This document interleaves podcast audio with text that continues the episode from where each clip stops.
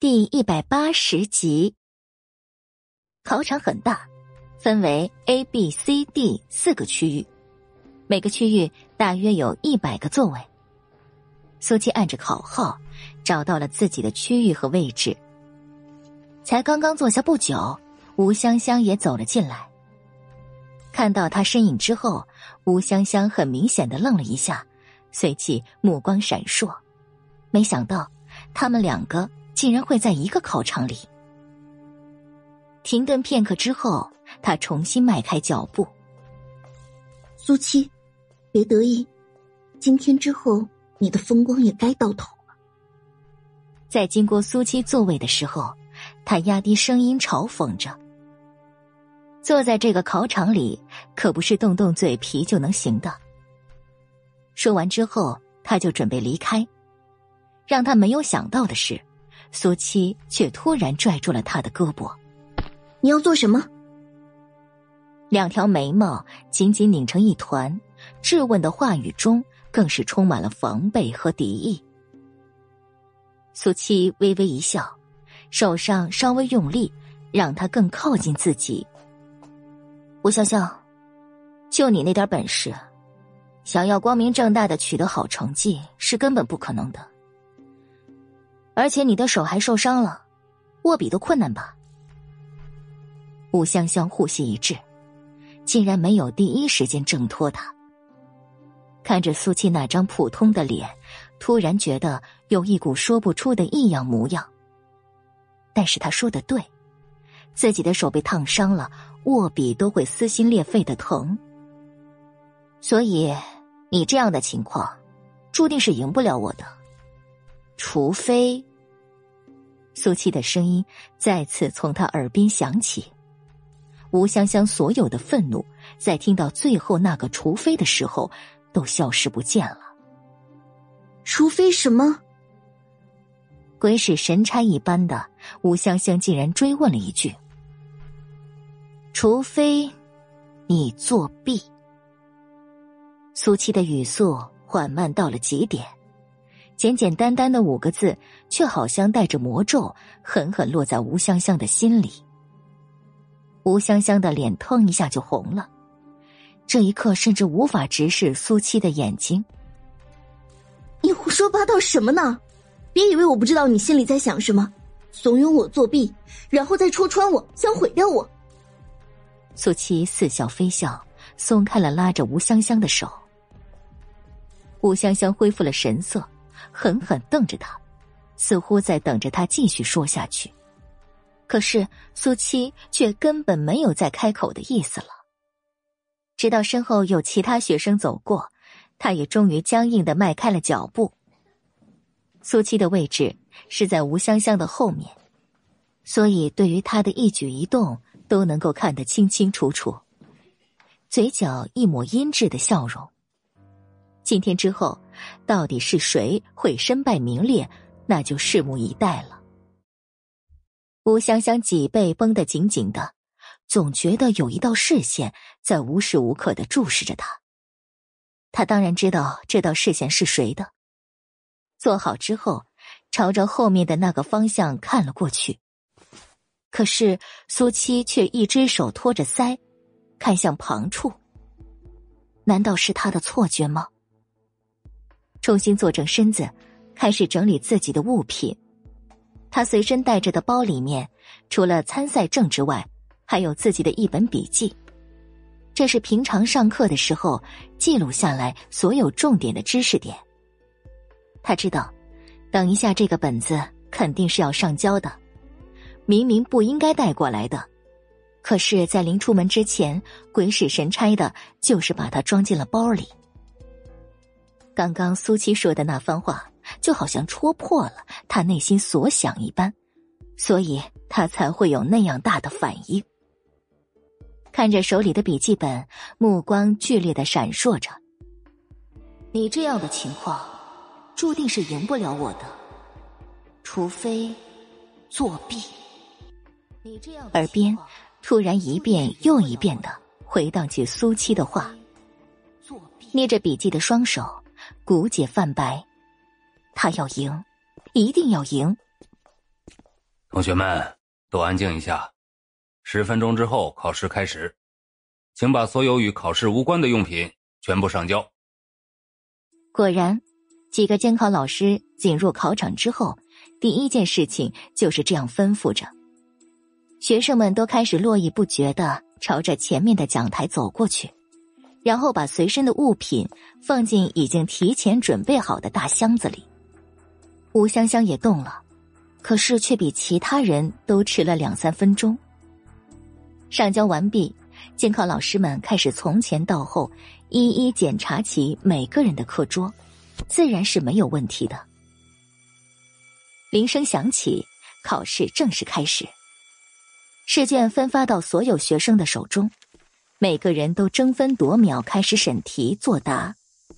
苏七直勾勾的看着面前的卷子，似乎受到了惊吓。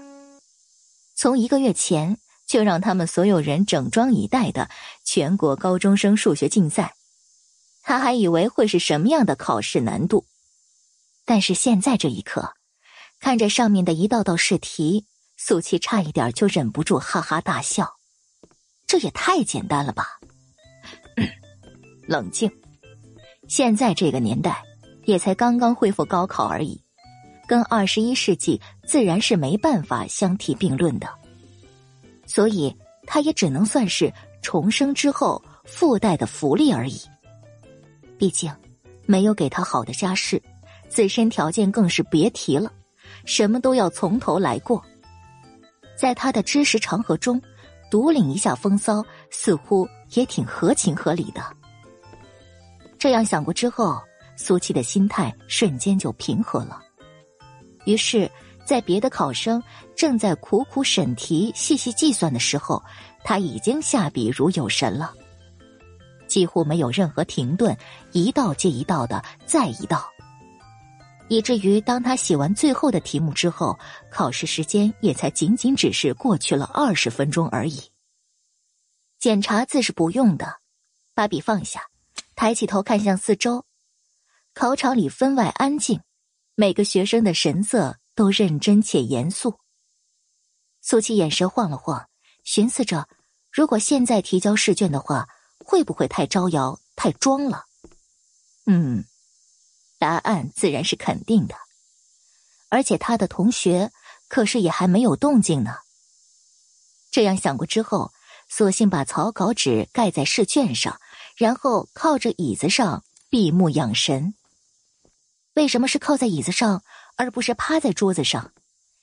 因为实在是他的两个受伤的胳膊不允许。不过，即便是条件艰苦。几分钟之后，他还是响起均匀的呼吸声。左右两侧还有后面的考生，忍不住朝着苏七的方向看过去。因为米雅和龙腾学院现在考场里可是没有人不认识苏七了，所以苏七现在是在思考题目吗？不少人都诧异了神色，心里暗暗的探究着，但很快就发现了不对劲儿。这哪里是思考的模样？这分明就是睡着了。睡着了。就在考试才进行到二十多分钟的时候，这位圣德高中的学生拒绝了跟米娅打赌的学生，竟然睡了。睡了。订阅评论别。第一百八十二集。一直神经紧绷的吴香香，似乎也察觉到了不对劲儿，顺着其他人的视线看过去，然后额头上直接冒出三条黑线。不过也仅仅只是片刻，又忍不住兴奋了神色。那个傻子，竟然在这种时候睡着了，是因为考卷上的题目太难了，所以他彻底自暴自弃了吧？想到这里。心里所有的怒火在顷刻间便消失的无影无踪了。他早就知道这个傻子是根本没有办法完成考试的。心情好了，快速的收回视线，看着还有大半没有做的考卷，严肃了表情。本来他可以更快的，但是被烫伤的手实在影响写字的速度。想要在规定的时间内答完所有的题目，对现在的他来说实在是有些困难。特别是面前已经让他花费了好几分钟的题型，不管是怎么演算，都得不到正确的答案。这个时候，监考老师们也发现苏七那边的异样，其中一位老师径直朝着他的方向走了过去。这可是全国性质的比赛，跟寻常的考试是不同的。能够坐在这里的学生，全都是各个高校里最优异的。没想到，竟然会有学生在考场里睡觉，这简直就是太让人匪夷所思了。到了苏七身侧，老师停下脚步，先是朝着桌面上看了一眼，想要看看他的试卷做到了什么程度，可是上面被一层草纸盖着。监考老师也没有去掀开的打算，用手敲敲桌面，提醒苏七。苏七睡眼惺忪，甚至还打了个哈欠。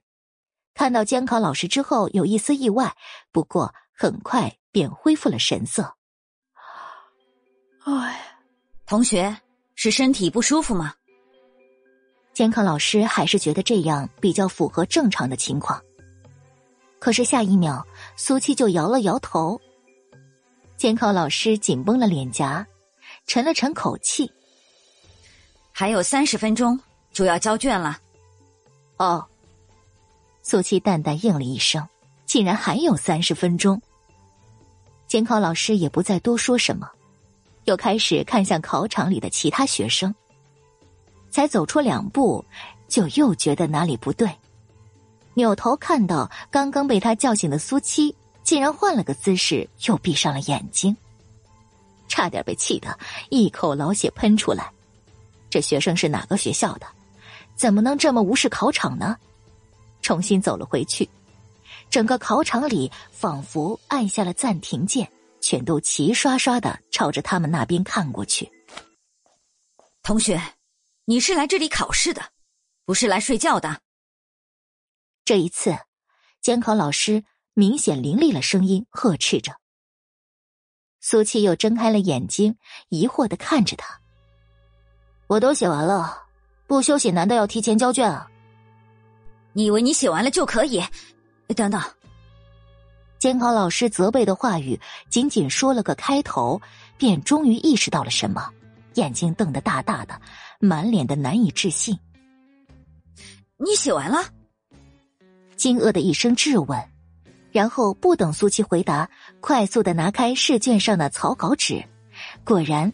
上面已经工工整整打满了题目，考场里顿时一片哗然，不管是考生还是监考老师都变了脸色。不可能，这绝对不可能！就算是胡乱蒙题，也不能在这么短的时间内写完满满的一张试卷呢。另外几个监考老师全都朝着他们这边走过来，同样看到了他那张试卷。一时间，气氛诡异到了极点。所有考生都面面相觑，他们不能离开自己的座位，所以根本就不知道那份答卷到底是怎么样的。吴香香满脸阴霾，她比任何人都更无法接受这样的现实。不过，很快所有人的揣测都得到监考老师正面的回应。这位同学已经写完了考卷。难道你们也写完了吗？一片片震惊的唏嘘声此起彼伏，所以苏七是真的这么快就完成了考卷。每个人都仿佛受到了剧烈的惊吓，心里的情绪根本没有办法轻易平复，可是却不得不强迫自己收回视线。别人答完了，但是他们可都还没有。片刻之后。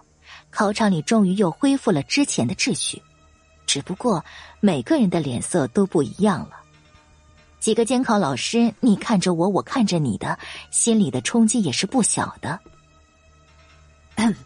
同学，考卷是已经答完了，或者你可以再重新检查一下。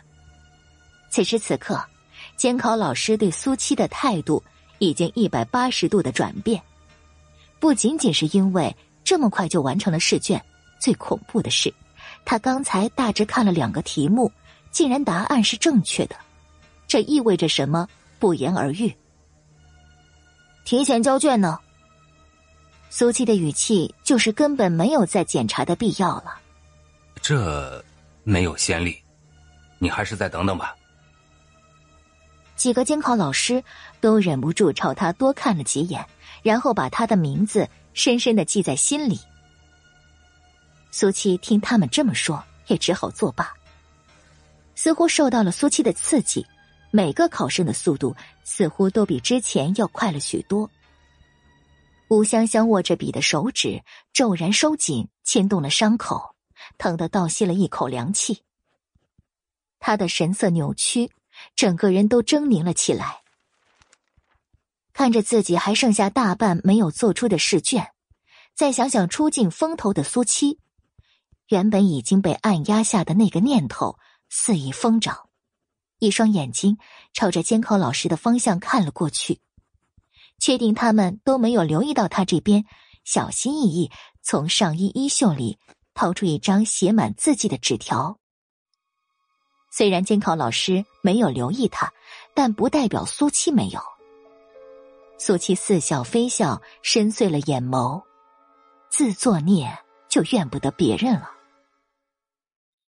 孙海不停在休息室里踱着步子，腕上的手表更是不知道看过多少次了。除了他之外，其他学校的带队老师神态也几乎都差不多。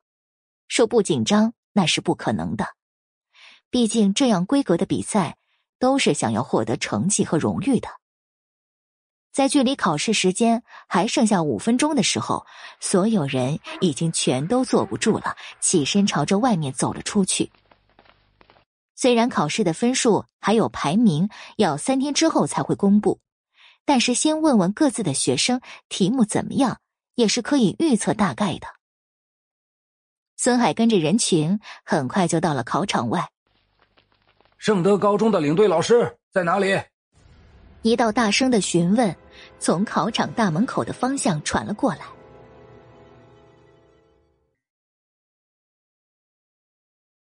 第一百八十三集，孙海很明显的愣了一下。然后从一众人群里走了出去。我就是。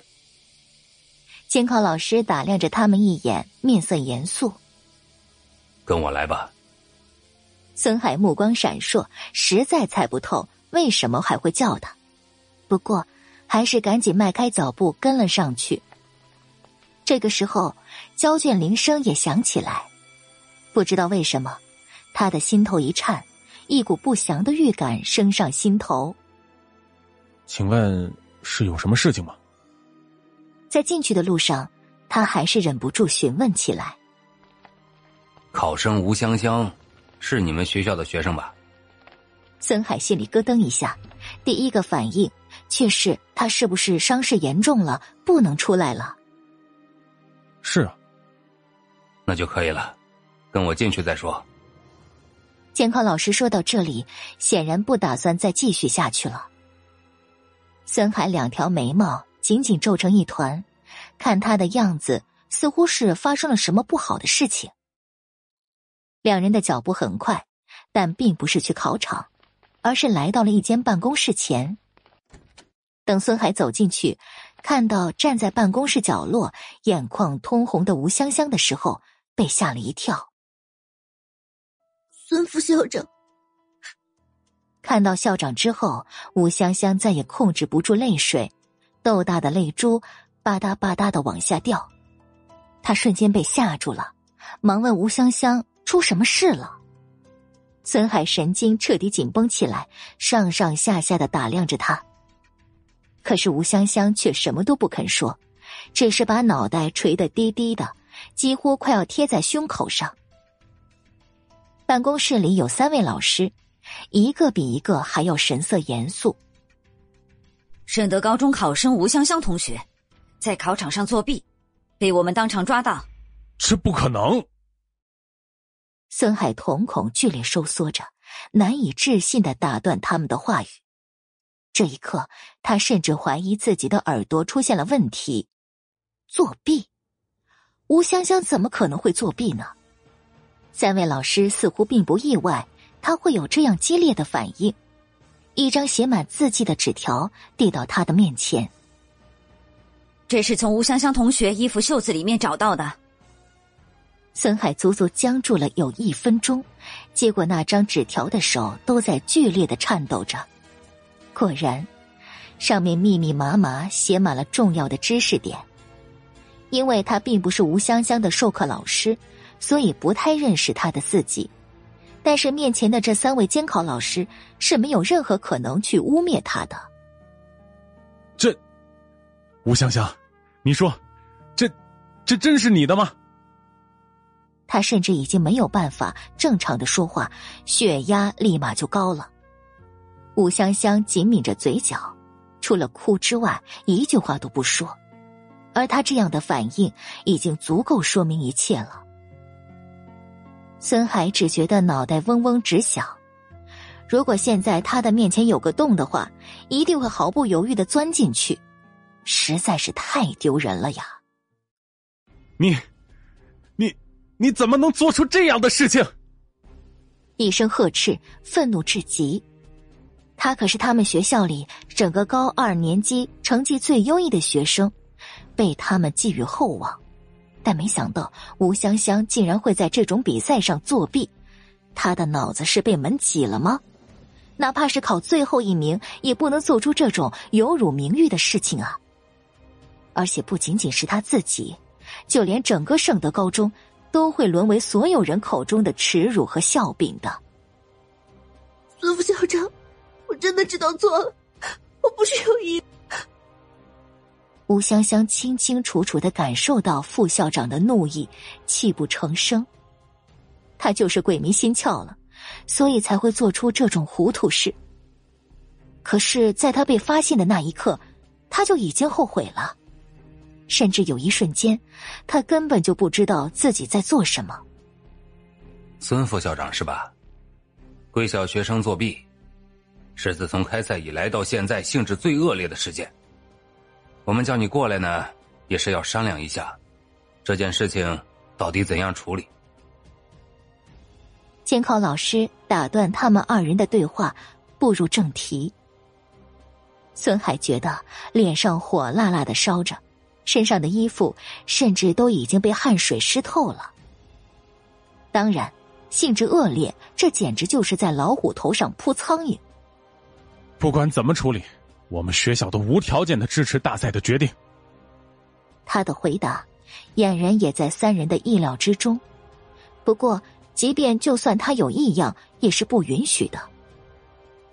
嗯，因为以前从来也没有发生过这样的情况，所以呢，刚才我们也已经和上面联系过了。领导的意思是要从严处理，以免以后再有这种不良风气的发生。吴香香呼吸一颤，整个人都陷入一片恐慌当中，甚至连哭都已经被吓得忘记了。从严处理，那他会怎么样？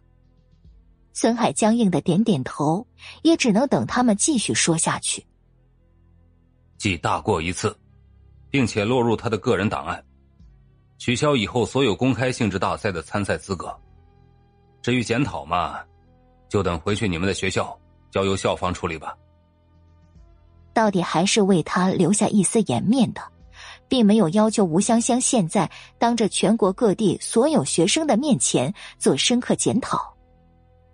但是这件事情，他们区域的考场学生都已经亲眼目睹，想要隐瞒也是不太可能的。而且记大过是要入档案，这将会成为吴香香一辈子都洗刷不掉的污点。孙副校长，吴香香显然也是明白的，顿时急躁了神色，哀求的目光看向孙海，想要让他帮自己求情。孙海眼底一抹无奈浮现，他又能有什么办法呢？在这里，他就是人微言轻，况且他做错了事，接受处罚也是理所当然。现在你可以把人领走了。好。孙海赶忙应了一声，然后向吴香香示意跟自己出去。哎，等一下！两人刚刚走到门口，其中一位监考老师竟然这个时候又叫住了他。握着门把手的手都哆嗦了一下，僵硬的转过身去看向他们。还有一位叫苏七的考生，是不是也是贵校的？孙海只觉得嗡的一声，脑袋立马就大了。难道苏七也出问题了吗？要命啊！是，他，他怎么了吗？就在他觉得自己快要承受不住的时候，说话的这位老师神色却很明显的温和了许多。啊，他很好，我只是随便问问而已。孙海顿时无语，很好，什么很好啊？你们可以走了。虽然孙海已经完全懵了，可是却多一句都不敢再多问。打开房门，最快的速度和吴香香走了出去。哎哎，别走！第一百八十四集，考生们络绎不绝的从考场里走出来，朝着各自的领队老师集合，气氛火爆。每个学生先谈论的自然是考试的发挥了，有的志在必得，信心满满；也有的一脸沮丧，唉声叹气。但不管是什么样，所有人心里都有一份浓浓的期盼。龙腾学院的学生三三两两从里面走了出来，比起其他考生，他们的神色更显得自信从容。米娅也是其中之一。还以为考题会有多复杂呢，也不过如此。他们一边走，同样一边讨论着，只是说出来的话语依然带着一份嚣张罢了。米娅脸上挂着一抹淡淡笑容，显然对自己的发挥也非常满意。不过，唯一让他不爽的就是那个贱人苏七，竟然没有答应跟他的赌约，不然的话，哎哎哎！圣德高中的考生作弊，被监考老师当场抓到了。人群里突然有一道兴冲冲的声音，让四周杂乱的环境瞬间安静了下来。不少视线齐刷刷的朝着他们的方向看了过去，就连龙腾学院的这些人也不例外。真的假的？圣德高中的考生作弊？不仅仅是考生。就连各校带队的老师都惊愕不已，忍不住的询问起来。说话的男生重重的点了点头：“我亲眼见到的，我就坐在那个考生旁边的位置。他把作弊的纸条藏在自己衣袖里，就在交卷的前几分钟被监考老师发现了，当场没收，然后把他带离了考场。”周围顿时炸开了锅，而已经走出来的张峰。李猛、张雪梅他们正在因为找不到孙海而着急呢。听到这些话之后，几个人全都变了脸色，快速的挤开身边的人群，朝着说话的男生走了过去。这也太可耻了吧！圣德高中的考生怎么能做出这种事情来呢？就是啊，难道是因为进考场之前被龙腾学院的学生刺激到了？所以才想要用这种卑鄙的手段取得好成绩吗？舆论瞬间从之前同情圣德高中到现在的不耻和责备。米娅目光闪烁，眉眼之间全都是兴奋之色。没想到圣德高中的这些蠢蛋竟然自己做出了这样的事。你别胡说八道，谁作弊了？这个时候。张峰等人也到了近前，李猛直接大声呵斥着。其他学校的学生几乎已经没有人不认识他们几个了。我可没胡说啊！再说了，也不是我一个人看到的，我们那几个区域的考生都是亲眼所见。男生底气十足，他话音落下之后，果然很快，旁边甚至远处都有不少附和的学生。他说的没错。我们都看见的，圣德高中的学生作弊了。说话的学生显然并不是同一个学校的。但每个人的语气都信誓旦旦，带着几分不耻。其他学校的带队老师们心中也都有了一丝了然。怪不得刚才圣德高中的老师都被叫进去了。张峰他们脸色无比的难看，震惊之余却又难以置信。如果一个学生这样说的话，或许还有可能是搞错了。但是现在这么多人，他们就算想不相信都不可能了。而现在，还没有从考场里面出来的，也就只有吴香香和苏七了。哎，所以作弊的那个考生到底是谁啊？米娅终于开了口，压抑着兴奋。如果是那个贱人的话，简直就再完美不过了。张峰一颗心提到了嗓子眼儿，比起吴香香，他更害怕听到的是苏七的名字。好像是叫吴香香吧？吴香香。米娅挑了眉头，有些失望。对于这个人，他倒是没有什么太深的印象。张峰竟然隐隐的松了口气，不过也仅仅只是一瞬，便又紧绷了脸颊。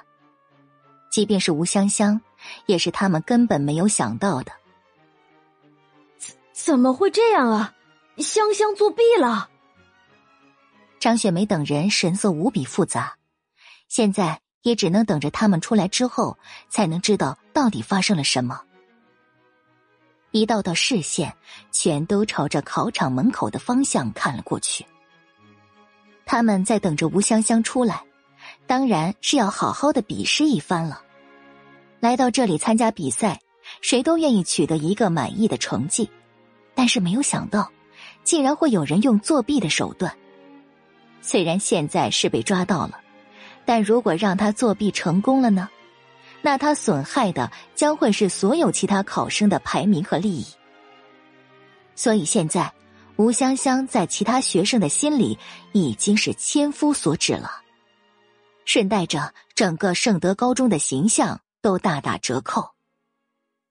后面出来的考生并不知道发生了什么，被这么多道视线注视着，全都被吓了一跳，觉得莫名其妙。等回到自己的队伍当中，又加入到他们的阵列，直到苏七的身影出现在所有人的目光当中。他双手插在裤袋里，步子不紧不慢，即便是走出来，神色也依旧没有任何的变化，似乎早就已经预料到了外面这样的情况。张峰他们最快的速度迎上去，苏七，他们说吴香香作弊。是真的吗？他和吴香香在一个区里考场，所以应该最清楚了。是真的。苏七几乎没有任何犹豫，便肯定的回答。张峰他们再次怔住了，每个人都觉得难堪了。即便都是同窗，但他们也同样不耻这样的行为。苏七神色淡然，看不出什么情绪。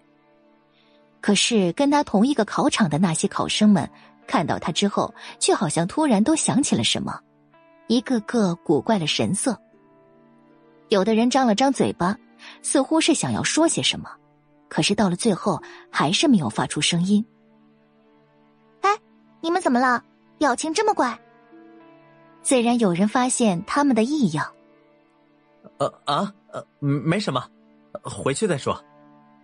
因为有了吴香香作弊这件事，苏七的那个情况反而就没那么让人们觉得迫切了。而且不就是早早完成了试卷吗？毕竟成绩还没出来呢。要是考了个乱七八糟的，也就只能说明他是在敷衍了。米娅看着刚刚说话的男生，深邃了眼神，然后又朝着苏七看了过去，愈发肯定，在那个考场里。还发生了其他事情。不过，还没等他追问，周围便又乱了起来。因为孙海和吴香香终于从里面出来了。第一百八十五集，孙海和吴香香即便已经有了心理准备，可是看到现在外面的情况，还是紧绷了神经。特别是吴香香，恨不得能够马上凭空消失。这位同学，你怎么能作弊呢？我们来到这里都是为了公平竞争的，你这样的行为难道就不觉得羞耻吗？第一个开口说话的是龙腾学院的学生。这几天因为苏七的关系，他们都觉得憋屈的很。现在有了这样的机会，自然是不能放过的。就是的，之前米娅想要和你们打赌，结果被你们拒绝了。还说的道貌岸然的，原来无非就是因为输不起罢了。几个人你一句我一句，每一个字都狠狠戳在吴香香的心里。泪水顺着她的眼眶滑落，从来都没有觉得这样羞耻过。米娅的一双眼睛却是朝着不远处的苏七看着，挑衅意味十足。他不是能言善辩吗？怎么这个时候不站出来为自己的同学说话了呢？孙海板着一张脸，虽然也觉得丢人的很，却还是必须要主持大局。大家都安静一下，能不能听我说两句？他扯着嗓子，尽量让自己的声音能够传得更远一些。周围的嘲笑和讥笑声终于收敛了些许。发生这样的事情。我深表歉意，教不严师之惰。吴香香同学今天所犯下的错误，作为她的老师，我也有难辞其咎的责任。所以，在这里，我代表吴香香同学，诚心实意的向所有人道歉。说到这里，他郑重其事，朝着前面九十度鞠躬。吴香香自己却好像是木头一样，硬邦邦的杵在那儿。哼。现在贵校的学生是被当场抓到了作弊，所以您才在这里道歉了。但如果没有被抓到呢？那您的学生岂不是能够靠作弊得来的成绩耀武扬威了吗？还是说这样的事情在你们圣德高中根本就是被默许的？敢这样明目张胆、肆无忌惮开口挖苦、质疑的？除了米娅之外，绝对不会再有第二个人了。本来其他人愤怒的情绪，因为孙海真诚的态度，已经稍微缓和了些许。但是被米娅这样一说，其他的学生和老师们也全都一副看热闹的神情了。孙海紧绷着脸颊，强压下心头的愤怒。米娅同学，你三番两次的这样针对我们学校，到底是为了什么？吴香香确实是犯了错误，但她也得到了处罚。你在没有任何证据的前提下就指控我们整座学校吗？而且，如果其他学生有作弊行为的话，监考老师不会没有发现的。他的声音从来没有过的严肃，一张脸更是阴沉的结了冰霜。他绝对不允许因为吴香香的一个人而让其他的学生全都蒙受这种不白的质疑。米娅倒是没想到他会突然这样强势，刚想继续顶撞上去，可是却被自己的带队老师拦住了。哎，孙副校长，米娅同学也是因为一时气愤罢了，您别放在心上啊。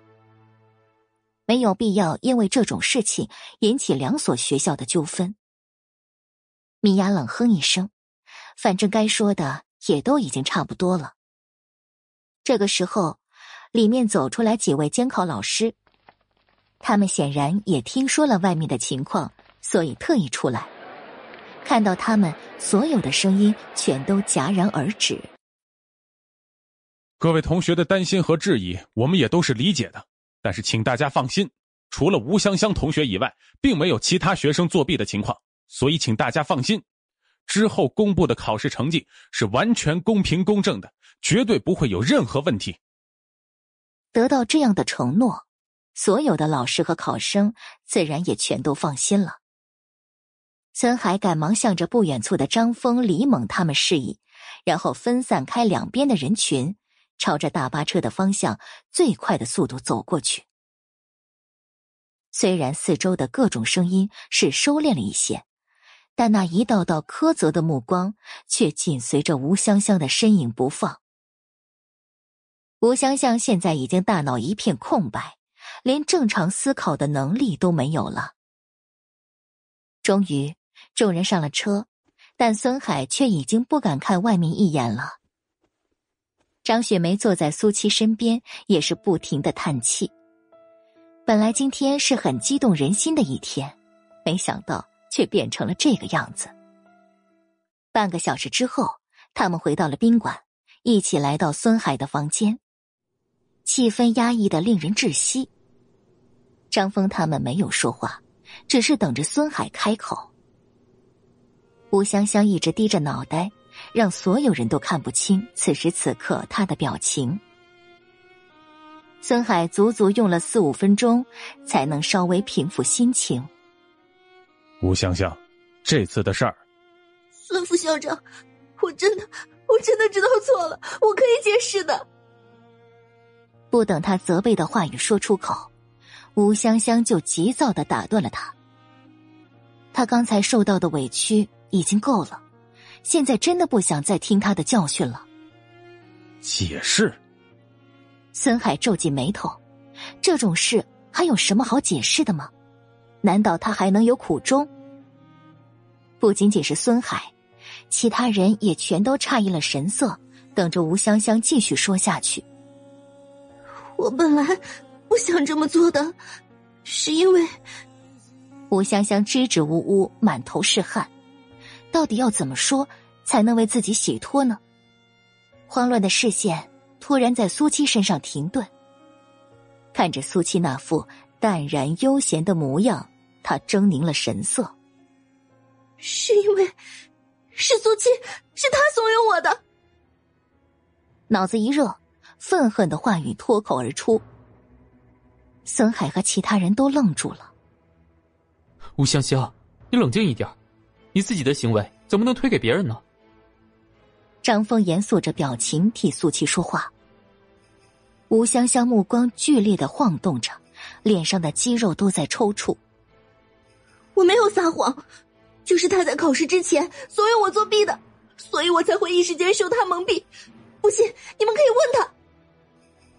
孙海他们自然是不信的，可是现在吴香香的信誓旦旦，却让每个人都有了一丝迟疑。他们都朝着苏七看过去，等着他和吴香香的对峙。苏七，他说的是真的吗？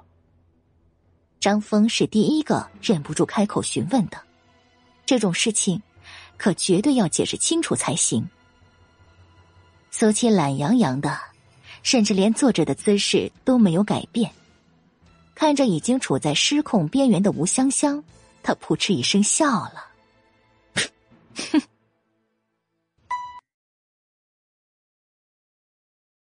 第一百八十六集，你们看，他笑了，他无话可说了。吴香香情绪激动无比，尖叫的声音都仿佛不是他自己的。张峰也实在看不懂，苏七的这个反应到底代表着什么。不过，吴香香的扭曲却是被所有人全都看在眼里。片刻之后，苏七终于收敛了笑容，看向他：“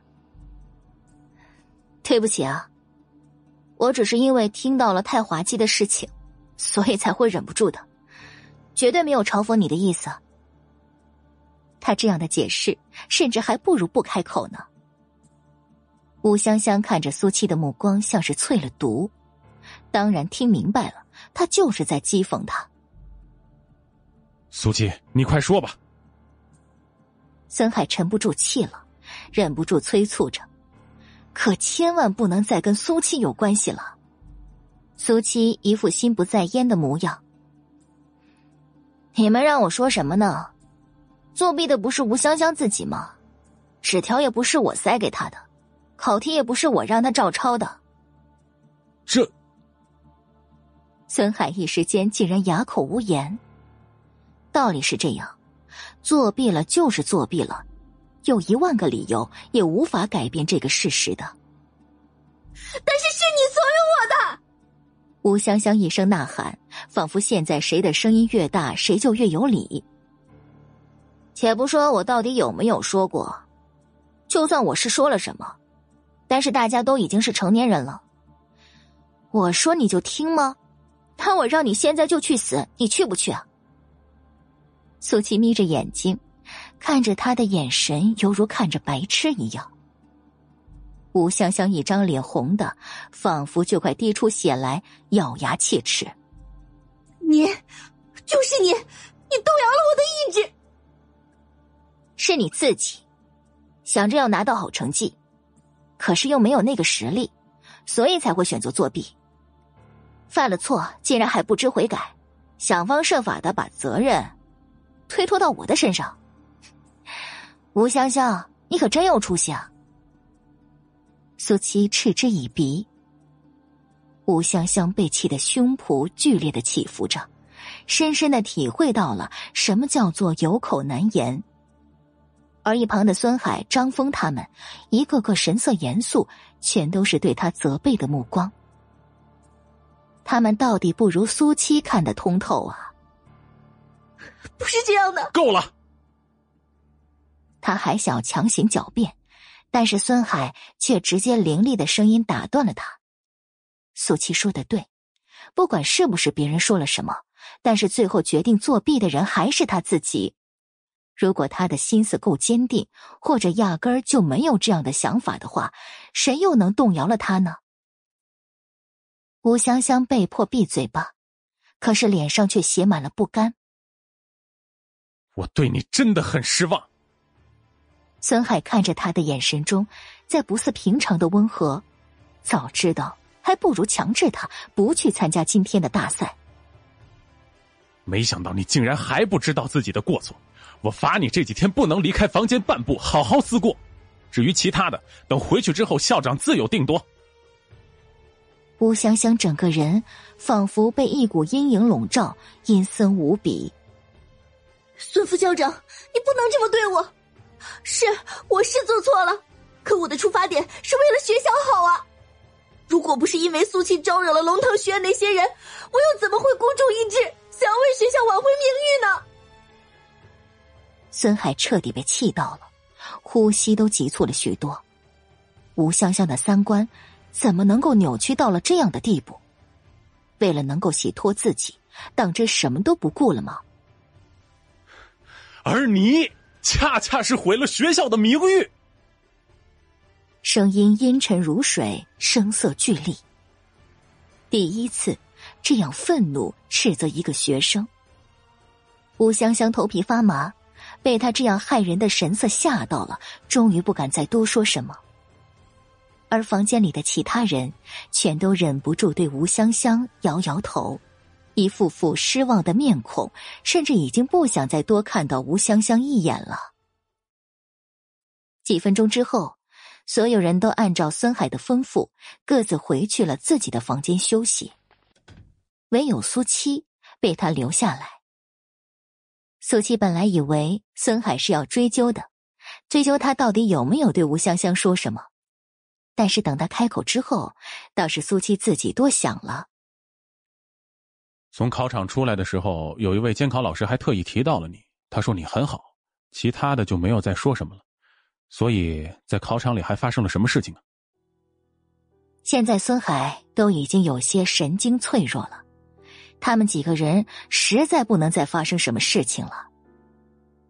苏七很淡定的摇摇头，没什么，可能是因为监考老师在我旁边站了一会儿，看我答题。或许是觉得我答的还算不错吧。现在要是告诉他，自己只用了不到一半的考试时间做完了所有的考题，并且引起了所有人的注意的话，恐怕他今晚更加要失眠了。原来是这样。孙海显然完全相信了苏七的说法，甚至心里隐隐有了些许的安慰，这也算是一个好事情吧。闹成这样，哎，都忘记问你们了，发挥的如何呀？今天他们整个圣德高中简直就已经成为了众矢之的，他甚至难以想象，等到三天后成绩公布的时候，又会是怎样的一副光景。还好，题型不算难。苏七难得低调的说着，孙海扯出一抹很僵硬的笑容。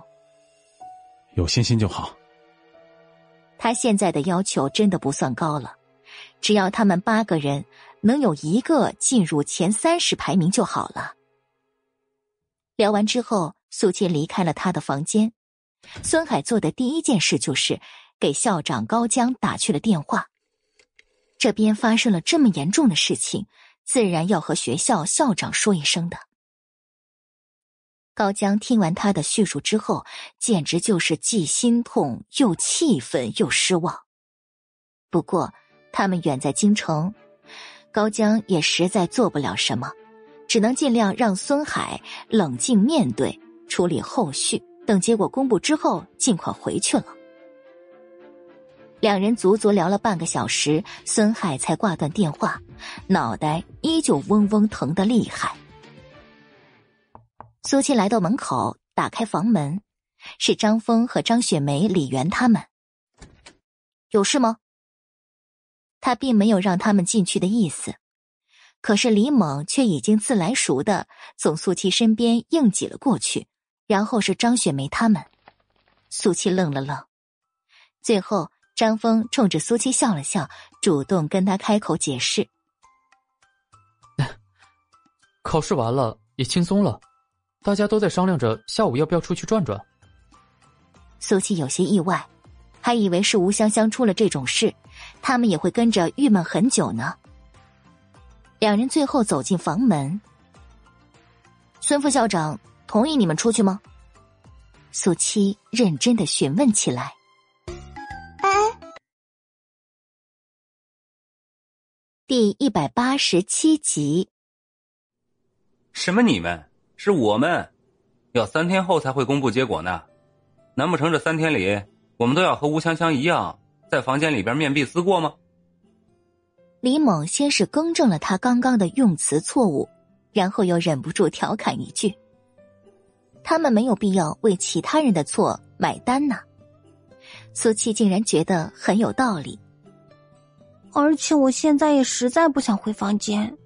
吴香香就跟疯子一样。看哪里都不顺眼，李媛马上又接上了话，神色说不出的难受。苏七完全可以想象出那幅画面。那你们想去哪里玩啊？京城这么大，还是要有个目标的。几个人竟然齐齐朝着张峰看过去。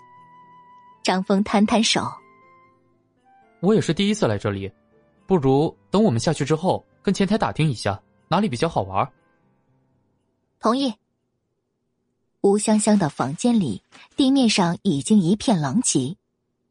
李媛仅仅只是回来，连五分钟都不到，就又出去了。然后他就开始在房间里发作了，镜子、水杯，但凡是能摔的东西，全都被他摔个精光。即便这样，他心里的火气依然没有发泄出来。孙海有什么权利让他在房间里面壁思过？他的出发点根本也是为了学校。想到这里，神色都狰狞起来。在考场里发生的一幕幕，不停的在脑海中浮现。隐隐的，吴香香觉得有哪里不太对劲儿。当时她真的没有就一定要那么做的，怎么就被苏七那个贱人的三言两语给刺激了呢？还有之前在餐厅，也是苏七暗示他，可以受伤来获得张峰的注意的，偏偏他还就全部照做了。不对呀，李猛，你确定要穿成这样出去啊？还有，你哪里搞到的墨镜啊？跟个蛤蟆似的，难看死了。你懂什么？现在最流行这种眼镜了，蛤蟆就流行了。欢快的嬉笑声分外开心，可是这样的对话透过房门传进吴香香的耳中，就变成了她更加暴躁的催化剂。他们这是出门了吧？而自己却要忍着手上的疼痛，一个人留在房间，真是太可恶了呀！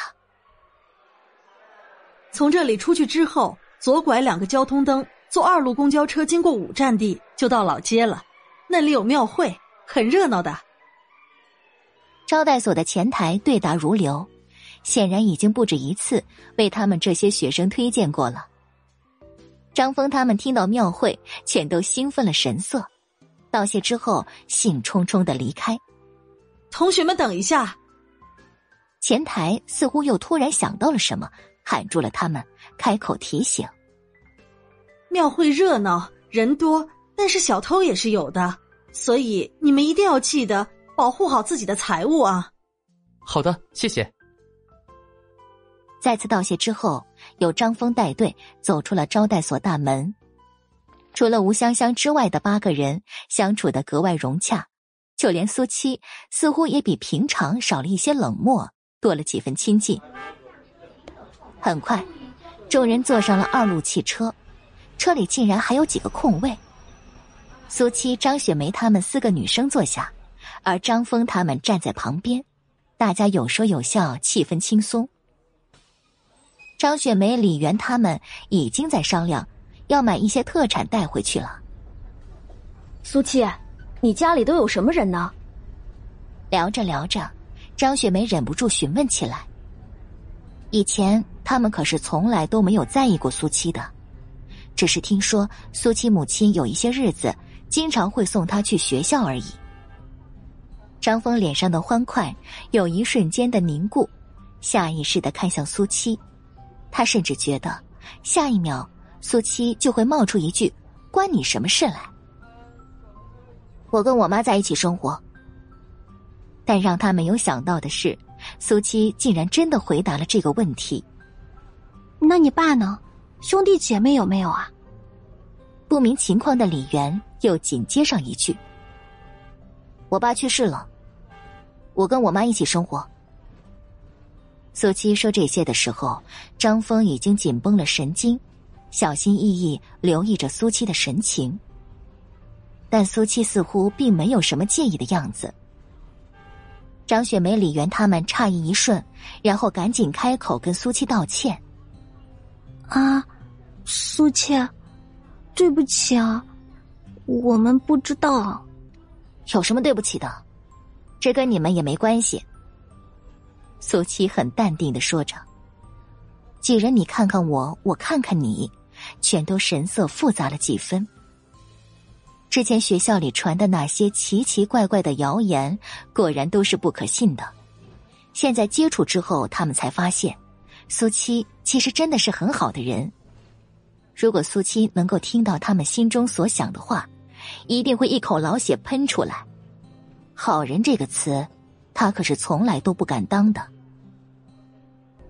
公交车摇摇晃晃的停下，然后又上来不少人。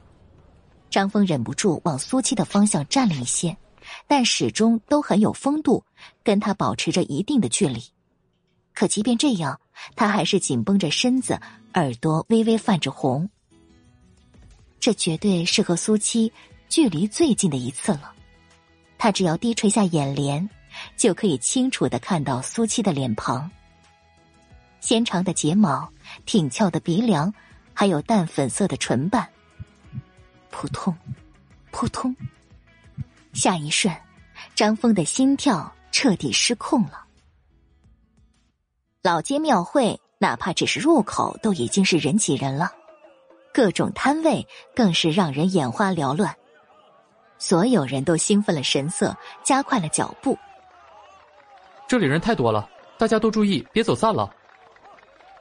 张峰赶忙提醒着他们。虽然大家齐齐的点头，但显然是都没有太听进去的。这个时候，苏七开口说：“如果走散了，那就……”说到这里，稍微停顿，跟张峰确定了一下时间。晚上八点，在这里集合。现在已经差不多五点了。三个小时足够他们玩的尽兴了。大家异口同声的答应下来，然后最快的速度冲进庙会。苏七刚才那样说，其实也是有心要跟他们分散的。他独来独往习惯了，有他们跟着，做什么都不方便。特意放慢脚步，和他们渐渐拉开了距离。正准备找个机会改变方向，可是，一扭头却发现张峰一直跟在自己身边。你也去逛逛吧，没必要陪着我。难得耐着性子，好言好语跟张峰说着：“你胳膊还有伤，而且这里人多，万一被人不小心撞到了，会很麻烦的。”张峰解释一句，丝毫没有离开苏七的意思。本集播讲完毕。第一百八十八集，苏七眼底浮现出一抹不耐。虽然知道他是好心，但就是觉得太麻烦。不过，看他现在这个样子，估计不管他说什么，他也不会听的。不过，真的想要甩开张峰，还是很容易的事情。你想跟就跟吧。苏七打定主意。走进人群，张峰更是心中欢喜，跟上苏七的脚步。庙会非常热闹，有美食摊位、服装摊位、饰品摊位、书籍、磁带摊位，甚至还有很多外面买不到的琐碎物件的摊位。苏七对服装、书籍什么的完全不感兴趣，反而对这个年代的特色小吃很有好感。不知不觉。就连他自己吃过了多少糕点都记不得了。这个是什么？又到了一个小摊跟前，他指着里面黑乎乎的东西询问：“ 这是红糖蒸糕，上面这一层是红糖熬的，软糯香甜呢。小妹儿，要不要来一份尝尝？”摊位老板娘很热情的招呼着：“好，来一份。”苏七话音刚落下，张峰手里的钱马上就递上去。他就好像是苏七的小跟班钱袋子，专门来伺候苏七的。谢谢。苏七微一点头道谢，然后大快朵颐，又朝着下一个摊位走过去了。张峰却很开心，不过也十分好奇，苏七的肚子到底是什么做的。竟然能接连吃这么多！哎，那边好像有糖葫芦，你要不要吃？似乎苏七是特别喜欢这种酸酸甜甜的。好啊，那就麻烦你了。苏七果然来者不拒。那你等着我。张峰看到那边的人比较多，并没有让苏七过去。苏七看着他过去的背影，眼底一抹笑意转瞬即逝。几分钟之后，张峰拿着两串糖葫芦走回来，可是哪里还有苏七的身影？脸上的笑容顿时凝固，赶忙朝着四周寻找。明明说了让他在这里等他的。苏七走着走着，发现好玩的东西。老板，这个蛋糕怎么卖？小摊上杂七杂八的物品一堆，但苏七却一眼就相中里面的一副弹弓。不同于木质的，这个弹弓却是钢管的。哟，小姑娘，你可真是有眼力啊！这可是专门用来打鸟的，威力可大了。而且这不光弹弓是钢制的，嘿，弹珠也是。老板一边说，一边从旁边的袋子里。掏出一个皱皱巴巴的白色塑料袋子，里面果然有七八个弹珠。素汐眯眯眼睛，他非常清楚，这玩意儿杀伤力，在他手里，射程几乎能在一百米以上了。弹珠少了点儿，他有些嫌弃的看了一眼。哎呦，可不少了，这东西那都是有钱人家定做的，金贵着呢。老板打量着他，就准备把弹珠收起来。小闺女不识货呀。苏七也不介意。那你要多少钱？老板想了想，伸出一根手指头。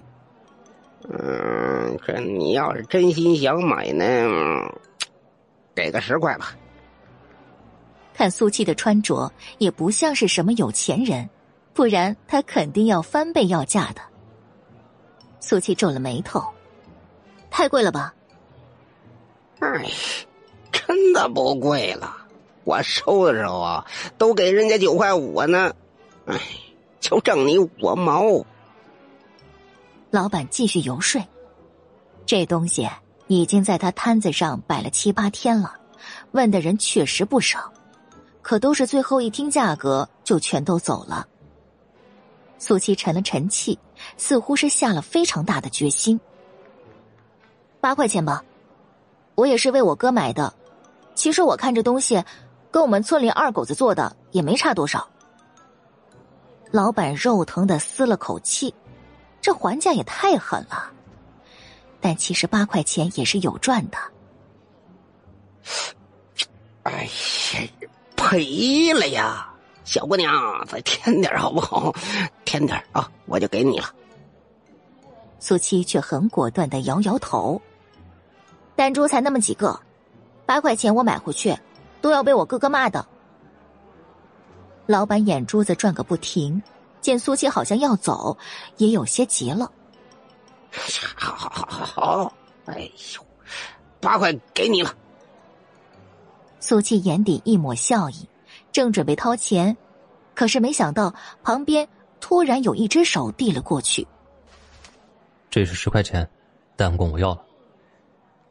苏七瞬间黑了脸了，谁这么不识相，竟然敢抢他看上的东西啊！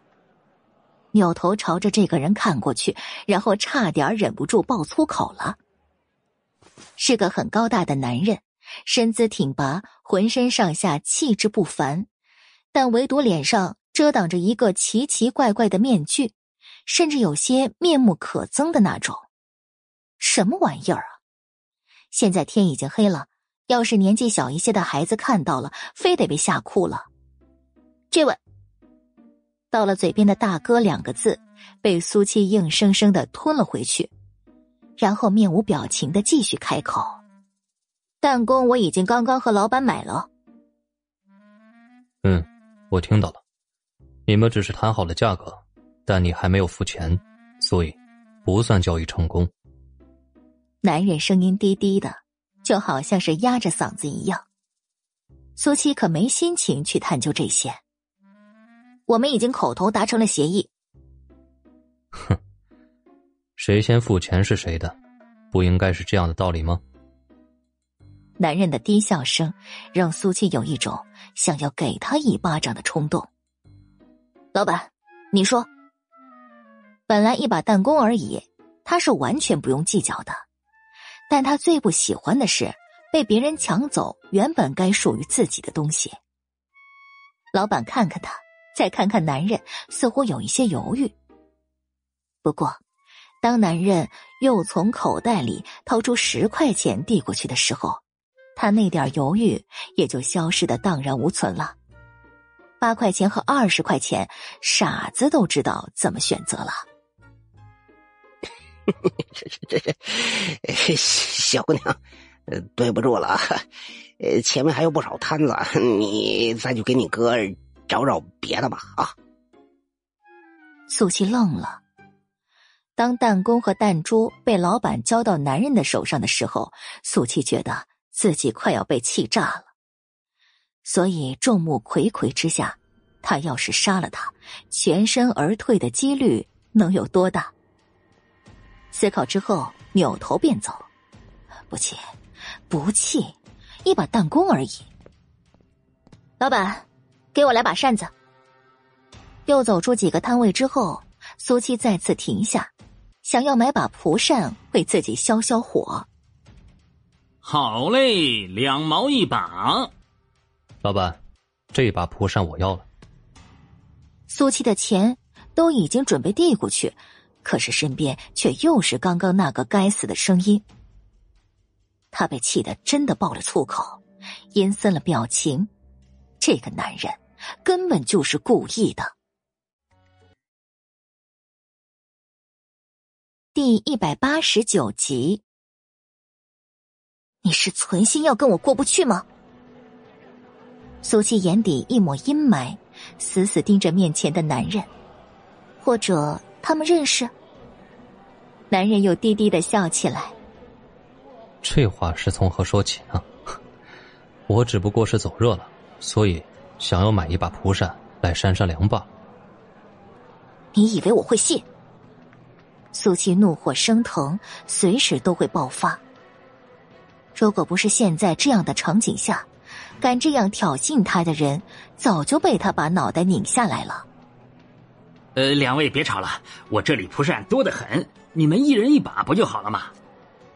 摊位老板赶忙打着圆场，实在不明白这有什么好针锋相对的。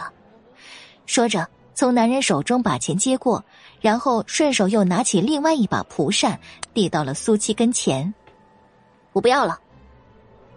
苏七觉得晦气的不行，怎么可能跟他买一样的东西啊？现在他甚至已经连逛庙会的心情都消失的荡然无存了，只想要尽快找到张峰或者随便谁，跟他们打一声招呼，然后回去招待所。走出几步之后，察觉到了不对劲儿，扭头一看，那个男人竟然就悠闲的跟在他身后不远处。苏七眉头紧紧皱成一团，已经完全肯定这个男人。是自己认识的，或者是无形中看他不顺眼的人了。你到底是谁？为什么要跟着我？毕竟他来到这里之后，跟龙腾学院的那些人针锋相对，这里的学生又有这么多。虽然他不是龙腾学院的人，但谁又能知道，会不会是跟那边交好的学生呢？我没有跟着你啊，这边。不是往里走的唯一道路吗？总不能你走过的路，别人就不许走了吧？即便看不到男人的表情，但是通过他现在说话调侃的语气，苏七也清清楚楚的感觉到，这张面具下会是怎样一副欠扁的神情。苏七脸上一片冰冷，站在原地几秒之后，改变方向，准备往回走了。男人看他好像是真的生气了，似乎突然认真了。别生气，开个玩笑而已。你不是想要蒲扇吗？那，给。说着，主动把蒲扇递了过去。哦，还有这个，也一并给你。男人见他没有反应，又把刚才买到的弹珠、弹弓一并递过去了。苏七看着男人的眼睛。此刻那一双深邃的眼眸中，确实没有玩笑的意思，反而真诚无比。不需要，你别再跟着我了。庙会这么热闹，你只有一个人，我也只有一个人，我们一起作伴，还能多交一个朋友，这岂不是两全其美吗？男人根本就没有离开的意思，苏七直接就给他一记眼神杀，他是疯了。才会跟他这种莫名其妙的人两全其美。赶紧滚蛋，不然别怪我揍你！男人反而又笑了起来，而这次他脸上的笑容比刚刚不知道要愉悦了多少。女孩子家家，还是不要这般暴力的好，不然会把男人给吓跑了的。苏气无语，现在是讨论这种话题的时候吗？他不走，自己走。你看我戴着这个面具怎么样？就在前面不远的摊位上，还有许多有意思的。不如我带你过去，你也挑一个。男人丝毫没有被苏七的冷漠影响，寸步不离跟在他身边，自顾自的说着：“我没有这种变态嗜好。”苏七心情不爽，说出来的话自然也好不到哪里去。你怎么能这么说呢？我会伤心的。男人一边委屈了声音，一边做了一个很夸张、捧着胸口的动作。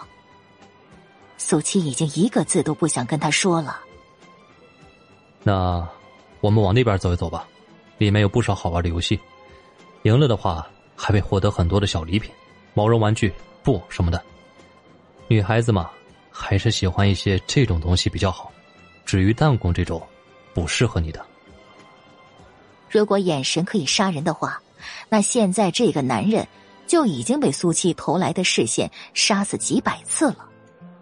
苏七的步子越来越快，只想要尽快甩掉他。前面的人也是越来越多。突然，几个半大小子从人群里跑出来，小心！还没等到苏七做出反应，身边的男人已经一把把他捞进了怀里。男人上身只穿了一件白色衬衫而已，苏七的脸直接贴在他的胸口，清楚的感受到他强壮而又有力的心跳声。苏七整个人都不好了，这是什么情况？他刚刚要推开男人，可是身上一松，他就已经放开了他。唉，现在的孩子也真是的，跌跌撞撞的。不过你也不用谢我。举手之劳而已。男人温柔着声音。苏七嘴角抽了抽，又抽了抽。他哪只眼睛看到苏七要谢他了？走吧。男人招呼一声，虽然很随意的语气，可是却隐隐带着一丝说不出的气势。苏七看着他戴着面具的侧脸，犹豫一瞬，竟然真的迈开了脚步。两人边走边逛，虽然没有太多的对话，但是气氛还真的有了几分和谐。苏七不停的在人群中寻找着张峰他们的身影，可是却一直都没有看到。这个庙会比他想象中的还要更大一些。这里特产很多，有没有看上眼的？买一些给家人带回去。男人见苏七只看不买。好心的提醒着他。苏七看了一圈其实还真的没有什么特别打动他的。至于特色小吃，现在买又早了一些，毕竟还要三四天才能回去的。让开，都让开！突然，正前方一道狰狞的呐喊声响起。拥挤的人群，有的自动让开，有的被迫分开。一道五大三粗的人影，连跑带撞的。谁帮我拦住他？抓住他！小偷！后面一个中年妇女呼哧呼哧，一边跑一边喊，上气不接下气，被那个人影越甩越远。苏七显然也听到两个人的喊声，站在原地，也并没有让开的动作。管，不管。身边男人低笑的询问声从他耳边响起，苏琪翻了个白眼，他像是多管闲事的人吗？我明白了。男人很快应了一声，然后把他护在身侧，看着马上要到他们跟前的小偷，很自然的伸出自己的一条大长腿。哎。第一百九十集，如风一般的小偷，眼见着后面的女人追不上了，正在洋洋得意，突然脚下一个踉跄，彻底失去了对身体的控制权。扑通一下，嗷的一声惨叫，随着一声惨叫，他的整个人都投入了大地的怀抱。周围乱成一团，所有人都朝着这个小偷看过去。小偷的一张脸结结实实的怼在了地面上，瞬间觉得自己的整个脑袋都胀成了猪头一样，一股温热的液体顺着鼻孔流下来。哎，妈的，谁呀？谁他妈的绊老子？一声怒吼，恨不得将对方生吞活剥了一样。抬起头，却忍不住倒吸了一口凉气。这什么面具啊，也忒难看了。就是这个人吗？一咕噜从地上爬起来，抹掉鼻子里的血。是他妈你小子多管闲事啊！现在他也顾不上逃跑了，因为前后左右都被庙会的人堵得水泄不通，也根本就逃不掉的。男人点点头。哼，是我。你他妈的是不是活的不耐烦了？小偷神色凶狠，一边咒骂，一边撸胳膊挽袖子，大拳头朝着他就招呼过去。本来是很紧张的时刻，可是男人却悠闲的转头看向了苏七。哎，我这可都是为了你。苏七愣了愣，他明明一句话都没有说的，不过也好，就让他来看看他到底有多强。小偷的拳头眼看就要打到男人的脸上，就连四周看热闹的人群都响起一阵阵惊呼。胆子小的甚至已经闭上了眼睛。这一瞬，男人却只是很淡定的偏开一寸，拳头硬生生的贴着他的脸边落空。小偷都还没有反应过来，只觉得腹部突然一阵剧痛，犹如翻江倒海一般，疼得要命。其他人根本没有看到，男人到底是怎么出手的。就直接看到小偷一口鲜血喷得老远，再次瘫倒在地上。而这一次，他除了捂着肚子哀嚎，再动弹不了分毫了。明明是喧闹沸腾的庙会，现在却鸦雀无声。苏琪眼睛眯了眯，别人没看到，但他站立的位置却看得清清楚楚。男人出手的速度很快。看不出任何发力的迹象，可现在地上的鲜血却已经可以说明一切了。小偷，你别跑！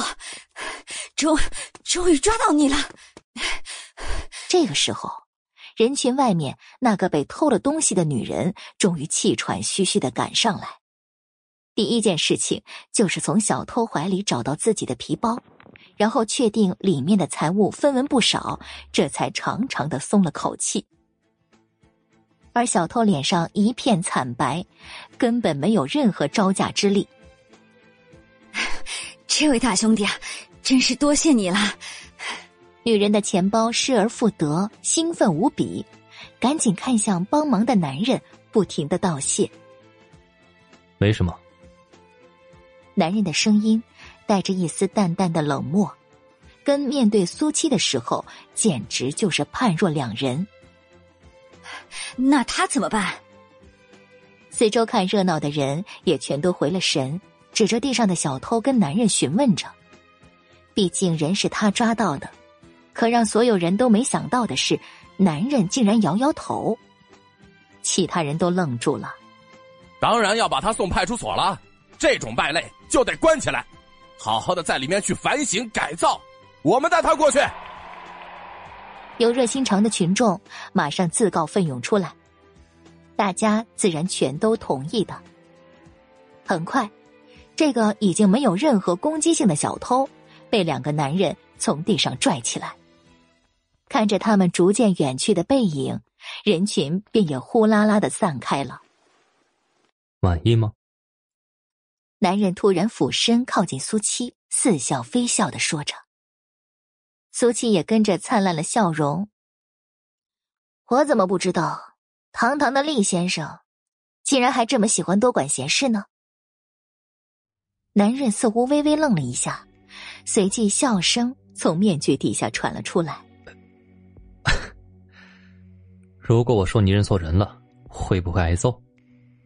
半认真、半打趣的调侃着，苏七用冷眼代替。真的没想到，立业竟然真的来了。他来到京城了，而且还这么巧的在这里遇上。他很好奇苏七是怎么认出他，就开口问了。这一刻，立业的声音已经完全恢复了正常。你很难认吗？苏七面无表情的一声反问。一开始他是因为被气到了，所以还真的没有看出来是立业。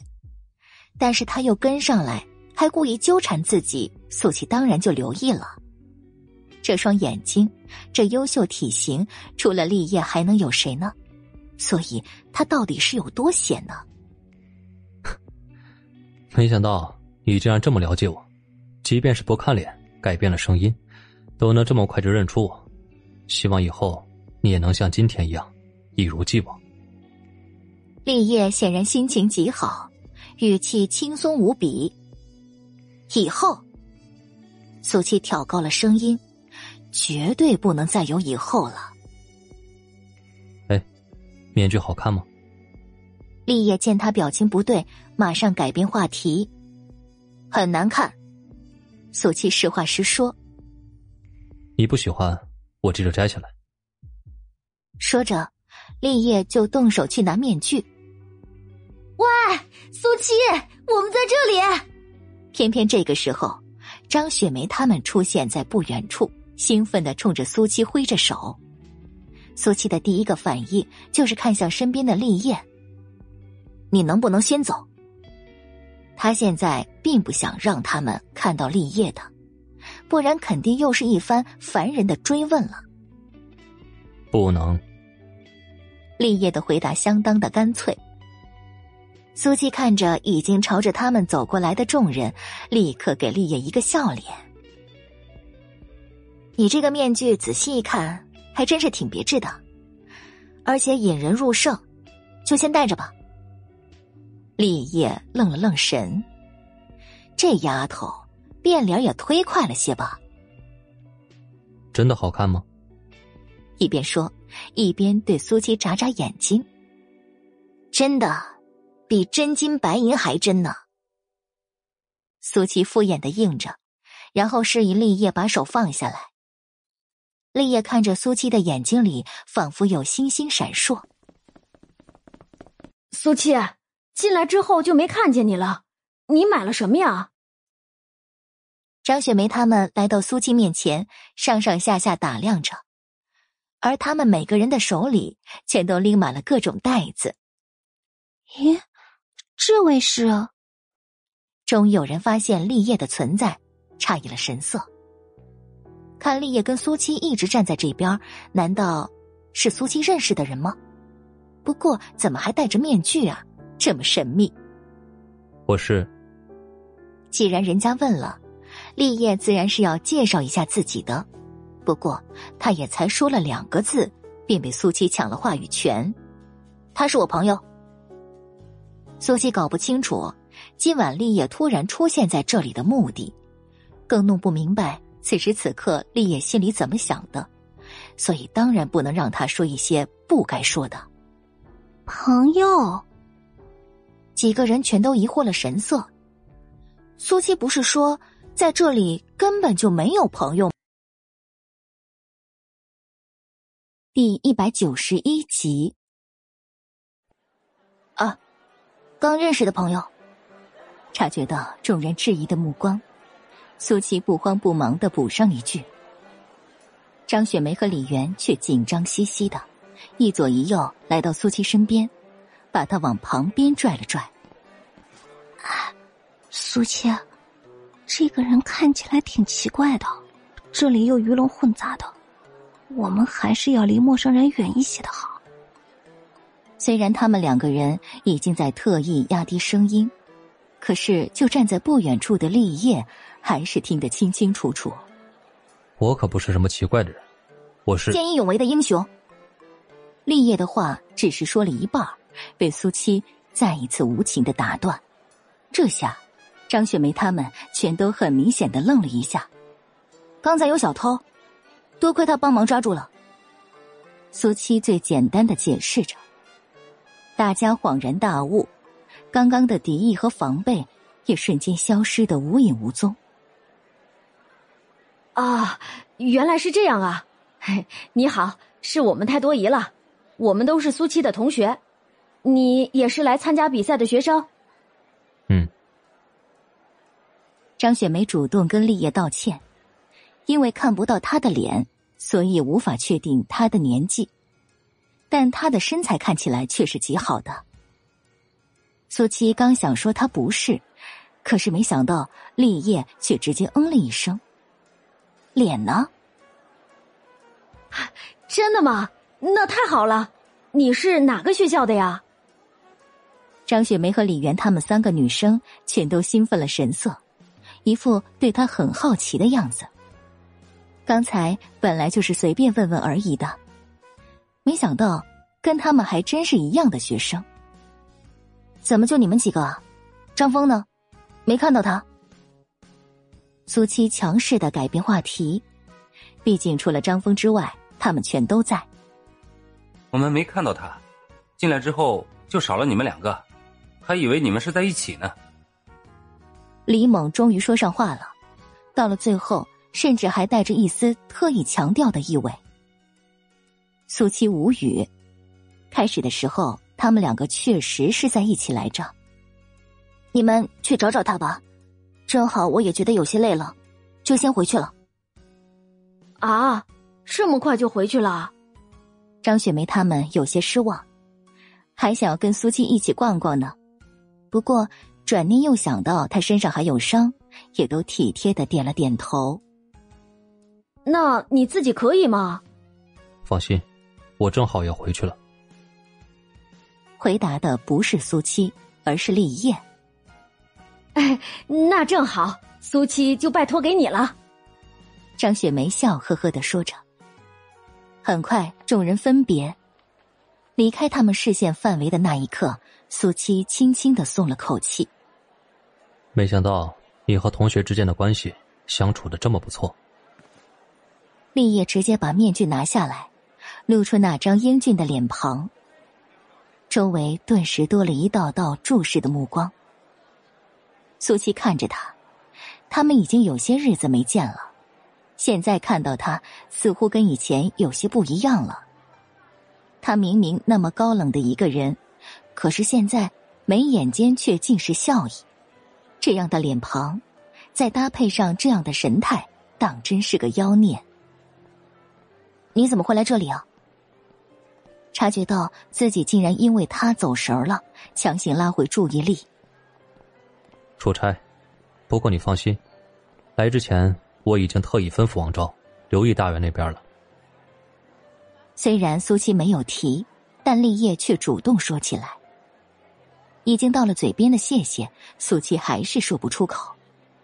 所以，他到底是真的关心他家里的事情，还是有其他什么？这一点苏七无法确定。你比赛怎么样？立业当然清楚，今天是苏七参加考试的日子。还可以。两人有一搭没一搭的聊着，不知不觉便走出了庙会。你走吧。苏七晚上吃了太多的小吃，现在觉得肚子都圆滚滚的，打算自己走路回去。我答应你，同学要送你回去。立业理所当然的说着：“我自己可以。”你一个年轻的女孩子，天已经黑了，又人生地不熟的，万一遇上点什么事儿，连自保能力都没有，我怎么能够放任这种情况的发生呢？而且，你现在还是我名义上的未婚妻呢。立业的每一句话，几乎都是让苏七无法反驳的。特别是说到最后，还特意加重了语气。苏七直勾勾的盯着他，这张脸哪里好了？分明就是面目可憎。我步行回去。刚好，我也许久没有散步了。反正不管他说什么，立业都能恰到好处的接上去。素七最后放弃了挣扎，随他去。月色下。将两人的影子拉得长长的，他刻意歪头的动作让他们看起来暧昧十足，真是一个美好的夜晚啊！呀，谢谢你今晚请大家吃饭啊！龙腾学院的学生从计程车上下来，每个人的脸上都挂着开心的笑容。米娅依然是被众星捧月的那一个。今天大家都辛苦了，我只是让大家放松一下而已。你们喜欢今天的晚餐就好了。当然喜欢。众人几乎异口同声。虽然他们都是锦衣玉食的孩子，但在京城最大的酒店吃西餐，而且还是一下子就宴请了他们十几个人，对他们来说也是一笔不小的开销了。米娅果真是真正的财大气粗啊！米娅微笑着，轻轻撩起散落在耳边的一缕发丝，别到耳后。明明很简单的一个动作，却已经让旁边的几个男生看得入了迷。哎哎哎，那个是不是圣德高中的苏七？突然，有人惊愕了声音，说了一句。明雅马上就变了脸，顺着他指的方向看过去，几乎一眼就看清楚，确实是苏七。好心情瞬间大打折扣，视线不经意的从他的身边的男人身上扫过，然后怔住了。那金贵的气质，完美的身躯，俊朗不凡的脸庞，绝对是他见过的最完美的男人。可是这样的男人为什么会跟那个贱人站在一起？不仅仅是米娅有这样的想法，其他人几乎也都是差不多的。一双双妒忌而贪婪的眼睛，全都锁定在立业的身上。那边的人，你认识？虽然还有一段距离，但是立业还是立刻就察觉到了什么，收敛视线，跟苏七询问着。苏七脸上一抹讥笑：“看我不顺眼的人而已。”立业深邃了眼眸，淡淡的开口：“嗯，这很正常。”本来苏七逐渐紧绷的脸颊，却因为立业这一句彻底放松。谢谢夸奖。苏七一边说，一边给他一个大大的白眼。立业又笑了起来，两人几乎同时加快脚步，朝着招待所门口走了过去。订阅、评论，别。第一百九十二集。苏七和立业有说有笑，对于龙腾学校的人视若无睹。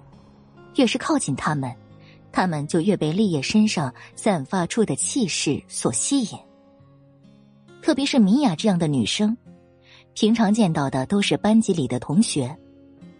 就算这些男生身家不错，教养也好，但始终是没有走出过校门的青涩。但面前的这个男人，不仅仅是完美。那成功上位者才有的强大气息，还有无时无刻不散发着成熟荷尔蒙，都让他们痴迷。这样一个真正的男人，米娅甚至已经想到了自己以往要交往的男友，必然也应该是这个样子的。几乎是下意识的，她便挺直脊背，娇羞神色，想要吸引立业的注意，所以。当苏琪他们从自己身边走过去的那一瞬，他的一颗心沉到了底。等等，终究还是按耐不住，主动开了口。苏七完全不意外，停下脚步，立业自然也跟着一起驻足。米娅上前一步，尽量克制着自己的眼睛，不往立业的身上飘。苏七。今天在考场上，你们作弊的事情，难道不该给大家一个交代吗？实在找不出更好的借口，只能把这件事拎出来当做借口。而且最重要的，还能让他身边的这个男人知道作弊的事。所以他在说的时候，故意模糊了焦点。苏七很平静的看着他。好像根本没有要回答的意思。其实也确实没有这个必要，因为这件事情在考场外面的时候就已经解决完了。哼，怎么不说话了？你也会觉得羞耻吗？米娅咄咄逼人，气势十足。这位同学，立业突然开口，他瞬间心头一喜。脸上还维持着气愤的神色。果然，这样的他就留意到他了。有什么事吗？米娅故作冷漠询问一句。立业只是淡淡看他一眼，然后开口说着：“难道你家大人没有教你什么叫做礼貌吗？”其他人和米娅都愣住了。他的一张脸，肉眼可见的速度涨得通红。完全没有想到立业会这样说，苏七却是心情大好，直接给他一个赞赏的眼神。你，你是谁？这是我们之间的事情。如果站在这里的不是立业，换成其他旁人的话，米娅肯定会马上发作了。但是在立业的面前，他就是不敢。明明是一个完全不认识的陌生人。我和我的……说到这里，立业故意停顿一秒，给苏七一个暧昧的眼神，然后才继续开口：“朋友，再好好的说话，就被你这么打断，这不是很没有礼貌吗？你们都是接受高等教育的学生，怎么连最起码尊重别人素质都没有？”他的声音明明不重，可是却有一股说不出的压迫力，不怒自威。米娅一肚子的怒气全都憋了回去。这个男人到底是谁呀？立业却已经不打算继续跟他浪费时间了，只是看着苏七。你一定要住这里吗？我帮你，还有你的同学安排其他的住处，也免得受这样的聒噪。他很认真的提议着。他以前可是最不喜欢这样的环境的，没必要那么麻烦。反正也不会逗留太久。苏七心情很不错，不过也不会真的让他去安排什么，不然的话，跟孙海他们都不好解释的。而且留在这里似乎也没什么不好的。看着他们这些人看不惯他，可是却又干不掉他的憋屈样子，是一件舒心的事情。立业看着他的眼底一闪而过的狡黠。便明白了他的心里在想什么。那好吧，我送你回房间。两个人你一言我一语的，就是没有把龙腾学院的这些人放在眼中。米娅紧抿着嘴角，垂在身侧的双手紧握成拳，就连指甲深陷在掌心里都浑然未觉。就送到这里吧。在通往房间走廊的时候，苏七再次停下，示意立业可以离开了。毕竟孙海和吴香香都还在宾馆，万一要是不巧遇上了，还要费心解释。不请我进去喝杯茶吗？立业明知道不可能，可还是故意问上一句：“不好意思，我没带茶叶。”果然，苏七直接就拒绝了。那你怎么也不问问我住在哪里？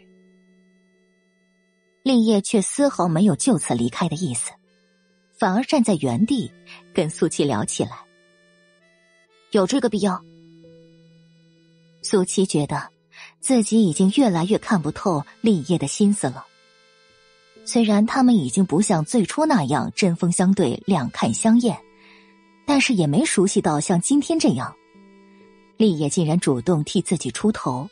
而且还是完全一番好意，这一点反而让苏七觉得有些惊悚。嗯，那是我自作多情了，我还以为啊，你想我的时候可能会去找我。立业笑着打趣：“开玩笑的，我们以后也还是要相处一段时间的，彼此轻松一些比较好。”立业不等苏七开口，便又接上去：“我要回房间了。”苏七懒得跟他废话。至于今晚的巧遇到底是巧合还是他故意为之，也是不打算继续深究下去了。这些给你。立业说着，主动把手里的袋子递给苏七，自然是跟苏七抢的弹弓还有蒲扇。苏七犹豫一瞬，还是伸手接过。你要是真的喜欢这种玩意儿，等回去以后直接找我。我可以帮你定制更好的。立业深邃了眼眸，话语里暗意是味十足。苏七呼吸一滞，不知道为什么，总是觉得立业是不是知道了他的一些事情。回房间吧，早些休息，做个好梦，最好梦里有我。立业的调侃打断了苏七的思绪，苏七撇了撇嘴巴。要是那样，就是噩梦了吧？而且那也绝对是不可能的事情。他的这张脸，苏七就算是做一辈子的噩梦，也绝对不会梦到一次的。立业却轻笑出声：“这谁能说得准呢？”我走了。说完，也不等苏七开口，潇洒的转身扬长而去。反正。他们很快就又会见面了。苏七看着立业离开的背影，更是觉得莫名其妙。不过很快他就严肃了表情。这男人突如其来，强行和他缓和关系，所以到底是打算什么样的事情呢？第一百九十三集，张峰，找到你可真不容易啊！李猛他们在苏七回去半个小时之后，终于找到独自一人的张峰。晚上的庙会，甚至比他们刚刚进来的时候还要热闹，甚至有了烟火和杂耍表演。张峰脸上带着一丝急躁，开口的第一句话就是。你们有没有见到苏七？众人齐齐点头。见到了，他说有些累，半个小时之前就回去了。张峰听他们这么说，一直紧绷的神经终于彻底放松了。都怪他不好，竟然都能跟丢了苏七。张峰，你没事吧？大家都看出他的脸色似乎不太好，关心的询问着。张峰摇摇头，示意自己没事，只是太心急了而已。张峰，你也真是的，怎么能一个人逛这么久呢？而且还买了糖葫芦，你什么时候喜欢吃这种东西了？李猛看着他手里的糖葫芦，忍不住笑了起来。平常他可是并不喜欢甜食的。这是张峰想要说这是给苏七买的，但是后面的话还是咽了回去。张峰看着糖葫芦已经开始融化的糖衣，也不知道在找苏七的时候为什么还会一直拿着它。没什么，现在时间已经不早了，我们也该回去了。他已经没有任何继续逛下去的心情了。众人都没有意见。确实有些累了。张峰，刚才我们看到苏七的时候，他身边跟着一个男生来着。回去的路上，李猛还是没有忍住跟张峰开口。张峰很明显的愣了一下。什么男生？他们分开的时候，苏七可是一个人。说是刚认识的朋友。李猛一边说。一边观察着张峰的表情，虽然他什么都没说过，但是这几天对苏七的关心，他们可全都看在眼里了。张峰对谁都好，唯独对苏七是格外的好。张峰果然皱了眉头，脸色也变得严肃了许多。也是跟我们一样的考生，可是他一直都戴着面具，我们也没看到他的样子。李猛也不等他发问，已经继续说下去了。李猛，你这么紧张做什么？难道苏七就不能交个朋友吗？旁边的张雪梅半开玩笑半认真的调侃。本来他真没觉得有必要特意和张峰说的。李猛见他误会了，赶忙解释：“我才没有紧张呢，就算真的有人紧张，也绝对不是我。”说着，故意朝着张峰看了一眼。不过苏七的性子咱们都了解，他像是那种轻易就跟陌生人交朋友的人吗？一句反问，顿时让几个人全都没了声音。是啊，苏七和他们不同，性格冷淡，绝对不会很快跟人相熟的。张峰已经控制不住阴沉了神色，甚至在想。是不是有人故意接近苏七，想要做些什么了？房门打开，苏七穿着睡衣，看向站在门口的孙海。孙海知道他们几个出去了，可是却一直没有听到他们回来的声音。而现在时间也不早了，所以才特意过来看看。见到苏七这样的穿着，自然也没有进去的打算。你们什么时候回来的呀？半个小时前吧，我先回来的。张峰他们应该还在庙会。打过招呼之后，苏七回答着副校长孙海的问话。孙海又忍不住看了一眼时间，已经快到八点了。你们这些年轻人就是精力旺盛，白天刚参加完考试，竟然晚上还能这么晚。不是责备，而是有些担心。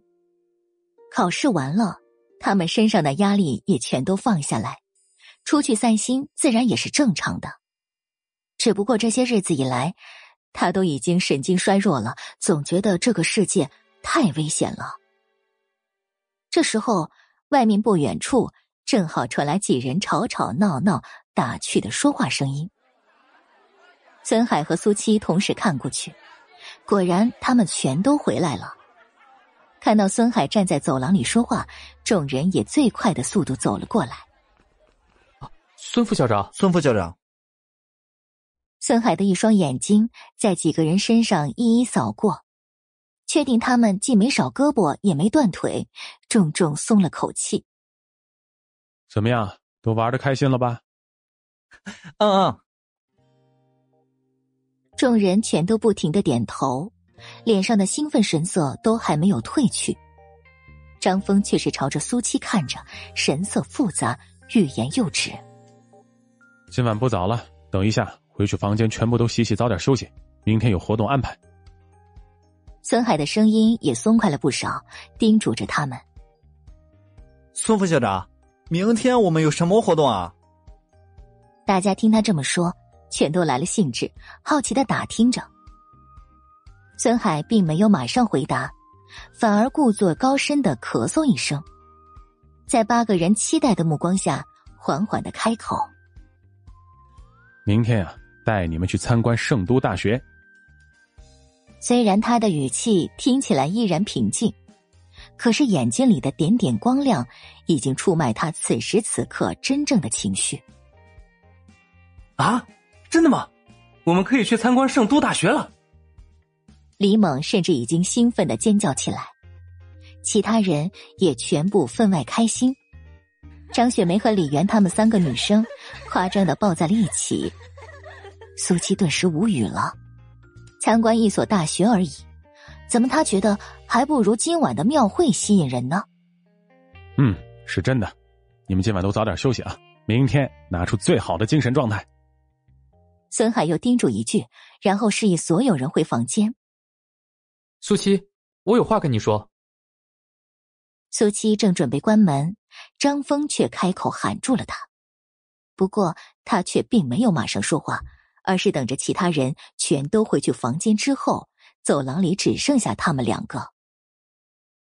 今晚明明有一肚子的话，可是却又不知道。该从哪里说起才好？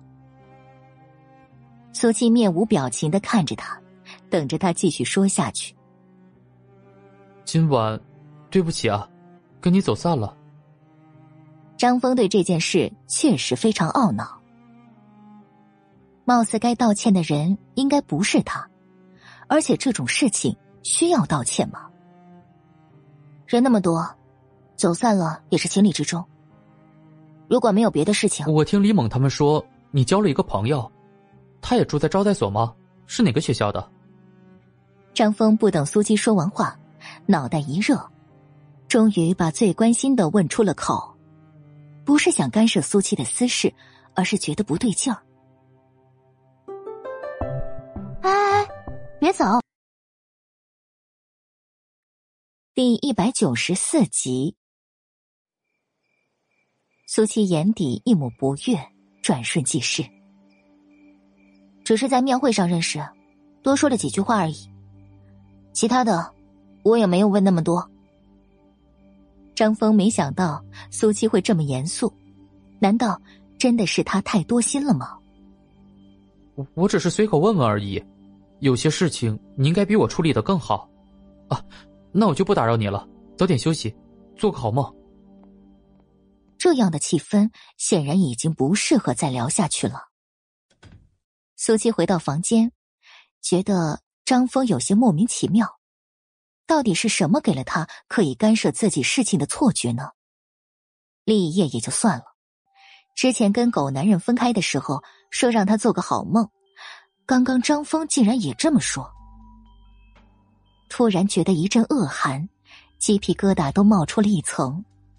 随即，他又想到了，明天要去参观圣都大学。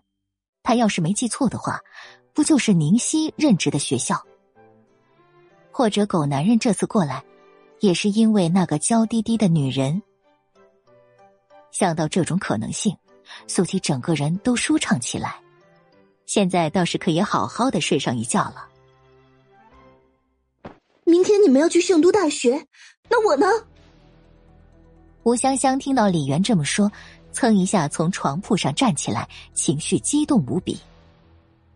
他已经整整郁闷了一个晚上。终于把他们等回来了，没想到他们明天竟然有这么好的安排。可是副校长孙海却唯独没有告诉他一个人。李媛自然是不敢惹怒他的。这个我也不太清楚，要不你问问孙副校长吧。吴香香觉得就连呼吸都不顺畅，脸上布满了冰霜。能够去圣都大学是他最大的梦想，现在有这样的机会，谁都不能剥夺。我这就去。片刻之后，房门重重关上，发出一声刺耳的声响。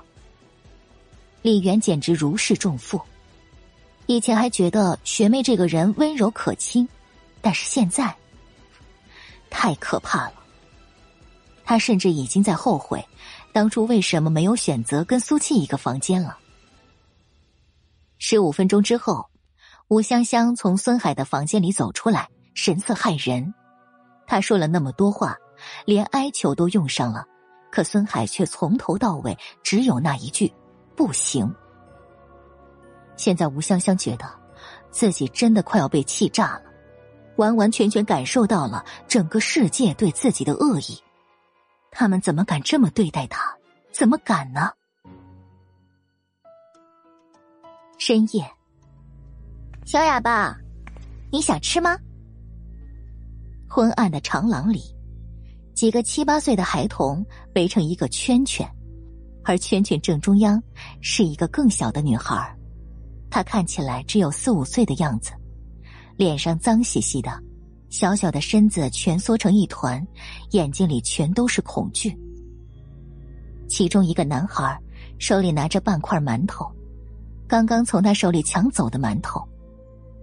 肚子已经饿得厉害，即便眼眶中布满泪痕，他还是强忍着瑟瑟发抖的点点头。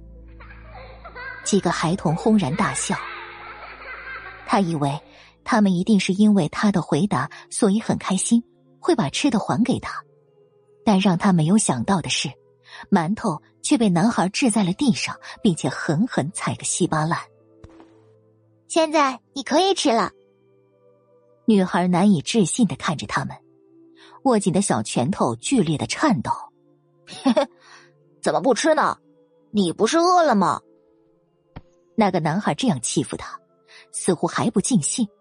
一把抓住他的小辫子，用力的撕扯着。他们为什么要打自己呢？女孩张张嘴巴，却只能无声的嘶喊。很快，一个人变成两个，再然后，他们几个全都开始打他。女孩觉得自己快要死了，虽然她不知道死是什么样子的，不知道过去了多久，她还是被人晃醒了。有了意识的那一刻，除了疼之外，真的什么都不剩了。出现在女孩面前的是另外一个男孩子，几乎是条件反射一样，他剧烈的挣扎，每一巴掌都打在男孩的身上和脸上。但是男孩并没有闪躲，只是不停的在安慰着女孩。不知道过去了多久。女孩的情绪终于稍微平静下来，同样也认出了他。在这个孤儿院里，只有这个小哥哥是对他好的，别人都只会欺负他是个小哑巴。给。男孩见他似乎是认出自己了，用自己的衣袖帮女孩擦拭着脸蛋然后一个鸡蛋递到女孩的跟前。那是女孩第一次看到鸡蛋。泪眼婆娑的盯着，却不敢动弹。好吃的，给你吃。男孩一边说一边比划，生怕女孩听不懂。终于，女孩把鸡蛋接过去，张嘴就咬。啊，不是这样吃的，要剥皮。男孩赶忙又拿回去，替女孩掩饰着。女孩终于不哭了，因为他被眼前白白嫩嫩的鸡蛋彻底吸引了注意力。鸡蛋递送到他的嘴边，女孩再也顾不上什么，大口大口的吃起来。慢点吃，别噎到了。男孩看着他，不停的提醒着。不过看着看着，他的眼眶反而红了。小哑巴，以后。我不能再照顾你了，我要走了。女孩正沉浸在鸡蛋的美味当中，可是这一瞬，她却猛地怔住了，一双眼睛紧紧盯着男孩。我被人家领养了，明天就走了，以后你自己好好的照顾自己。男孩哽咽着声音，看着女孩的眼神充满了不舍得。女孩急了，一把抓住他的胳膊，用力的摇头。呃呃，女孩不想让他走，他不是小哑巴，他会说话，只要他的病好了。男孩用力的吸吸鼻子，握住了女孩的手。以后，你也许也能找到自己的家，不用像现在这样了。女孩不停的摇头。他根本就听不懂，只知道连男孩都不要他了。如果，如果你好好的，等到，等到什么时候天下雪了，我就回来接你，好不好？男孩突然郑重了神色，稚嫩的声音带着一份承诺。女孩愣住了，眨巴眨巴眼睛。下雪，那是什么？苏七梦境中猛然惊醒，呆滞的目光看着头顶的天花板，他这是在哪里呀？足足用了一分钟，才终于回了神，慢悠悠的坐起身子。外面清晨的阳光已经透过窗帘照射到了房间，那些早就已经彻底被他封尘的前尘往事，没想到竟然再一次出现在了梦中。下一刻。苏七起身来到窗边，拉开窗帘。明媚温暖的阳光，竟然让他有些睁不开眼睛。那是过去些许年之后，他渐渐的长大了，才知道，在那个偏远的南方小镇，下雪是一件多么奢侈和妄想的事情。第一百九十五集，孙海。特意让招待所的工作人员把早饭送到他们的房间，因为昨天吴香香的那件事，现在恐怕其他学校的学生看到他们也是充满敌意的，索性就尽量少的露面了。吃过早饭之后，也到了要去参观圣都大学的时间，大家都差不多到齐了，只有李媛姗姗来迟。对不起。啊孙副校长，让大家久等了。李媛，你脸色怎么这么难看？是身体不舒服吗？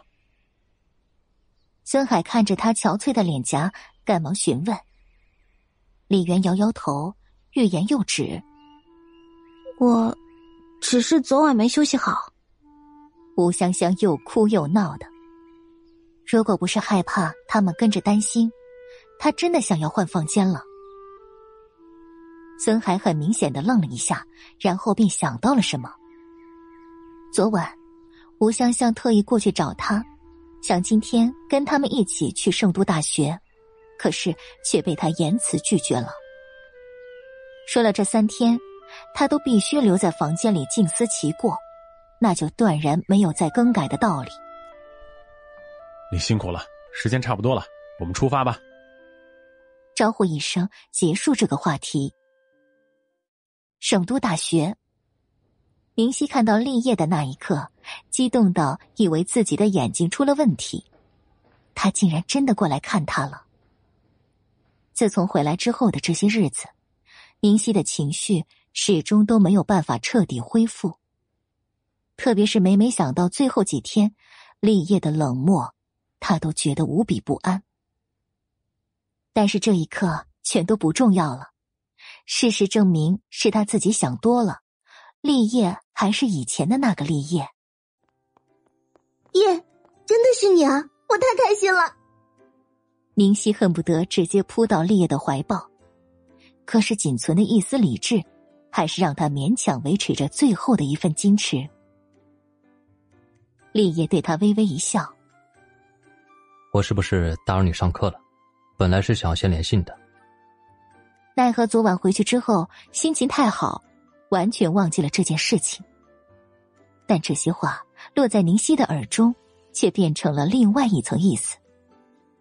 不打扰的，而且我最喜欢这样的惊喜了。”一边说，一边朝着立业四周围打量。如果这个时候。他在捧着一束鲜花，那简直就是太完美了。不过，这样的场景，他也只是自己幻想一下罢了。你是什么时候来京城的？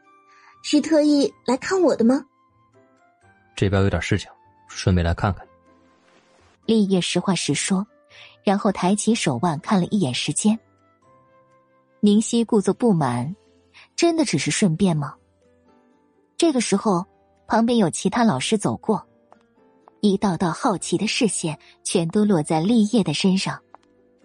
宁熙老师，这位是？这个男人不管是长相还是气质，都太优秀了。难道是他新交往的男朋友吗？宁熙俏脸一红。他是我朋友。虽然说的是朋友。但是配上现在羞答答的模样，想让人不要误会都不可能的。立业的注意力放在大门口的方向，并没有留意到宁熙的小心思。其他人冲着宁熙眨眨眼睛，一副明白了的神情，然后从两个人身边走过去。宁熙几乎下意识挽上立业的胳膊：“你第一次来这里，我带你逛逛。”时间还早。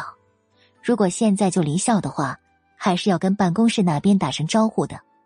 索性还不如他们在学校里参观一下，也是一种别样的约会。好，立业答应的异常爽快。校园里环境非常优雅，绿草茵茵，树木成荫，到处都是少年少女们的欢快笑声。在这样的环境里，人的心情。都仿佛变得心旷神怡，充满愉悦。这里是我们专门的图书馆，各种书籍应有尽有呢。宁熙完全充当了讲解员，而且还是一位十分合格的讲解员。立业似乎有些心不在焉，只是偶尔应上一句，表示自己正在倾听。以后你要是过来找我，我还在上课的话，你就可以到图书馆来等我了。林夕喜滋滋的说着：“当然是要有以后的。”走着走着，立业的脚步突然停顿了下来，他赶忙跟着一起。怎么了？察觉到立业似乎在注视着一个方向，他忍不住也看过去。不远处是一队人，带队的是教导主任，后面跟着十来个身影，并不是学校的学生。哦，我想起来了，他们应该是过来参观的吧？宁熙不等立业开口，主动解释起来。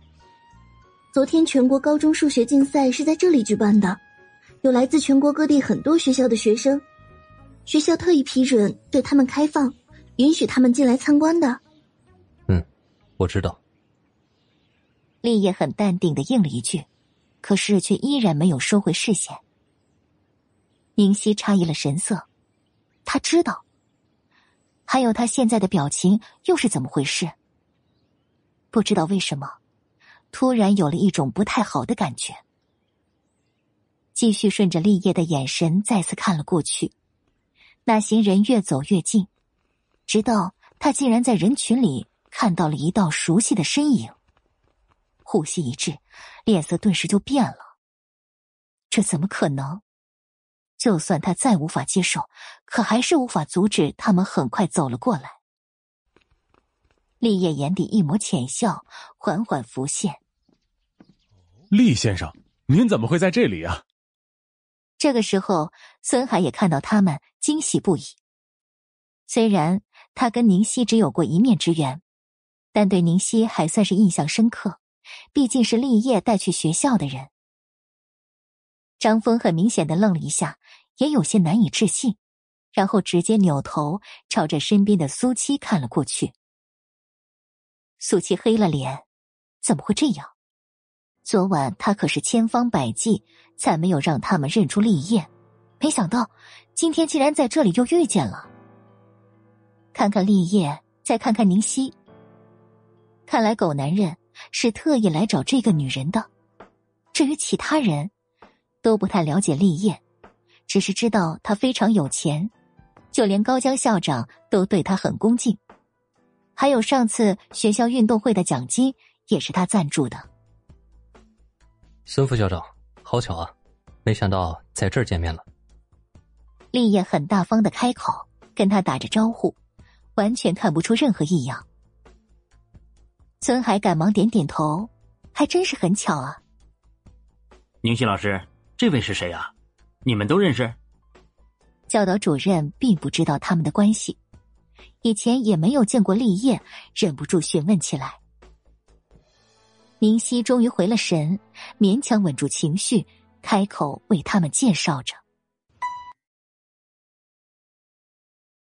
第一百九十六集，宁熙怎么都没有想到，介绍完毕之后，原本好端端的两人约会，竟然会变成十几个人一起同行，而且。他竟然连拒绝的权利都没有。毕竟现在苏七还有立业，名义上是未婚妻。他忍不住朝着苏七打量着。不过才分开没多久，这个丫头好像变化了不少。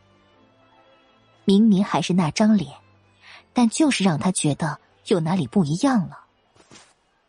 叶想要跟立业重新找到一个话题。可是，一扭头却发现，他竟然朝着苏七走了过去。不仅是他没想到，其他人也是一样的。张雪梅和李媛大眼瞪小眼，对立业打从心底有一种说不出的敬畏。他过来了，苏七已经尽量放慢脚步，跟他们拉开了距离。但是察觉到立业的意图之后，还是整个人都不好了。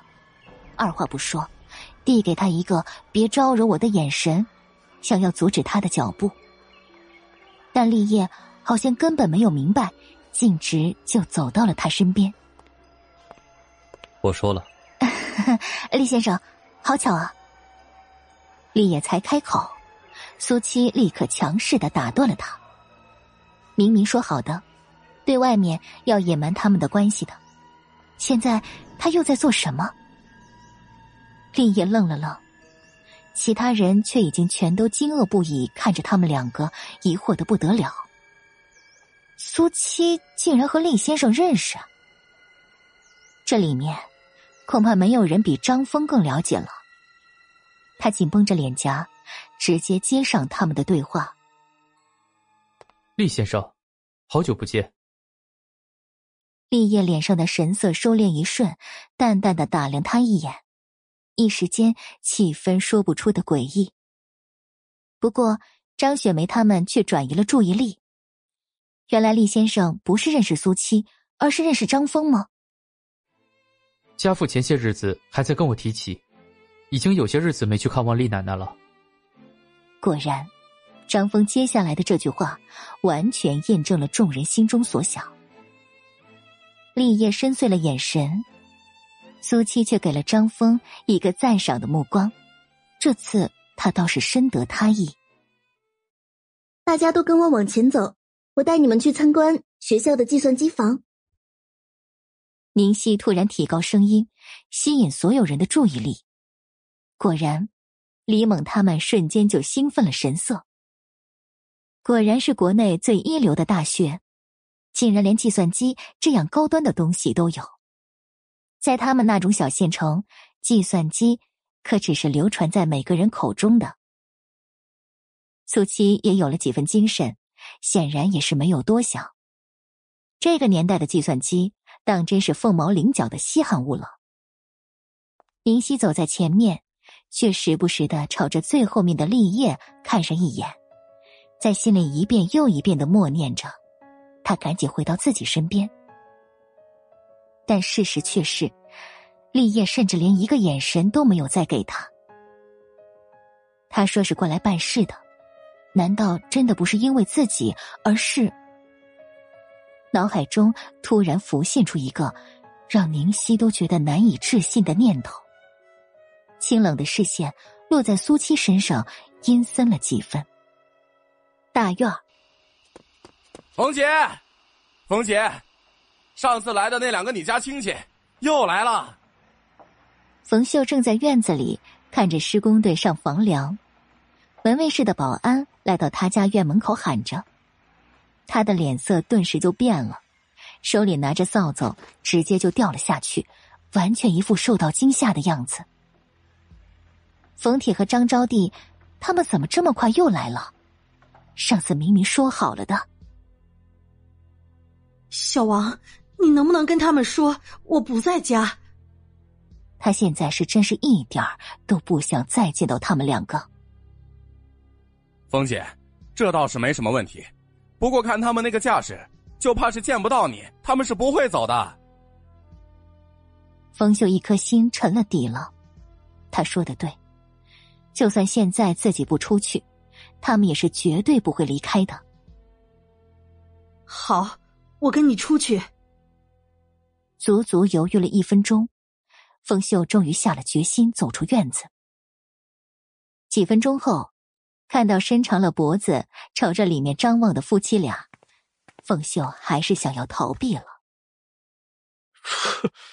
每次出来都这么慢，当真是有几个臭钱，架子就这么大啊！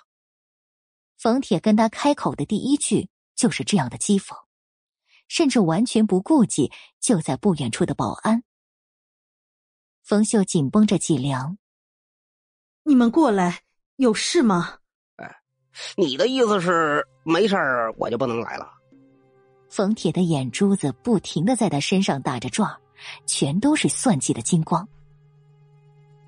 冯秀脸上火辣辣的烧着，完全不知道该说些什么了。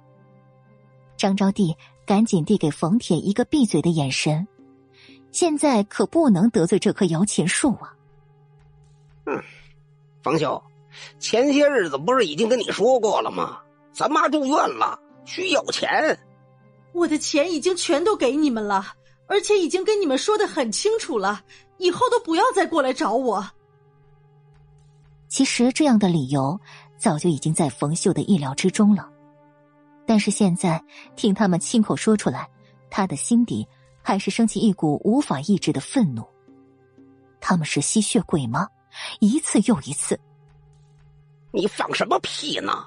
没钱，没钱！你家盖那么大的房子，我告诉你，冯秀啊，你要是不管老太太，非跟我们撕破脸，那也就别怪我不顾往日情分了啊！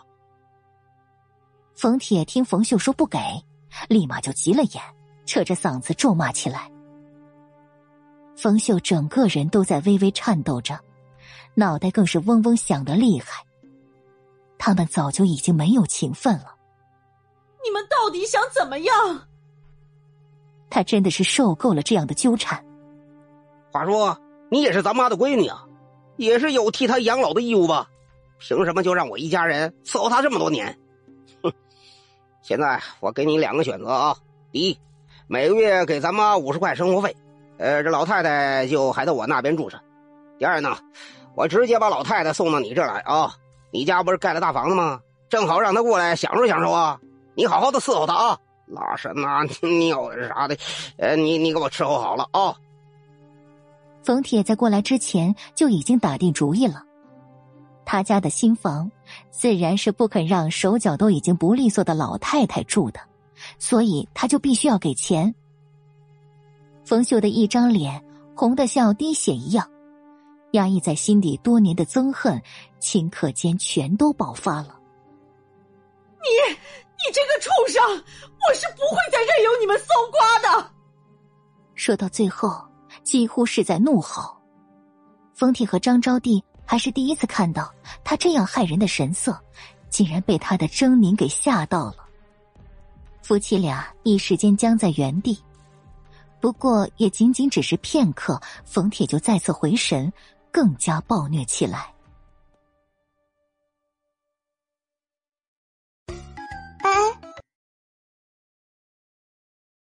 第一百九十七集，冯铁是典型的大老粗，除了脏口咒骂就是动拳头了。即便惹他不痛快的那个人是已经断了很久关系的冯秀，他扭曲着神色，大巴掌朝着他就打下去。既然好说不行，那就来硬的。冯秀没想到，冯铁竟然一言不合就动手。完全被吓到了，僵在原地，眼见着自己就要挨打了。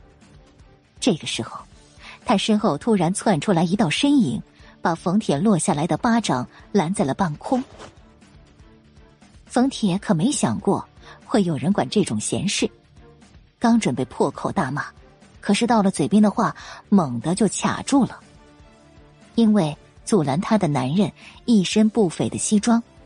看起来实在不像是普通人。不仅仅是他，就连张招娣也被吓了一跳。几秒钟的沉默之后，他故作凶狠的开口询问：“你谁呀？难道是冯秀在外面的姘头？不过看起来也就只有二三十岁的年纪，怎么可能会看得上冯秀啊？”冯铁一肚子坏心眼儿，什么都往脏的地方想。我是谁不重要，但你欺负这位婶子，就是活的不耐烦了。这个人不是别人，正是王昭。立业出门之前已经交代过，至少每天都要过来一趟，确定这边的情况，然后跟他汇报的。就这么巧，今天他正好过来，然后就看到了这样的一幕。阴沉的视线。上上下下打量着冯铁，冯铁怔住了，两条眉毛拧成了麻花一样。哪里冒出来的小子？冯秀甚至比他还要疑惑。从刚刚的惊吓中回神之后，他看了王昭好几眼，可是却根本想不起来自己认识这么一个人。哎呦呦呦！哎呦！你你你你先松开我！冯铁的胳膊还被王昭捏着，黑着脸说着。王昭确定冯秀没事之后，这才松开了他。冯铁得了自由，马上凶狠了神色，想要跟他好好较量一下。可这个时候，一旁又走过来三个身材高大魁梧的男人，站在王昭的身后。冯铁硬生生的停住了动作，他奶奶的！一对四，吃亏的肯定是他呀！哎呀，这位大兄弟呀，你是不是误会什么了呀？我们是冯秀的大哥和大嫂，特意过来看他的。张招娣看着情况不对，立刻解释。俗话说得好，清官难断家务事。看冯秀现在的神色，也不像是跟这个男人熟悉的样子。兴许知道他们的关系之后，就能走了呢。果然，王昭诧异了几分。大哥大嫂，他下意识看向冯秀，征求着真伪。冯秀紧抿着嘴角，僵硬的点了点头。王昭心中闪过一丝了然，不过老大交代过了，绝对不能让这里有事。别说是这种大哥大嫂，就算是天王老子都不行。我不管你们是什么人，但这里是我们罩着的。想动这里的人，就别怪我翻脸不认人。冯铁和张招娣愣了，他们可是从来没有听说过大院儿有这种人的。哎呀，冯秀啊，你说句话呀！张招娣心里比谁都清楚，只要冯秀说没事，那这几个人也不能怎么样。一时间，几个人全都朝着冯秀看过去，等着他表态。冯秀低垂着眼帘，握紧的双手始终都没有松开过。你可想想咱妈啊？冯铁气急败坏，依然不忘记威胁他。我跟他们现在没关系。短短一句话，被冯秀停顿了三次，但同样也表明了对他们的态度。王昭点点头，自然知道接下来该怎么办了。送这两位离开这里。面无表情的对自己的手下命令着。冯铁气的鼻子都要歪了，伸出一根手指指着冯秀，破口大骂：“好啊，你真他娘的本事了啊！嗯，竟然敢里通外贼！你个汉奸，你给我等着！”虽然不甘心，但还是不敢跟他们有肢体冲突，不得不停下来后退，再后退。几分钟之后，终于连咒骂声都听不到了。冯秀的心情复杂到了极点，赶忙看向王昭：“您怎么称呼？”刚才王昭的话是骗骗冯铁也就算了，但是冯秀很清楚，他根本就不是大院里的人。婶子可不敢当，以后啊，您就叫我小王吧。王昭恭恭敬敬的跟他说着。这位可是老大未来的丈母娘，她可实在担不住那个“您”字啊。小王，刚才的事真是谢谢你了。我们应该不认识吧？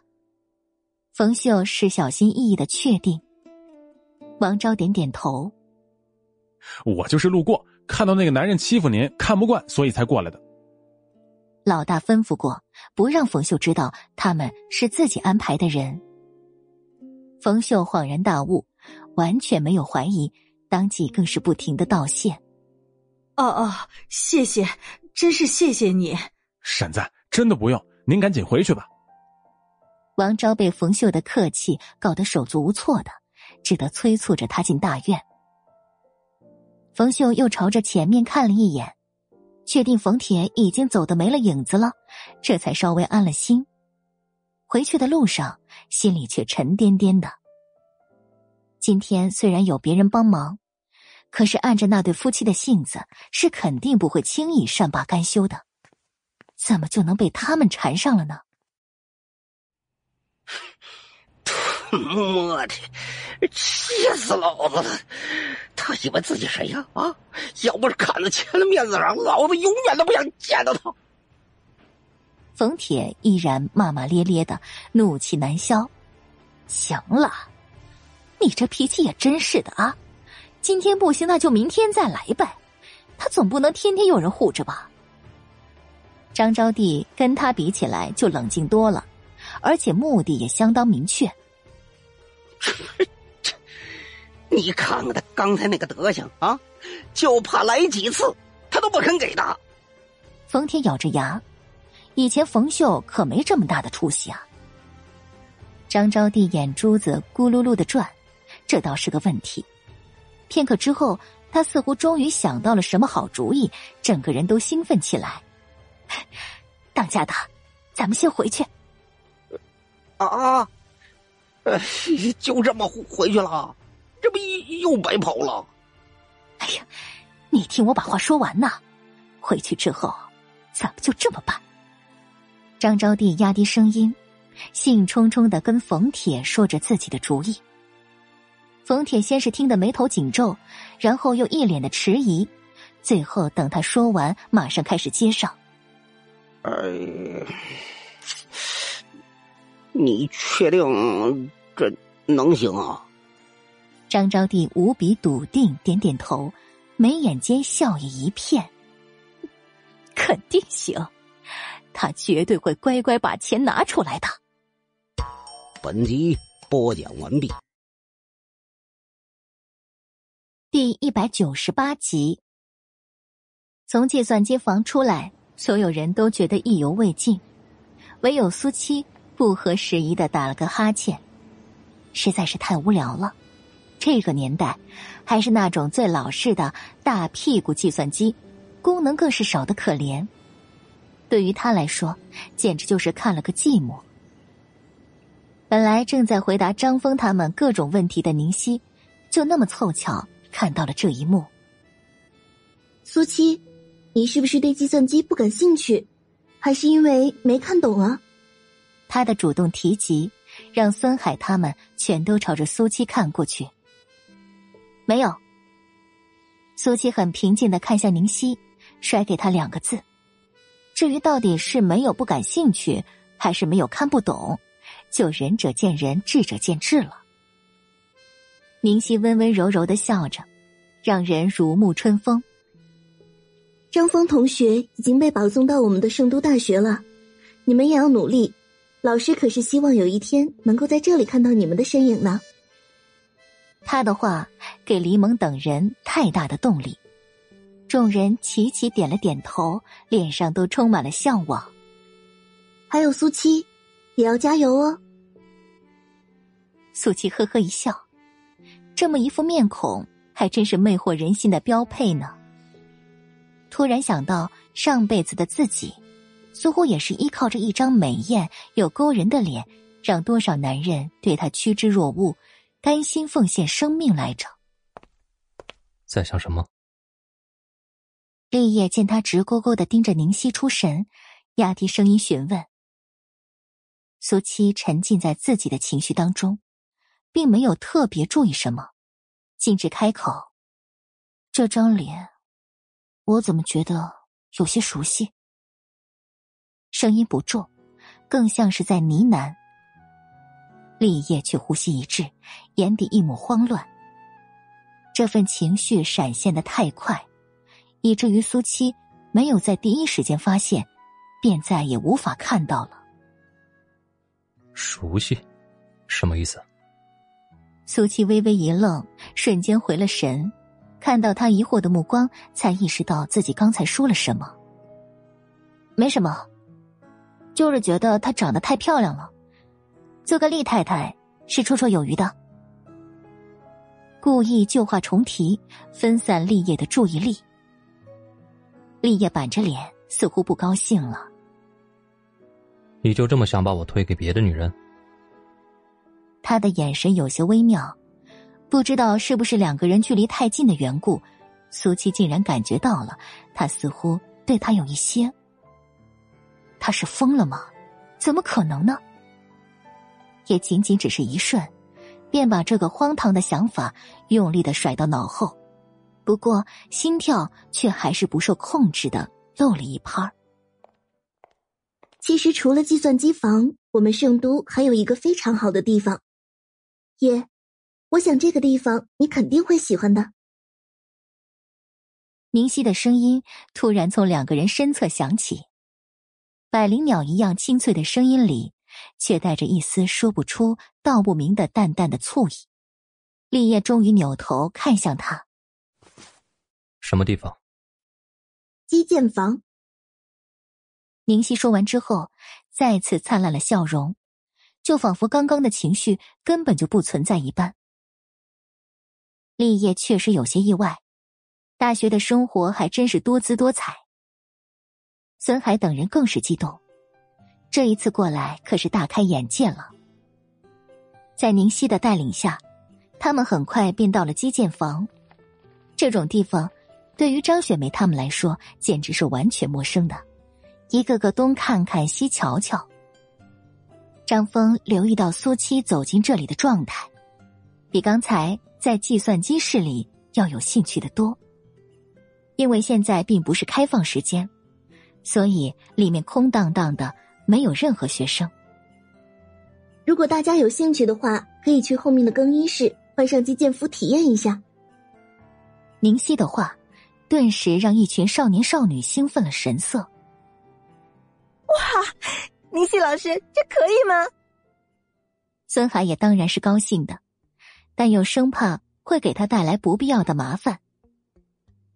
当然可以的，我带你们过去。宁熙对着他说完，然后又冲着立业眨眨眼睛，暧昧又讨好。苏七，你也来试试啊！当然，也绝对不会冷落苏七。他肩膀上有伤，就不要了。拒绝的不是苏七，而是张峰。他其实也并没有多想什么，只是单纯的关心苏七罢了。立业却眉头一皱，低沉了声音：“你受伤了。”他当然知道，之前苏七在搏击场上的时候手臂受伤，可张峰说的却是肩膀，这是完全不同的两个位置。苏七干咳一声，刚想说没事，可是没想到李猛却马上就接上了话：“我们在过来的路上，遇上两个抢劫犯，多亏了苏七挺身而出，勇斗歹徒，拼得自己一身伤，终于摆脱了他们。”苏七顿时不知说什么了。李猛口若悬河的说着，本意是想让圣多的老师听听苏七的壮举，所以稍微夸张了一些。苏七第一次觉得太聒噪了，实在不是什么好事。自己的身子都不知道爱惜，你以为你是铁打的？立业紧绷着脸颊，表情更是从来没有过的严肃。就好像是突然变了个人，冷得骇人。四周死一般的寂静。张雪梅他们几个女生，甚至一副受到惊吓的模样。此时此刻，伴随着他的责备，散发出来的气息，实在是有些恐怖。明熙惊愕的瞪大眼睛，跟其他人的感觉不同。他知道，他是真的很愤怒，而那个愤怒的原因。竟然只是因为素七受伤了，所以他是因为别的女人失控了。素七被他吼得莫名其妙，看着他似乎在压抑着什么面孔，心里隐隐有一种说不出的陌生感觉。没他说的那么严重，受伤只是意外，而且只是轻伤而已。如果换做以前的话，苏七根本不会废话解释。但是现在，就是鬼使神差的开了口。立业瞪着他，仿佛苏七犯了什么十恶不赦的大罪。他当然知道是意外，苏七的身手，别说是两个劫匪，就算再加上几个，都能应付的绰绰有余。但他气恼的就是苏七口中说的意外。在上一世的时候，他是绝对不会让这种意外发生的，倒是到了现在。他却接二连三的受了伤。说到底，就是太不在意自己的身体了。苏七被立业盯得发毛，旁边又有这么多双眼睛在看着。你们不是要去换击剑服吗？都愣在这里做什么？不是催促，而是下意识流露出的命令口吻。众人齐齐回了神，但是表情一个比一个复杂。这种情况，他们也是全都看不懂了。是啊，大家都别愣着了，宁熙老师，那就麻烦你了。孙海也赶忙附和着，缓和气氛。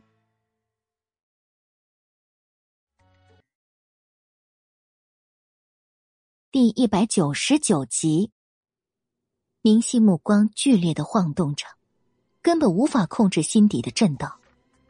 宁熙老师。孙海见他僵住的表情，有些尴尬的再叫一遍：“啊啊，好的，你们都跟我过来吧。”宁熙骤然回神，脸色说不出的难看。其他人也都不再说话，安静的跟上他的脚步。苏七却没敢动，等着立业的反应。本来以为立业还要继续说什么，但让苏七没想到的是。片刻之后，立业竟然直接转身扬长而去。那般诡异感，终于随着他的离开消失的无影无踪。狗男人，真是越来越反常了。雪梅，你有没有觉得苏七和那位厉先生不太对劲儿啊？过去更衣室的路上，李媛压低嗓子，用只有他们两个人能听得到的声音说着。张雪梅点点头，何止不对劲儿，简直就是太不对劲儿了。我觉得他们是认识的，我也这么觉得，就是不知道他们到底是什么关系啊。两人嘀嘀咕咕说个不停，张峰眉眼间已经一片冷漠，心里不舒服，而且是很不舒服。立业跟苏七之间虽然有婚约，但他们两个分明是两个世界的人，应该充满疏离感的。可是刚才却不是。这里就是了，你们可以找一下自己合适的尺码，然后进里面穿一下。有不懂的地方可以过来问我。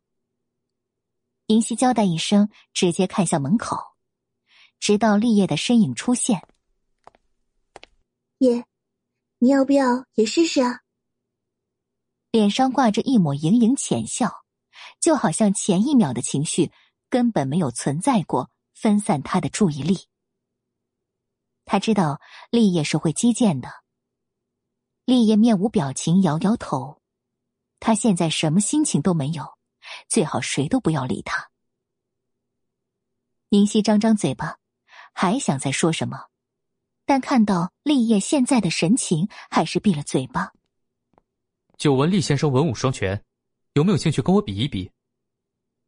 这个时候，换好衣服的张峰走出来，几乎没有任何犹豫，就对立业下了战书。立业看看他的目光，不咸不淡。那是一种说不出的藐视，可是张峰却毫不示弱，对了上去。宁熙目光闪烁，觉得还是有必要提醒这个小伙子。张峰同学，你还是去跟别的同学试试吧，你比不过叶的。本来他是好意，但这句话却让张峰更加坚定了神色。都还没有比过呢，而且也只是随便切磋而已。就算比不过，厉先生也不会真的上路，对吧，厉先生？说到最后，他挑衅的意味十足。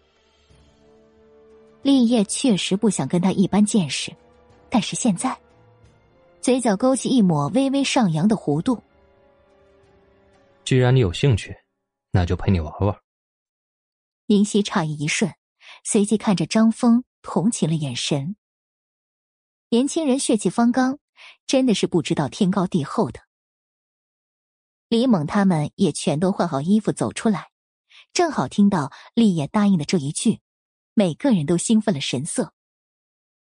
他们可是从来都不知道张峰还会击剑的，他们理所当然的以为，毕竟如果不会，怎么可能主动挑战别人呢？唯有孙海有些担心和急躁，刀剑无眼。万一要是有个万一，不管是伤了张峰还是伤了厉先生，都是一件很麻烦的事情。这个张峰也真是的，平常那么稳重的一个男孩子，怎么就想要跟厉先生挑战呢？我去外面等你，你去换衣服吧。张峰的声音再次响起，然后就准备出去了。没这个必要，走吧。立业的回答让所有人都惊掉了下巴。连防护服都不穿，就这么强吗？张峰的呼吸停顿一瞬，脸色变化几分，什么都不再说，迈开脚步，其他人紧随其后。叶，等一会儿你会手下留情的吧？立业和宁熙走在最后面，他的神色有些复杂，既期待等下立业的风姿，又担心他会不会出手太重。立业的一双眼睛深不见底，并没有回答他的问题。苏七一直都坐在外面等着，看到他们出来，稍稍正了正姿势。他们这些人应该都是第一次玩击剑，恐怕连规则都搞不懂，所以其实也并没有什么好看的。但是这个想法只是维持了短短两三分钟而已。苏七。张峰向厉先生挑战了，张雪梅他们就跟他喊着。苏七一愣，张峰、厉业，他们两家不是世家好友吗？而且张峰在找死吗？他一个学生，怎么能是厉业这种人物的对手？虽然苏七已经肯定，厉业不是上一世的那个人，但是光看他的身份背景，用脚趾头想想。也很不简单了。张峰他脑子进水了，自己找虐，可不就是这样吗？苏七，都还没比呢，你怎么就知道张峰不行啊？万一有奇迹呢？李猛简直就是无条件的支持张峰，而且他也羡慕他的，至少他自己就没有这份勇气。哼，哼，奇迹。苏七僵笑两声，天真真好啊。很快，张峰和立业也都出来了。看到立业甚至连防护服都没有穿的那一瞬，苏七就知道，等一下张峰就要被立业教做人了。张峰本来还想跟他打一声招呼的，可是当他看到他的眼睛一直追随着立业，垂在身侧的双手紧握成了拳头。厉先生，你确定要这样跟我比吗？要是我收不住的话，伤了你，你想太多了。开始吧。立业有些不耐烦，打断他后面的话，然后将剑重重的握在手中。张峰紧抿着嘴角。胸腔里隐隐怒火升腾，他先是全副武装，确定没有问题之后，也拿起了剑。其他人都退回了场外，神采奕奕等着两个人激战。即便是苏七都来了兴致，注视着场上两人的一举一动。宁熙的双手放在胸前，即便对立业的实力心知肚明，还是忍不住紧张了几分。张峰，加油！张峰，你行的！李猛他们呐喊声响起，苏七却笑着摇了摇头。张峰收敛思绪，凌厉了神色，从来没有这样对赢如此渴望。他确实练过击剑，而且很精通。这一次，他要光明正大的打赢立业。握紧手中的剑，上身微弓。双腿发力，最快的速度朝着立业刺了过去。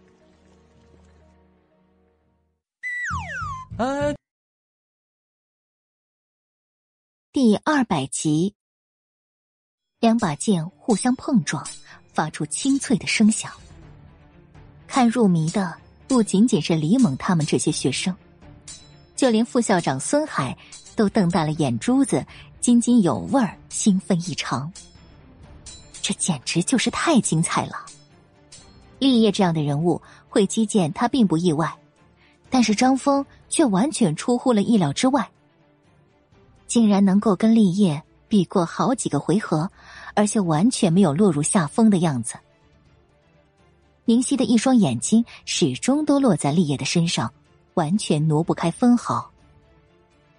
所有人里最清醒的，恐怕就只有苏七了。四个剑招，立业就做出了四次有效的击中。如果他是张峰的话，早就该识趣的认输了，根本就是单方面的碾压呀！苏七，你看张峰的动作多敏捷啊！啊，一看就是练过的，能跟厉先生打个平手，真是不错。李猛兴奋的手舞足蹈，还不忘记在他面前夸赞张峰几句。苏七的嘴角抽了又抽。看着他的眼神，犹如看着白痴一样。也不怪李猛会这么想，因为他们根本就不懂击剑的规则。你这么看着我做什么？难道我说的不对吗？当然，厉先生也是很厉害的，毕竟他连防护服都没穿。李猛被苏七看得有些发毛，赶忙又补上一句：“ 哼哼，我建议你多看，少说话。”李猛顿时哑口无言，所以他到底说错了什么？正当他们以为张峰能够和立业战上十几个回合的时候，两把剑却突然撞击在了一起，随即发出一声刺耳的声音。下一瞬，张峰手上的剑竟然脱落，直接掉落在地。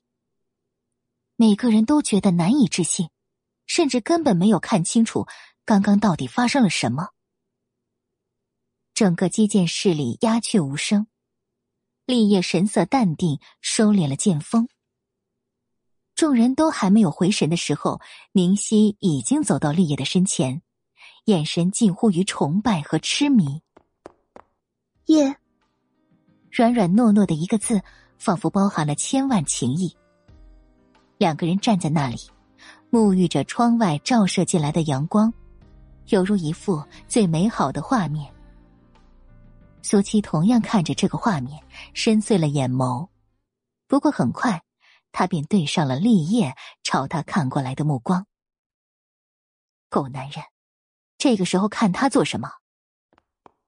张峰，张峰，你没事吧？李猛他们也都反应过来，齐齐朝着他跑过去。张峰拿下头盔，脸上已经布满了汗水，脸色无比难看。不是没有想过自己会输，但是却没想到会输的这么惨。张峰，你还好吗？孙海忍不住上上下下打量着张峰，确定。我没事。张峰艰难的开口，看向立业，神色艰难。到底还是他自不量力了。孙海这才重重的松了口气，拍拍他的肩膀：“没事就好，你已经做的很棒了。”张峰扯扯嘴角，想要装出一副并不在意的模样，可最后还是失败了。厉先生，我输了。但是他输得起，以后他会努力让自己变得更优秀，优秀到足够强大，可以守护自己想要守护的一切。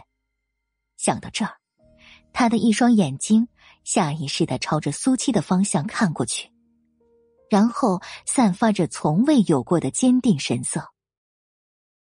立业迈开脚步来到他的面前，正好阻隔开他的视线。有些事情。明知道结果，就不该强求。他声音不重，但是却霸道十足，仿佛是在暗示，在警告。张峰呼吸一颤，理智终于完全回归大脑，眼神剧烈晃动一瞬，双手紧握成拳。这一刻，他不想退。毕先生，不尝试怎么能知道结果呢？两人的目光半空中相撞，电花火石，比刚刚的击剑更为激烈。李猛他们完全听不懂，他们两个到底在说些什么？你看看我，我看看你。张峰，厉先生说的对，你现在面对的是厉先生，所以不会出什么事情。但如果换成其他人呢？以后可不许胡来了啊！孙海察觉到两个人之间的气氛似乎不太对劲儿。赶忙开口打着圆场。张峰主动收回视线，我去换衣服。说完之后，也不等其他人再多说些什么，便朝着后面的更衣室走了过去。大家只是以为他脸皮薄，输给了立业不好意思，便没有多想。嗯，你们也都上来感受一下吧。宁熙愉悦着声音招呼着众人。然后自己反倒跟在立业身边走了下去。李猛等人瞬间打起精神，在孙海的指导下有模有样的比划起来。叶，我去拿套毛巾给你啊。宁熙简直就是体贴入微。不用。立业直接拒绝。事实上，他也根本就没有出汗。很快，两人来到休息区。立业直接在苏七的身边坐下。好看吗？不知道为什么，苏七他觉得他这句话里夹杂着一丝淡淡的怒气。他哪里惹到他了？好看。苏七敷衍的回答，然后佯装跟其他人一样，只是看看热闹而已。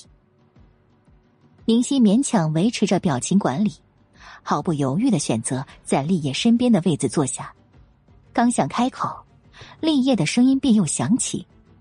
当然，说话的对象依然是苏七。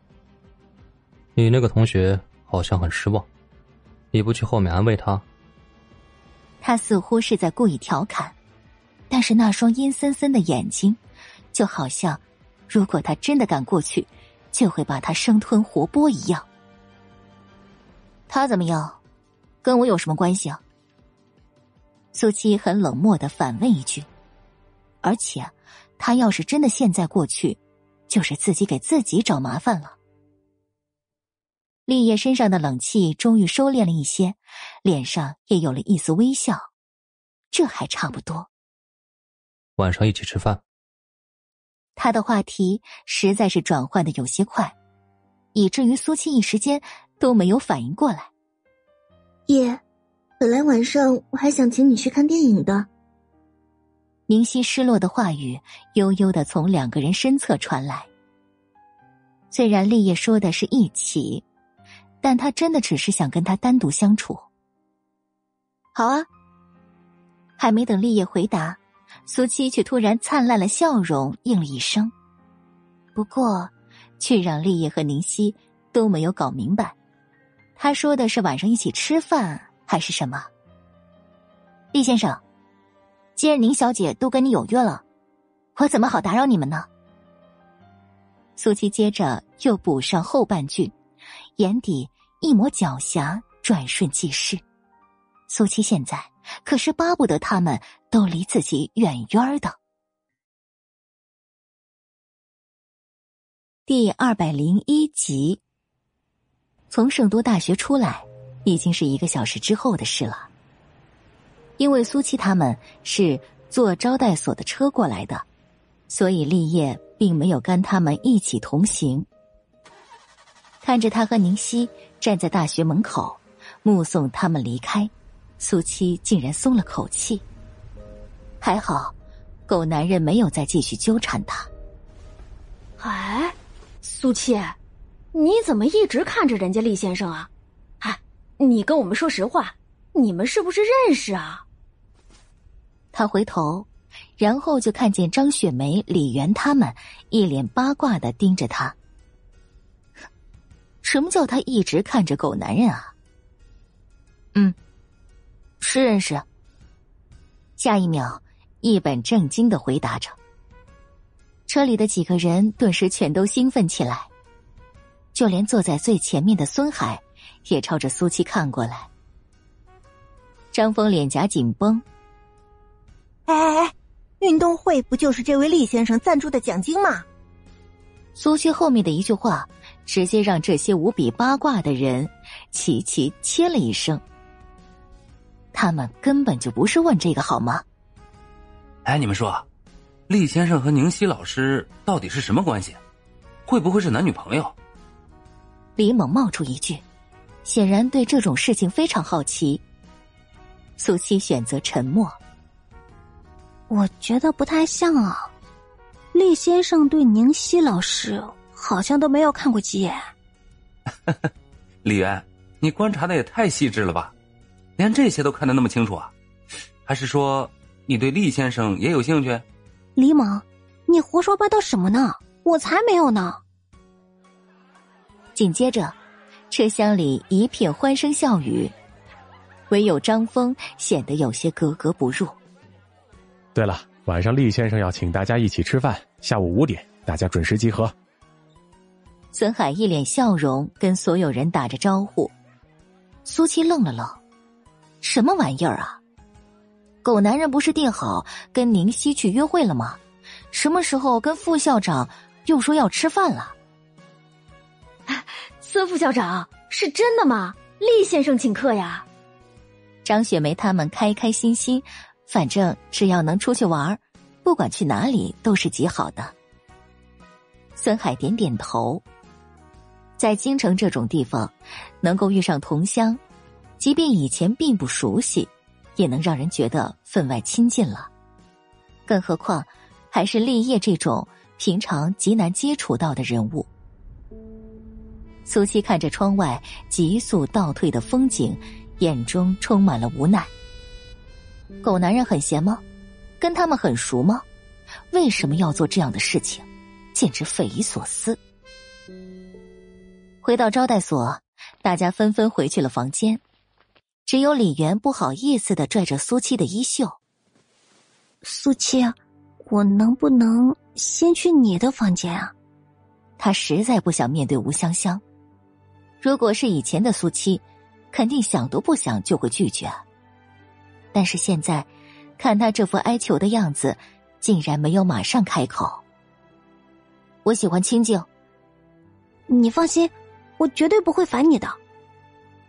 李媛赶忙跟他保证：“那进来吧。”苏七打开房间，赵峰，你到底怎么了？不就是跟厉先生随便比比吗？这一路上脸都这么沉，不至于吧？只有两人的房间，李猛终于沉不住气了。他真的不明白，张峰到底是怎么了？李猛可是都看了他一路了，明明他也不是那么计较得失的人呢。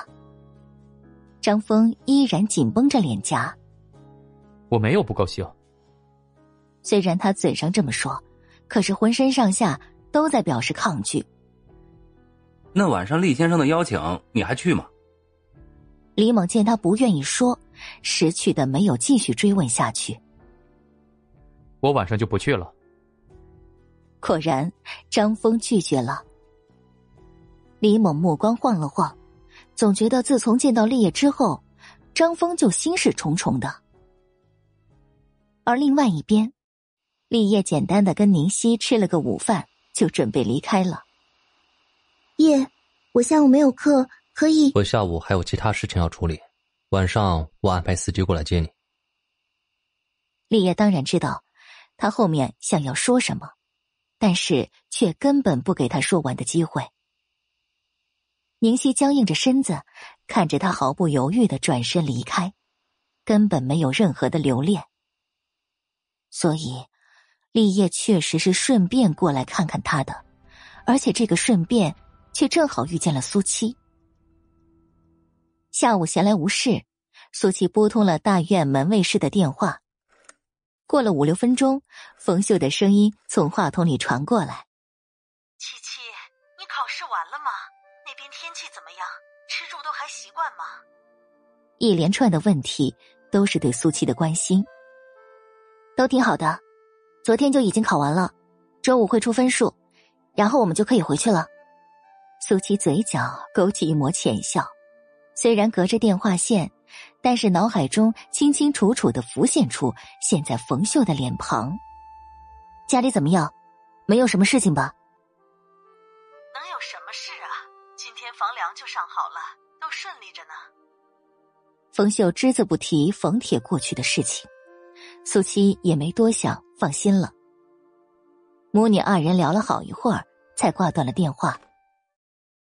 苏七心情不错，一抬头就看到坐在不远处的李媛在直勾勾的盯着他，那副吃惊的样子，就好像见了鬼。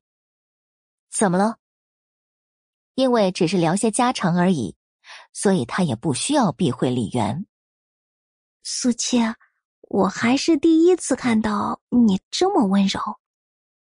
李媛简直觉得新鲜的不得了，这个时候才真真切切的体会到了苏七是和他们一样寻常的姑娘。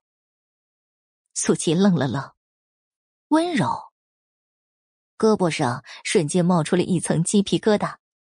苏七。你紧不紧张啊？李媛没有留意到苏七现在的神色，突然改变了话题。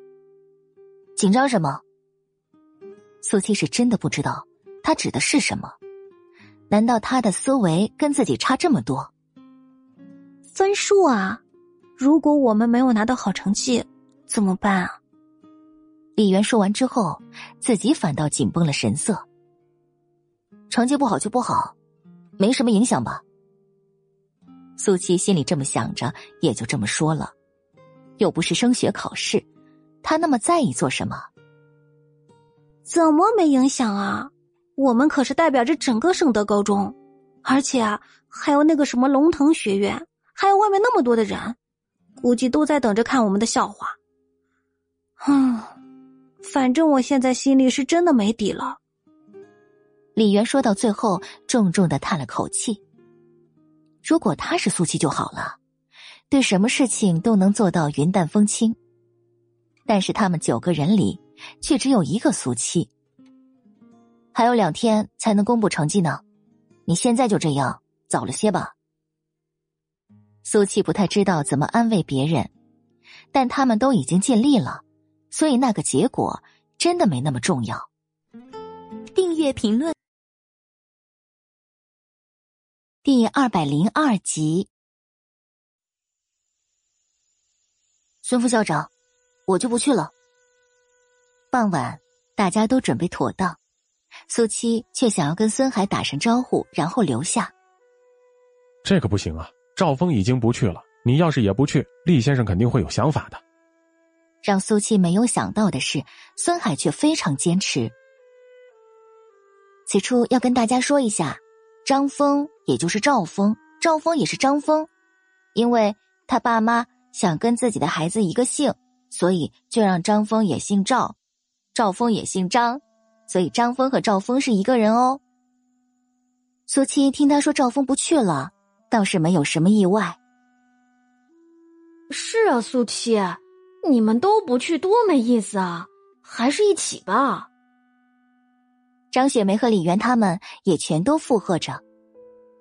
就是，走吧。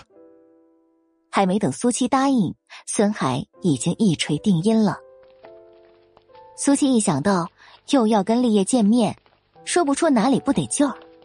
不过，即便这样，五分钟之后，他还是坐上立业安排过来接他们的车辆。吴香香站在窗外，看着他们一行人有说有笑。走出了招待所的大门，然后又上了小轿车，整个人都扭曲起来。虽然没有人告诉他，他们晚上要去哪里，但是他们在外面走廊里的对话，吴香香都是听到的，所以他再一次被抛弃了。他怒不可遏，想到孙海已经不在招待所里，吴香香还有什么必要一定要听他的？愤愤不平的打开房门，走了出去。吴香香，你要出去？就那么凑巧，张峰正好从这个时候从房门里出来。看到吴香香，他皱了眉头。吴香香先是微微一愣，然后目光闪烁：“是，我肚子饿了，要出去吃饭，你跟我一起吗？”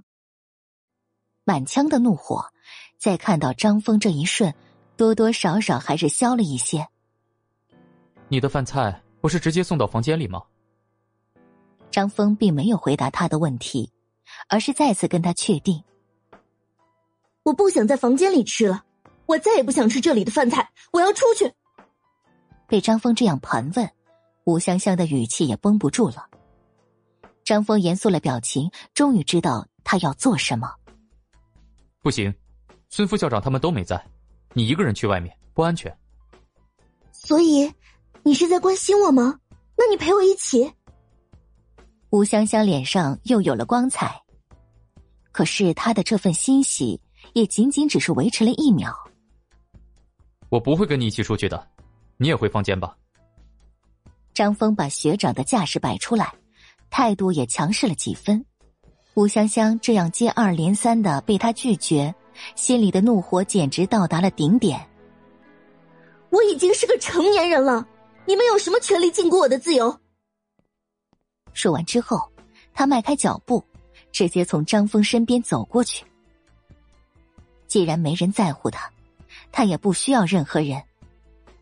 张峰站立在原地，脸上已经没有任何表情了。他最不喜欢的就是这种任性的女生。他说的对。他们都是成年人了，他是没有权利去干涉自己的。如果是今天之前，张峰是绝对不会有这样的想法，一定会追着去看看吴香香的。可是今天，他实在是心烦意乱，根本就不想去照顾任何人。立业做东，自然不会是太差的地方。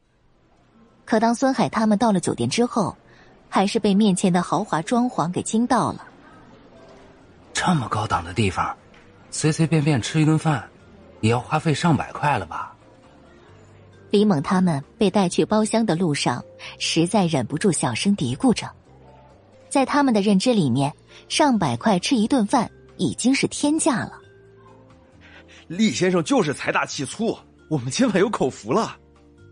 苏七听着他们一个劲儿的都在夸立业，强忍着想打断他们的冲动。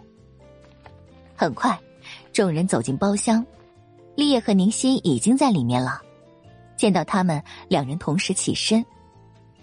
宁夕热络的打招呼，完全一副女主人的姿态。苏七始终跟在张雪梅他们的身后，想要坐在离某个男人远一点的位置。苏七，坐这里。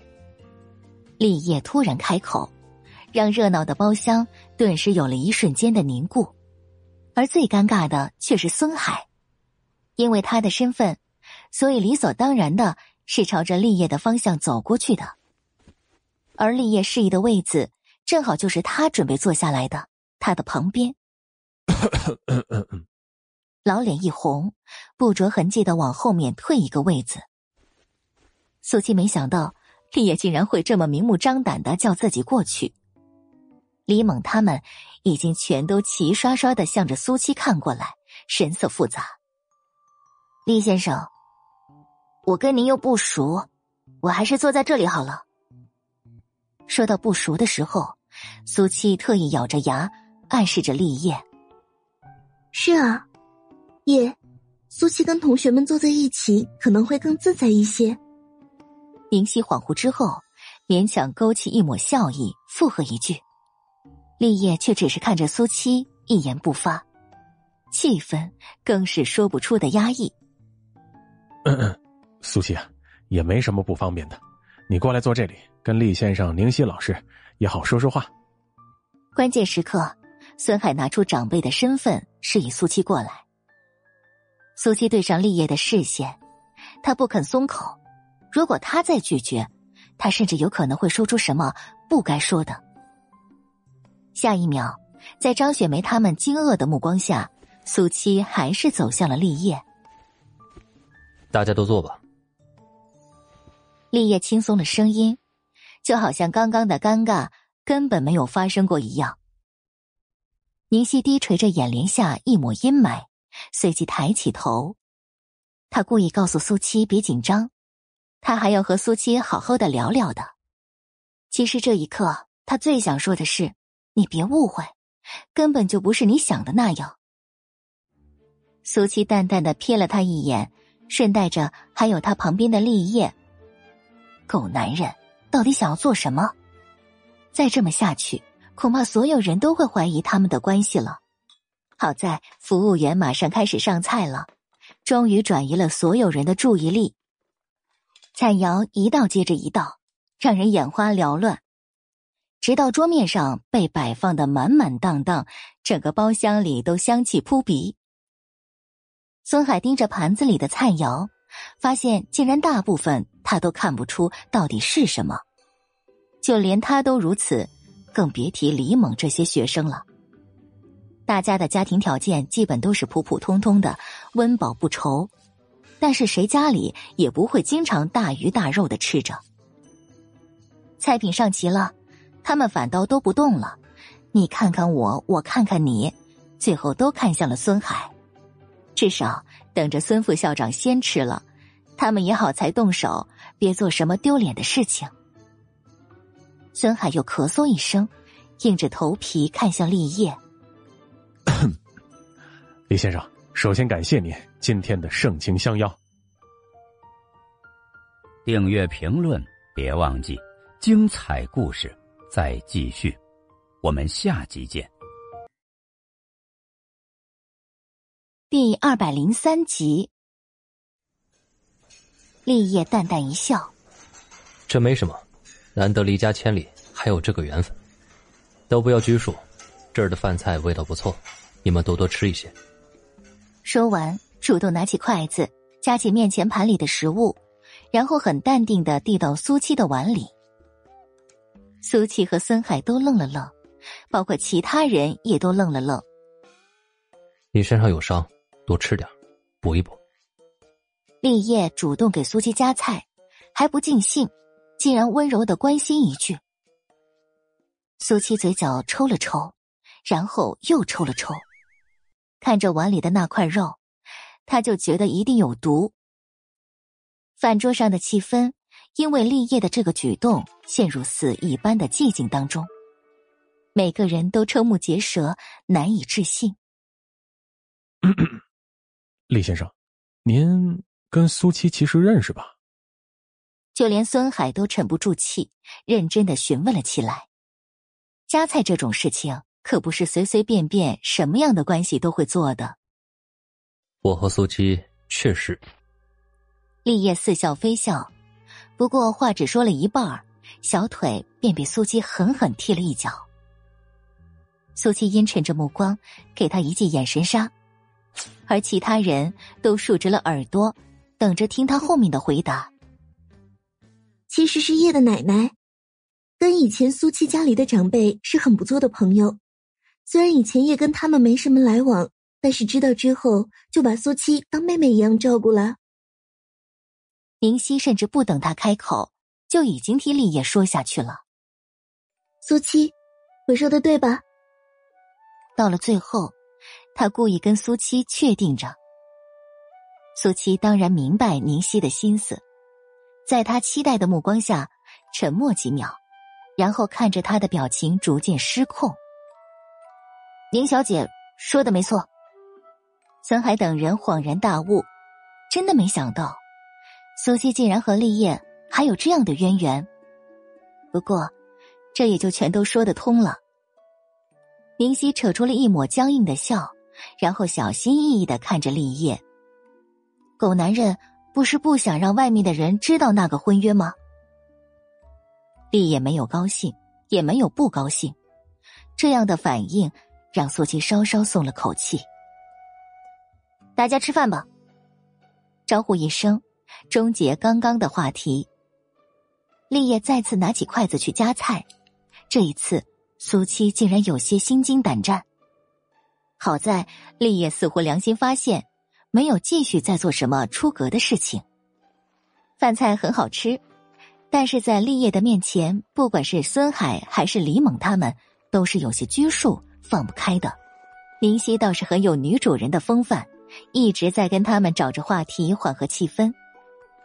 苏七低着脑袋吃饭，摆出一副谁都别理我的架势。赵峰同学怎么没有过来呢？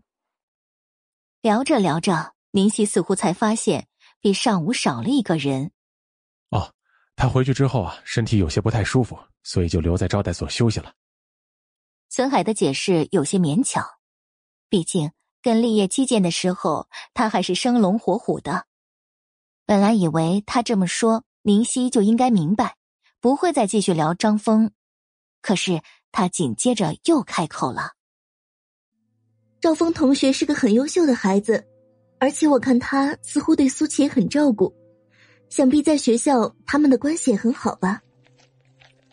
苏琪咀嚼的动作停顿一瞬，低垂的眼帘下目光闪烁，他的那点小心思，当真是表现的清清楚楚了。立业朝着宁熙淡淡看了一眼，他却佯装没有看到。宁熙老师，您也看出来了。还没等孙海说话，李猛却兴冲冲的接上了。宁熙心头一喜，神色却没有什么变化，引导他说下去。看出什么？赵峰确实对苏七挺照顾的。李猛笑得格外意味深长，虽然是在回答他，但是眼睛却是看向苏七。李猛。不会说话就别说。森海也听不出不对劲儿，严肃着声音提醒着他，然后赶紧解释：“赵峰啊，是我们学校学生会的会长，本人非常的热情，对待任何一个同学都很好。有些玩笑话可不是这样的场合说的。”宁熙点点头，听懂了，然后再次看向立业。这个时候，苏七放下筷子，从座位上站起来。我去洗手间，你们继续。说完，径直走出包厢。苏七走了，他宁熙才能更好的发挥。最好直接让狗男人马上退了婚约才好。李先生，我们再喝一杯吧。孙海主动端起面前的饮料杯子，岔开了话题。不知道为什么，他总觉得哪里不对劲儿。他们谁都没有喝酒，只是用饮料代替。好，立业应了一声，兴致乏乏。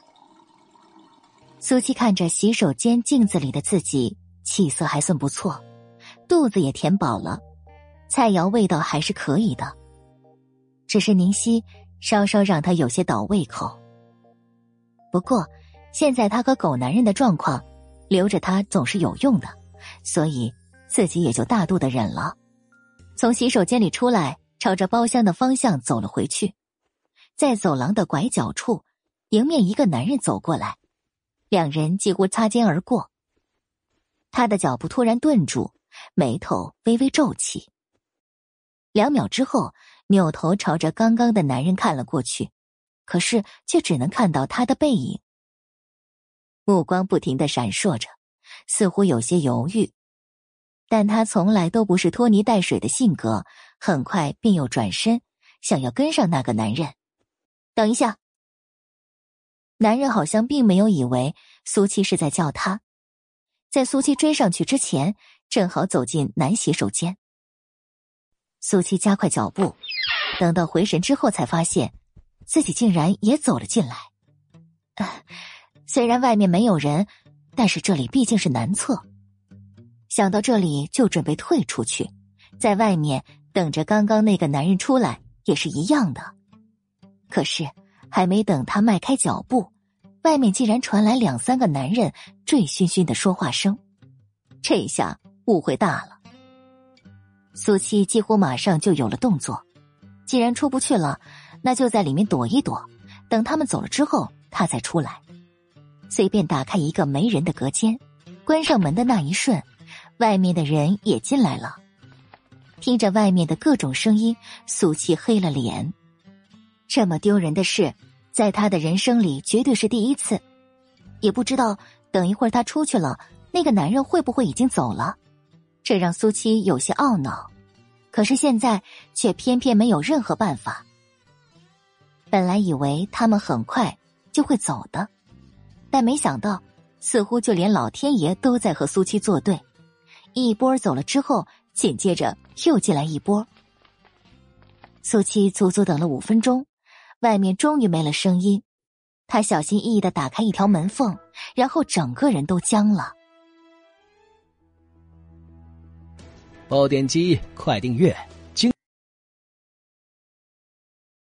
第二百零四集，苏七头皮发麻，大脑嗡嗡直响。外面的人显然没有想到会在这里看到他，整张脸都青了。他怎么不知道苏七还有这种癖好？你怎么在这里？立业的声音仿佛带着冰茶，恨不得狠狠咬他一口。此时此景，即便是苏七。也实在是没有办法继续维持淡定，红了脸。我走错了，快让我出去！这里可绝对不是说话的地方。立业正准备闪开，可是外面又传来两个男生聊天，而最要命的是，这分明是李猛和另外一个男生。苏七和他大眼瞪着小眼。要真是让李猛他们看到了，那可就算是跳进黄河都洗不清了。嬉笑的声音越来越近，看着他逐渐紧绷的神情，立业眼底一抹算计的金光。下一秒，还没等苏七反应过来，他就已经被立业拽进了隔间。原本还算宽敞的空间，却因为立业的进入，瞬间显得狭小无比。苏七心跳加快一拍，整个人都不好了。你干嘛？嘘！难道你要让他们看到？看到这样？嗯？厉野低着脑袋，似笑非笑。现在他和苏七之间也仅仅只剩下几个拳头的距离。苏七马上就闭了嘴巴，因为李猛他们已经走了进来。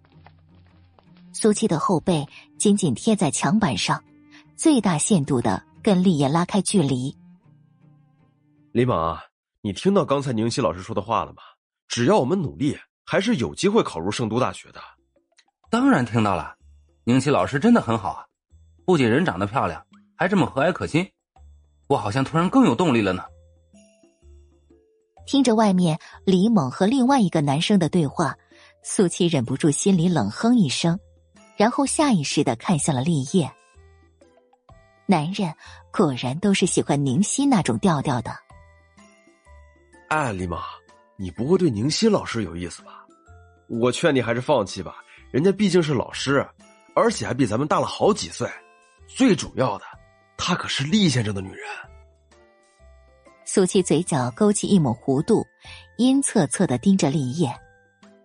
立业深邃了眼眸，对他摇摇头：“哎，你别胡说，我对宁熙老师怎么会有那样的想法呢？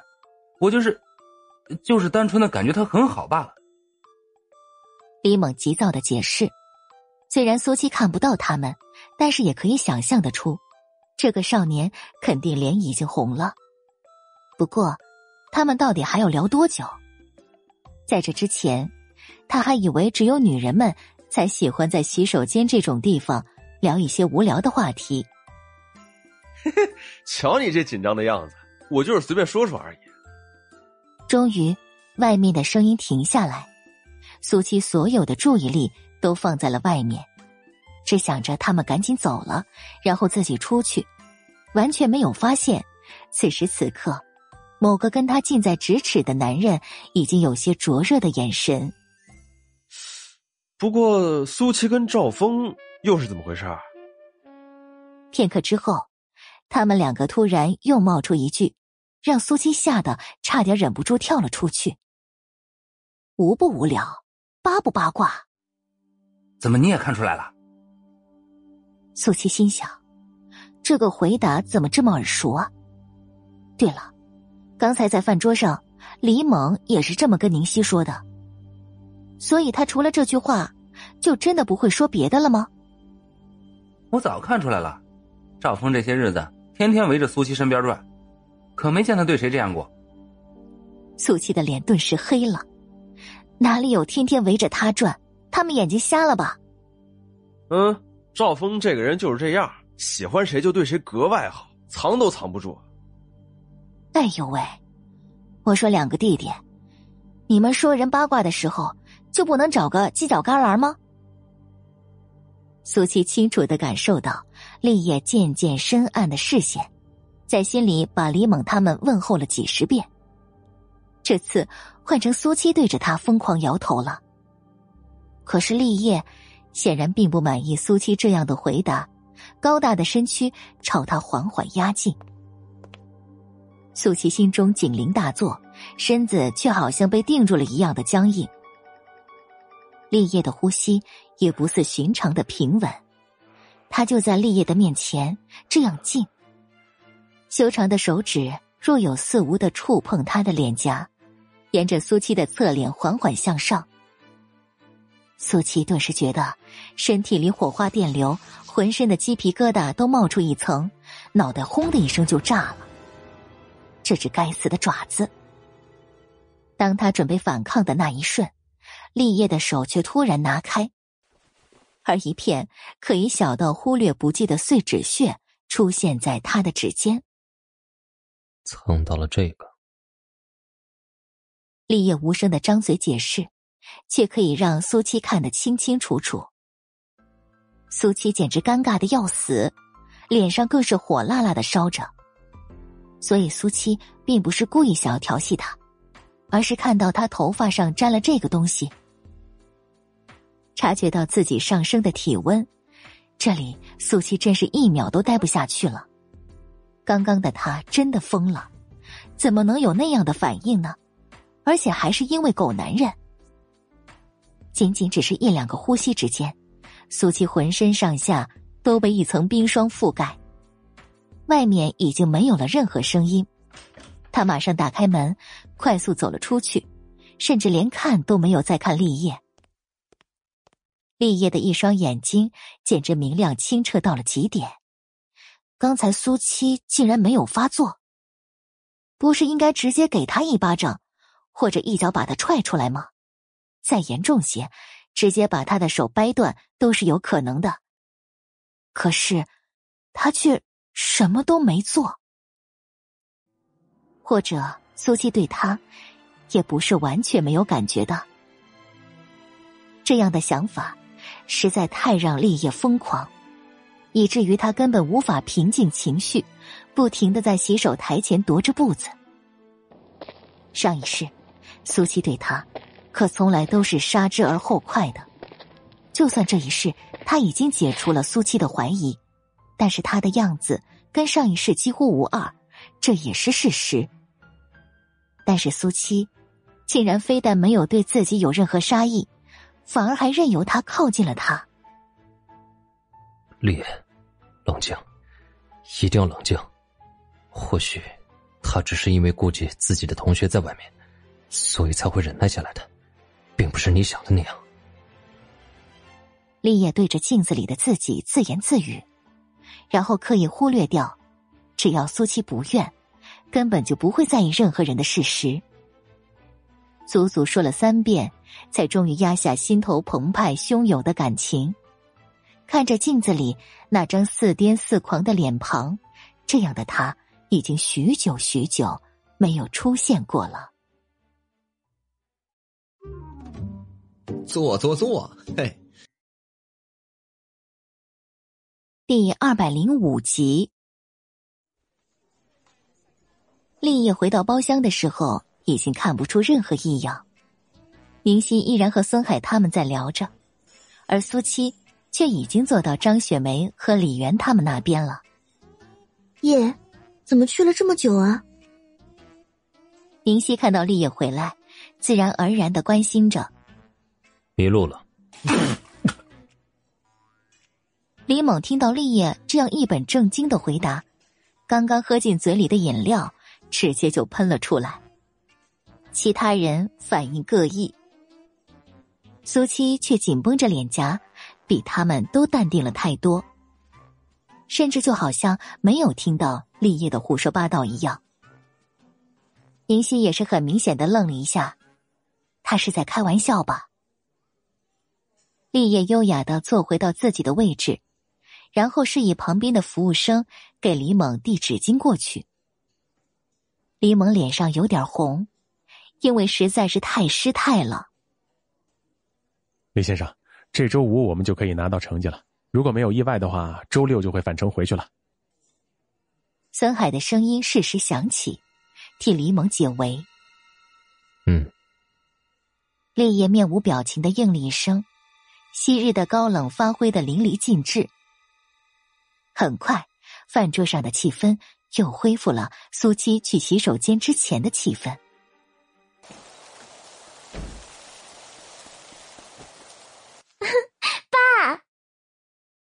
酒店门口，从出租车下来的米娅看到那里站着等待的中年男人，直接就兴奋的扑上去。男人稳稳的接住了她，脸上浮现一抹慈祥的笑容。你这孩子，怎么出了门还是这副样子？怎么，您不喜欢呀？米娅赖在男人的怀里撒了好一会儿娇，才终于站直了身子，随即又亲昵挽上男人的胳膊。男人宠溺的揉揉她的头发，喜欢。吃饭了没有啊？进去吧。爸，您什么时候过来的呀？是特意来给我惊喜的吗？米娅叽叽喳喳说个不停，小女儿姿态十足。我今天上午才到的，这边有些工作需要处理，正好也可以看看我的女儿。男人看到她这样活力十足，脸上始终挂着笑意。那我妈知道吗？您住在哪里呀？要不我搬来跟您一起吧？您都不知道，住在招待所里无聊死了。那里都是你的同学伙伴，怎么会无聊呢？而且你这次是学校活动，擅自离队总是不好的。男人对他显然是非常了解的，三言两语就劝得他打消了刚刚的念头。昨天就参加考试了吧？觉得怎么样啊？当然没问题了，我可是您的女儿。米娅胸有成竹的说着，顺便也讨好了自己的父亲。男人这次直接愉悦的笑出了声，父女二人一边说，一边走进苏七他们所在的旁边的包厢。就在他们前脚刚进去不久，苏七等人从里面走出来。李先生，今晚真是谢谢您的盛情款待，我们都吃的很好。道谢的自然是孙海，他和立业、宁熙走在最前面，其他人紧随其后。孙副校长，您这话说的就真的是见外了。等着过两天大家成绩出来了，如果不错，回去以后我会再为你们好好庆祝的。立业突然又变得和蔼可亲起来。说完之后，特意扭头看向身后的所有人，当然也包括苏七。苏七正目不斜视的看着前方，一行人有说有笑，很快走出了酒店。苏七站在酒店门口，想到之前在里面遇到的那个男人，神色却复杂了几分。难道真的是他看错了吗？可是他一向看人很准的。苏七啊，车里坐不下了，你和厉先生、宁小姐坐一辆吧。等苏七回神之后，才发现身边除了孙海之外，其他人都已经上了车。不行，几乎想都没想，拒绝的话语脱口而出，而且语气十分坚决。孙海有些发懵。啊，我的意思是，我要和张雪梅他们一起走，如果实在坐不下的话。我自己打车回去就好了。苏七似乎意识到了自己的反应有些过度，开口解释着：“这样啊。”孙海下意识的看向立业，已经想到自己和他一起坐计程车回去了。叶，既然苏七不愿意，那其实我和他还有些事情要说。明熙的话才只说了一半便被立业强势打断了。他的脸色变得难看了几分，实在想不出来他们之间有什么好说的。孙海听他这样说，实在不好再继续坚持了。苏琪，既然厉先生有事儿跟你说，那你就坐厉先生的车吧。说完之后，转身朝着李猛他们坐的那辆车走了过去。苏七两条眉毛拧成了麻花一样。什么事？立业眼底一抹笑意浮现，可是脸上的表情却一如既往的冷酷。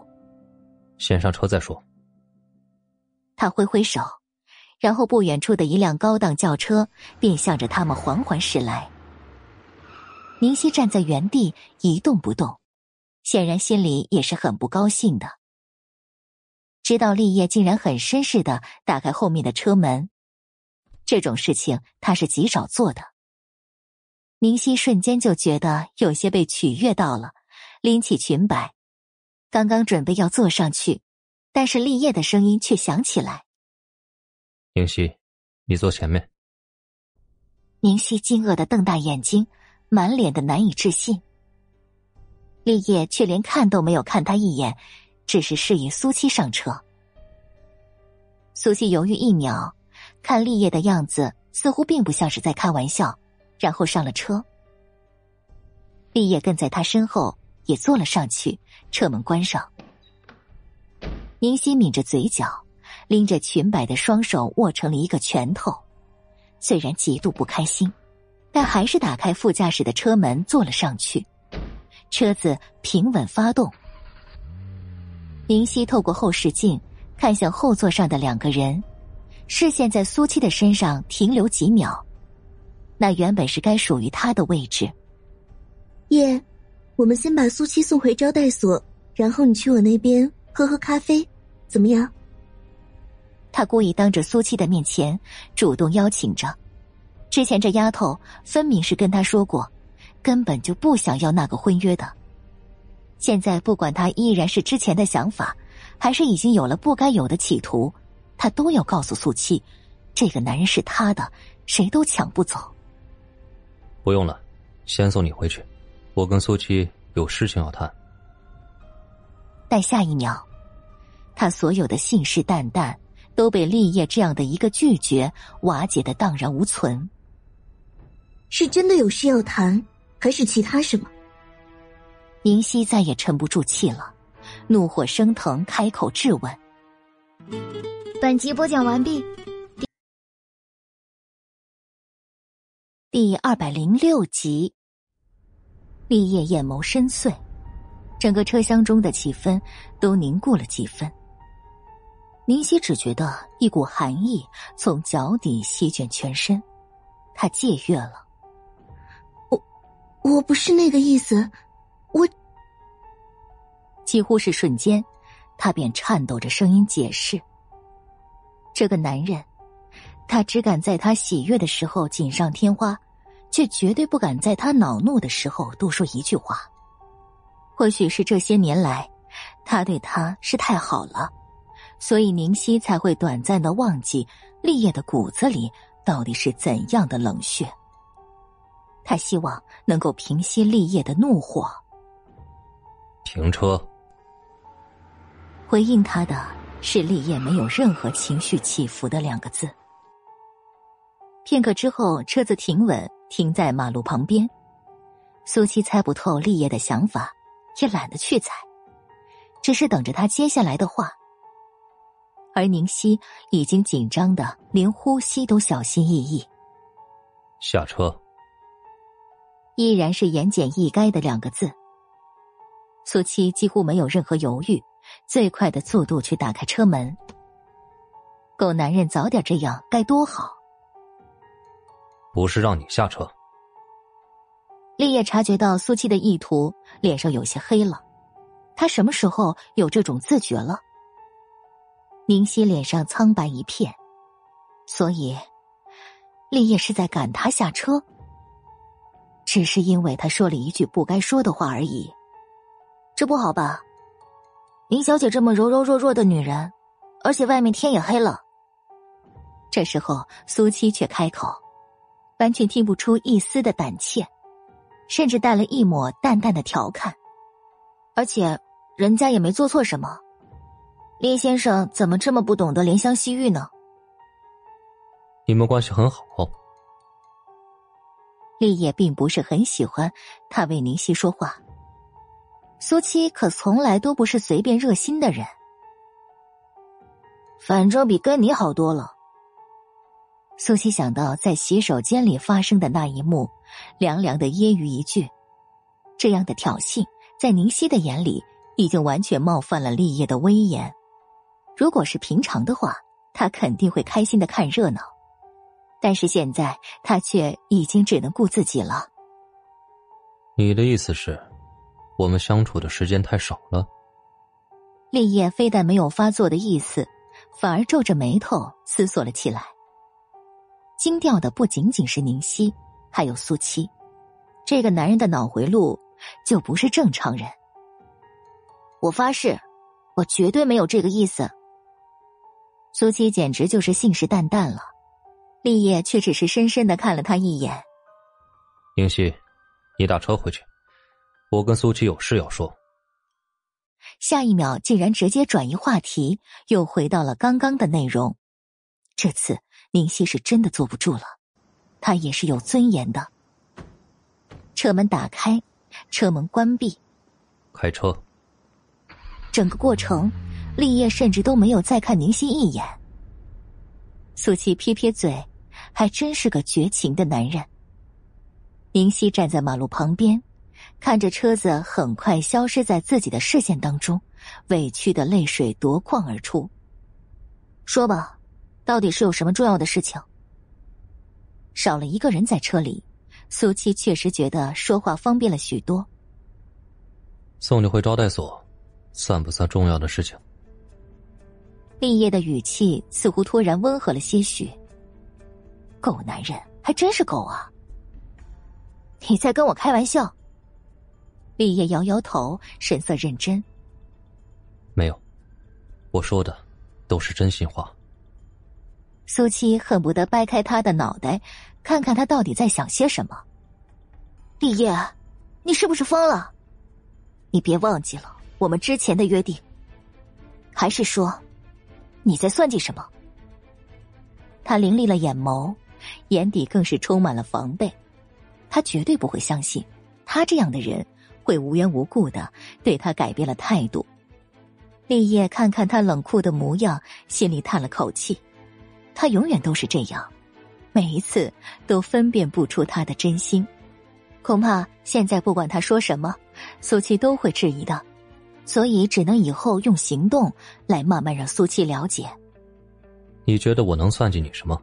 或者说，你身上有什么是值得我算计的？立业找不到好借口，只能引导他去想。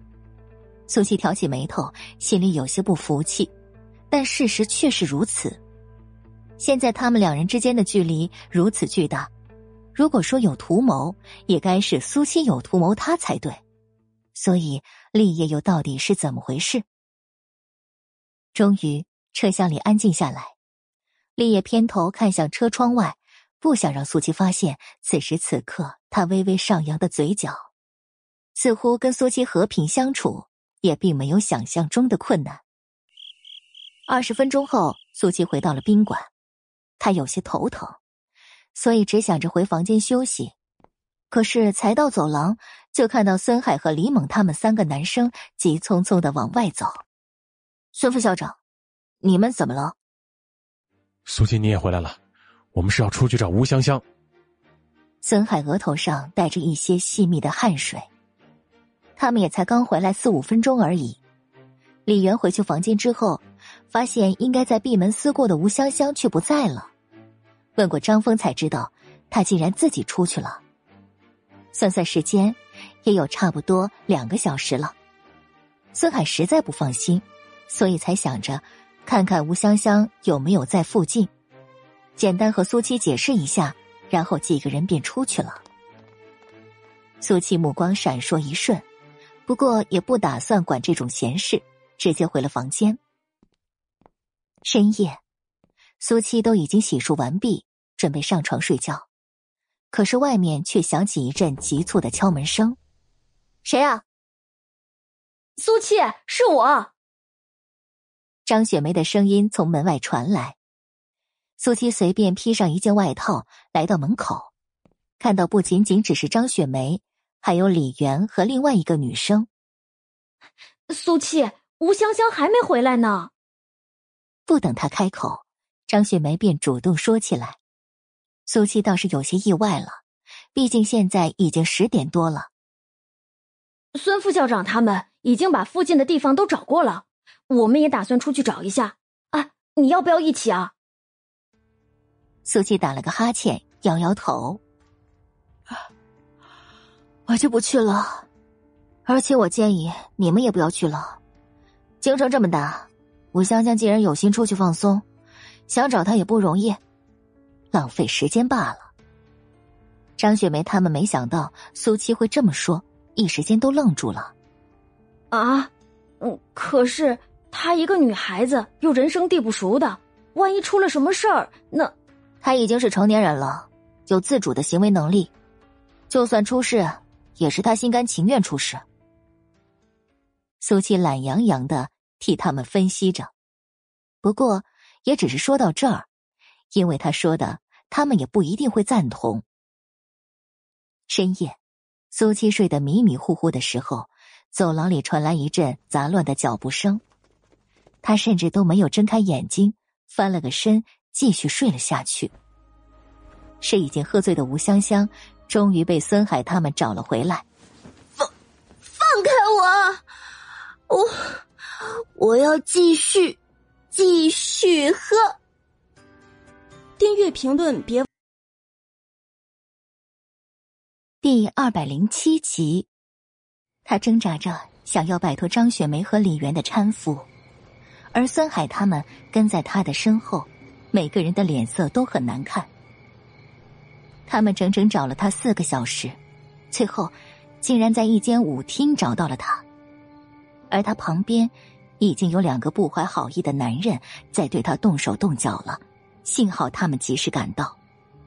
哎哎哎呀，吴香香，你清醒一些，这样会把所有人吵醒的。张雪梅不停的提醒着他，简直就是太丢人了。吴香香非但没有听懂，反而哈哈大笑。学。学长呢？我要学学长。所有人都愣了。孙海脸色阴沉的能滴出水来，真是没耳朵听了。李猛他们几个男生干咳一声，一个个面色尴尬，同时对吴香香也多了一丝说不出的鄙夷。本来还觉得这位学妹长相好、学习好、性格更好，可是没想到喝醉之后竟然是这么一副德行。自然是没人回应他的。吴香香似乎意识到了什么，怎么都不肯走了，抱着张雪梅的胳膊呜呜大哭。啊！我不要，我就是要学长，我要学长。张雪梅也是第一次遇见这样的情况，求救的目光看向身后的孙海。孙海两条眉毛直接打成了死结。你要找哪个学长啊？啊！毕竟这里的几个男生都是他的学长。吴香香眯缝着眼睛，用力的吸吸鼻子。磕磕绊绊的说出张峰的名字，赵赵李元其实早就猜到了吴香香对赵峰啊，也就是张峰他的心思，他可是看得清清楚楚的。孙海重重的沉了口气，今晚除了苏七没有出去找他之外，张峰也并没有。不过，张峰是因为身体不舒服。哎，赵峰已经休息了，有什么事明天再说吧。可是，一个喝醉的人又怎么能听明白他的解释呢？吴香香的目光剧烈的晃动着，下一秒，突然就挣脱开张雪梅和李媛的搀扶，朝着赵峰的房间跑了过去，然后用力拍打着房门。学长，开门！学长，学长！没想到他醉成这样，竟然还记得赵峰住在哪里。孙海他们全都惊了一下。他这么闹腾，即便已经睡着了，屋内的人也早就被吵醒过来。张峰很快打开房门，还没等他反应过来，一道身影伴随着刺鼻的酒味儿。直接扑在了他的怀里，张峰顿时无语。而住在其他房间里的另外一些学生也被吵醒了，也有人出来看了。张峰，你终于是我的了！吴香香犹如八爪鱼一样紧紧抱在张峰的身上。回神之后的张峰脸彻底的黑了。只觉得一阵阵的恶心，第一时间就是推开他。张峰，先进去再说。孙海急躁的声音从走廊里响起。吴香香这样，要是被其他学生看到了，毁了的可不仅仅只是他自己的名声。说完之后，他最快的速度来到他们面前，连拖带拽，示意张峰赶紧把吴香香给弄进去。李猛他们紧随其后。当房门关上的那一刻，众人身上已经全都是汗了，而吴香香依然死死的扒着张峰。啊，张峰，我我真的好喜欢你啊！可是你为什么不喜欢我呀？张峰的呼吸急促无比，他是疯了吗？吴香香，快松手！成何体统？孙海被气得浑身上下都颤抖起来。张雪梅他们看着他这样，都觉得脸上火辣辣的烧着，太尴尬，太丢人了。我不，我就不放学长，那个那个傻子，他他哪一点比我好啊？我比他漂亮。我比他学习好，我还比他喜欢你，他什么都没有啊！吴香香越说越委屈，最后嚎啕大哭。虽然他并没有指名道姓，但不管是张峰而赵峰还是李猛、张雪梅他们都很清楚吴香香说的是谁。张峰眼底怒火升腾，对他的忍耐力也到了极限，掰开吴香香抓着自己不放的手指，狠狠的把他推了出去。吴香香本就已经失去了对身体的控制，被这样推开，根本就稳不住，一屁股跌在地上。剧烈的疼痛让他大脑嗡嗡直响，但是理智也并没有回来多少。张峰却已经进了卫生间，两分钟之后，端着一盆冷水走出来。张峰，你要做什么？孙海吓了一跳，想要阻止他。可张峰却没有丝毫的停顿，满满的一盆水从吴香香的头顶直接浇下去，啊！换来的是吴香香一声惊恐的尖叫和终于清醒了些许的目光。第二日，苏七起来的时候已经差不多九点钟了，也不能怪他赖床，而是隔壁房间吵吵闹闹，实在是影响他的睡眠。打了个哈欠，然后穿衣下床洗漱，肩膀上的伤口已经结了痂，可以正常的活动了。手臂上的伤也恢复了七八成，冲了个澡，然后神清气爽的出了房间。肚子饿了，出门觅食。他这边房门才打开，隔壁的房间也紧跟着开门。如果不知道的。还以为隔壁是在故意留意着苏七这边的动静。苏七，早啊！张峰脸色有些憔悴，简简单单的一句招呼，却让苏七觉得说不出的别扭。嗯，他淡淡的应了一声，懒得跟他废话。现在可是都已经九点半了，还早呢。看着苏七迈开脚步，张峰犹豫一瞬。还是跟上去。那个，昨晚，苏七不明白他跟自己做什么，而且还这么一副欲言又止的模样。怎么了？张峰深吸一口气，终于鼓起勇气。昨晚，吴香香找到了，她喝醉了，闹得很凶。她有没有吵到你啊？其实他更想问的是。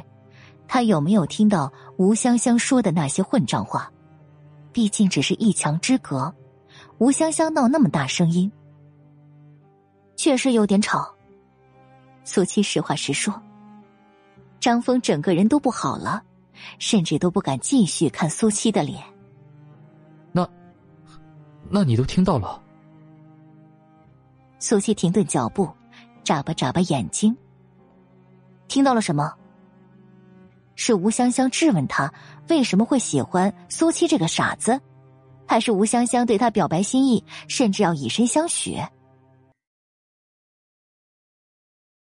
第二百零八集，张峰一张脸肉眼可见的红了，这要他怎么问？可是看到苏七现在疑惑的样子，似乎并没有听到。吴香香喝醉了，她说了很多醉话。小心翼翼的试探着，什么醉话？苏七很认真的继续接上一句。张峰如释重负，所以苏七是真的没有听到，那就太好了，不然他真的会不知道该怎么跟他解释了。啊，那都是醉话，你根本不用在意。他这次实在是太放肆了，而且我还是第一次。看到喝醉了酒这么可怕的女生，他几乎一个晚上都没有合眼，因为只要一闭上眼睛，就是吴香香抱着自己要亲的恐怖画面。苏七微微一笑：“少年，那只能说你经历的女生太少了。吴香香也只不过是借着酒意发发疯而已，还有喝醉之后自残的呢。”还有要杀人的呢，这个世界呀，可是很危险的。张峰正在原地，神色惊愕，这样的称呼，这样调侃的语气，阴郁了一整晚的心情，突然就变得晴空万里了。不过苏七是什么意思？经历的女生太少了，不是他理解的那样吧？张张嘴巴，想要跟他确定，却发现苏七已经走出去很远了。吴香香缩在被褥里，整个人都蜷缩成了一团。她现在头痛欲裂，可是人却已经完全清醒了。最可怕的是。昨天晚上的事情，他竟然全都记得清清楚楚。不是说，喝醉之后做了什么，基本都不会记得吗？那不堪入目的一幕幕，深深的刺激着他所有脆弱的神经，再也没脸见人了。吴香香，你醒了吗？这个时候，李媛的询问声从他头顶响起。他察觉到他的呼吸急促，所以便过来查看了。吴香香恨不得自己可以凭空消失，他该怎么办？一直装睡吗？可是总是要醒过来面对的呀。就在他凌乱不堪的时候，李媛主动拉开了盖在他脸上的被褥。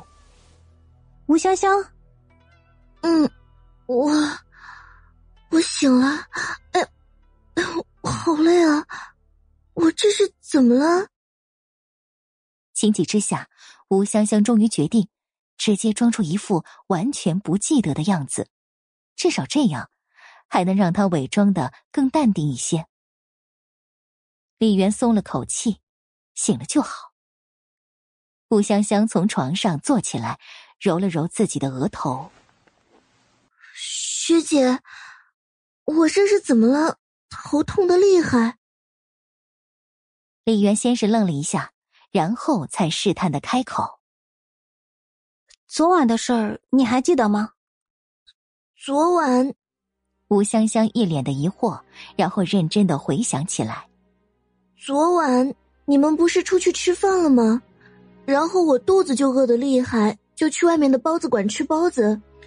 再然后，我就听到其他学校的人说。”有个可以散心的好地方，嗯，本来我禁足是不想去的，但你也知道，我心中确实有些难受，就想着过去看看也好。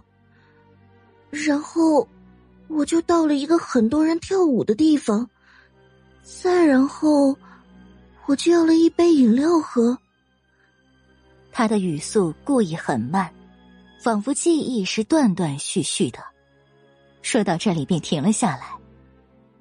李媛诧异了神色：“你只是喝了一杯饮料吗？”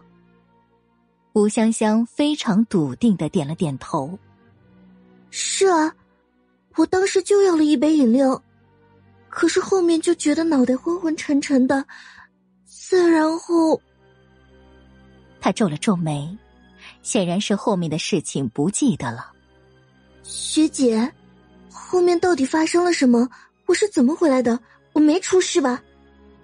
下一秒，他的神色顿时急躁了起来，一把拉住李媛的手腕，颤抖着声音询问着：“没事儿，是我们找到你，带你回来的。”李媛来不及多想，赶忙安抚着他的情绪：“那我是不是给大家添麻烦了？”吴香香满脸的歉意，愧疚的不得了。简直跟昨晚判若两人，也深深的被自己的演技折服。李媛看着他，已经到了嘴边的话，却又咽了回去。他都已经不记得了，如果告诉他，那不是太尴尬了？其实倒也没什么。吴香香听他这么说，眼底一抹得逞的笑意转瞬即逝。果然跟他设想的差不多。这就好，都是我自己太任性，不该私自出去的，以后我绝对不会了。李媛僵硬的点点头。那你快去洗漱吧，等一会儿孙副校长可能会过来看你的。好，我这就来，也要向大家当面道歉的。看他这副淡定的样子，李媛已经完全相信，他确实什么都不记得了。果然。差不多十几分钟之后，孙海来到了他们的房间。吴香香又把刚才说过的话重复了一遍，然后甚至不等他开口责备，便主动道歉，态度好的不得了。他这样，即便孙海心中有气，也不好再多说什么。责备两句之后，又叮嘱吩咐一番，然后就走了。吴香香暗暗的松了口气，已经丢人了，想要挽回显然是不可能的了。但是只要他们这些人都闭口不提。等回去以后，就会慢慢的被淡忘的。至于跟张峰的表白，都是因为苏七那个贱人。本来他一直都掩藏的很好的。想到这儿，他的神色逐渐狰狞。苏七起来的太晚了，招待所里的早饭已经撤掉了，所以他在外面随便找了个小店，填饱肚子之后就回来了。当他快到招待所门口的时候，一辆轿车从苏七的身边缓缓的行驶过去，他不由朝着这辆车打量一眼。在这个年代，二八大杠自行车才是马路上的主流，而且还只是因为在京城这样的地方。至于四个轮子的轿车，那绝对是有钱人的标配。但是前面这一辆高级轿车，简直是有钱人中的有钱人，他的配置了。车子在苏七不远处停下，司机先走下来，然后打开后面的车门。苏七正准备收回视线，一个中年男人下了车。虽然只能看到他的侧脸，但苏七还是微微怔住了。这一次，甚至比昨晚在酒店里看到的还要清楚。这个男人，在他昨天跟丢了他之后。他竟然又这样突兀的出现在自己的面前，那张脸，那张脸分明是，分明是他家里那仅有的唯一一张照片里的男人，他的父亲，苏明成。哎，别走！第二百零九集，重生到现在。苏七就从来没有过这么震惊过。明明已经死了十几年，骨头渣子都没了的男人，现在突然就这么活蹦乱跳的出现在自己眼前。男人似乎发觉苏七太过惊愕的目光，扭头朝着苏七看过来，微微颔首收回视线。苏七就连呼吸都急促了几分。没错，就是他。即便那张脸比照片上成熟沧桑了些许，但是眉眼依旧。等一下，男人才刚迈开脚步，苏七再也沉不住气了，三步并成两步，快速到了他面前。男人有些诧异，不过还是站住了。请问，您是不是苏明成？苏七几乎没有任何寒暄，便直奔主题。问完之后，一双眼睛紧紧盯着他，不放过他脸上任何一丝表情。如果真的是，对不起，我不认识。男人甚至没有一秒的停顿。苏七眼底的光彩瞬间暗淡。怎么会？难道是他认错人了？怎么会有这么相似的两个人呢？他可以接受立业不是他所认识的那个人，是因为他们本就在两个时空。但面前的男人跟他的父亲可是真真切切活在一个世界的。男人疑惑的看着他，从刚才开始，这个女孩子就用那么炙热的视线打量着他了，现在又过来问了他这么一个问题：“丫头，你是不是认错人了？”他和颜悦色的询问，没有任何的不耐烦。苏七点点头，然后又摇摇头。那您叫什么名字？他现在必须要确定。陆总的名字是随便什么人都能问的吗？一声呵斥，从男人的身侧响起，是刚刚为他开门的司机。显然，他对苏七的无礼很不友好。苏七挑眉。姓陆。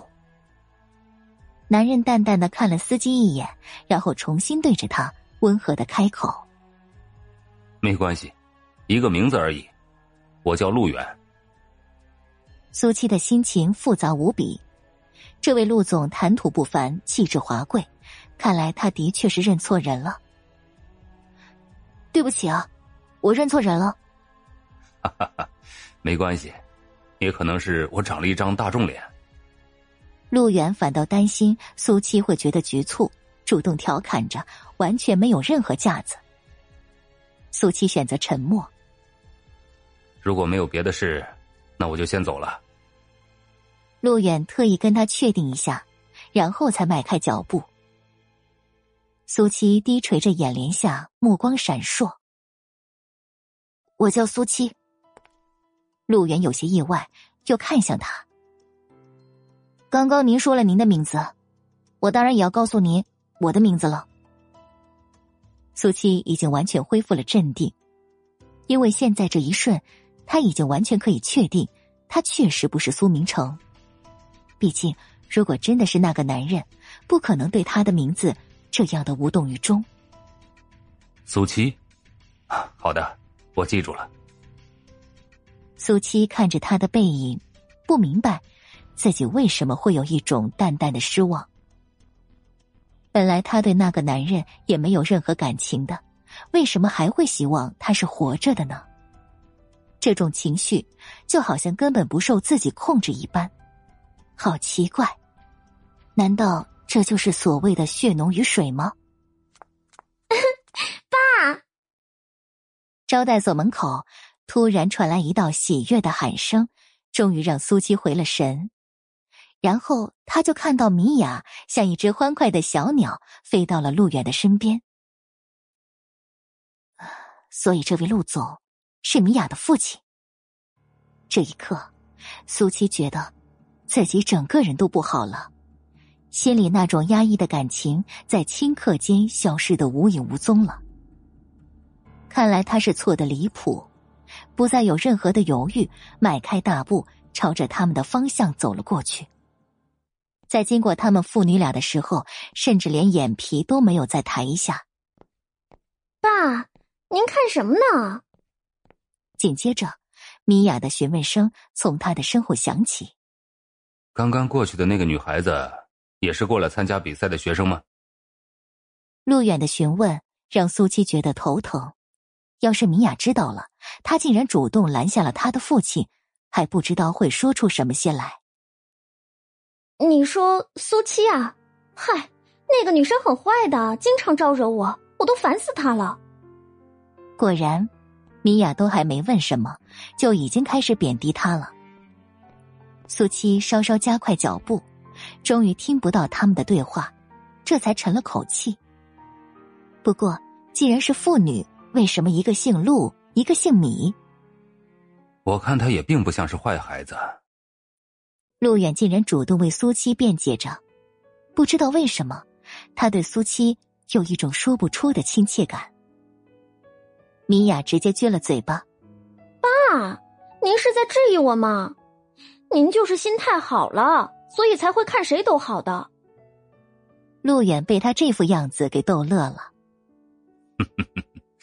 好了，那我不说了，走吧。自然没必要因为这种不相干的人、不相干的事，影响了他们逛街的心情。米娅乖巧的点点头，下意识的朝着苏七离去的方向看了一眼，眼底一抹阴森，转瞬即逝。大院儿，往常过了上班时间，门口也是最清静的时候，可是现在却里三层外三层围满了人，而站在最中央的竟然是冯铁夫妇。不仅仅是他们又来了，两人的旁边放着一辆破旧的手推车，车上坐着一位白发苍苍、脊背佝偻的老太太。哎，是真的吗？是真的。刚才保安不是都已经确定过了？不过这都已经多少年没来往了，怎么突然就拉着老太太来了？嗨，还闹点什么呀？都是钱闹的呗。四周的街坊们窃窃私语的议论，不停朝着他们三个人打量。冯秀家里才翻盖了房子，老家十多年不来往的亲人就出现了，这目的也实在是太明显了，而且还直接把老的给带来了。张招娣得意洋洋的给冯铁递了一个眼神，看热闹的人越多才越好呢。这样，等会儿冯秀出来，要是连自己亲妈都不顾，才会被唾沫星子给淹死呢。几分钟之后，冯秀终于出现在所有人的视线中，他的脚步有些踉跄，脸色更是带着一丝苍白。看到他出来，人群呼啦啦的自动让开一条道路。他几乎是一眼就看到坐在手推车上的老太太，整个人都忍不住剧烈的颤抖起来。十二年了，直到现在，他的脑海中还清晰的记得那个冰冷刺骨的夜晚。第二百一十集，冯秀，你来了，快点看看吧。街坊们打从心里都可怜他。毕竟前些年他的日子到底是怎么过来的，他们可全都看在眼里的。冯秀直勾勾的盯着老太太，甚至有些回不了神。他实在是苍老了太多，太多了，脸上已经布满了皱纹，身子也是越发的佝偻。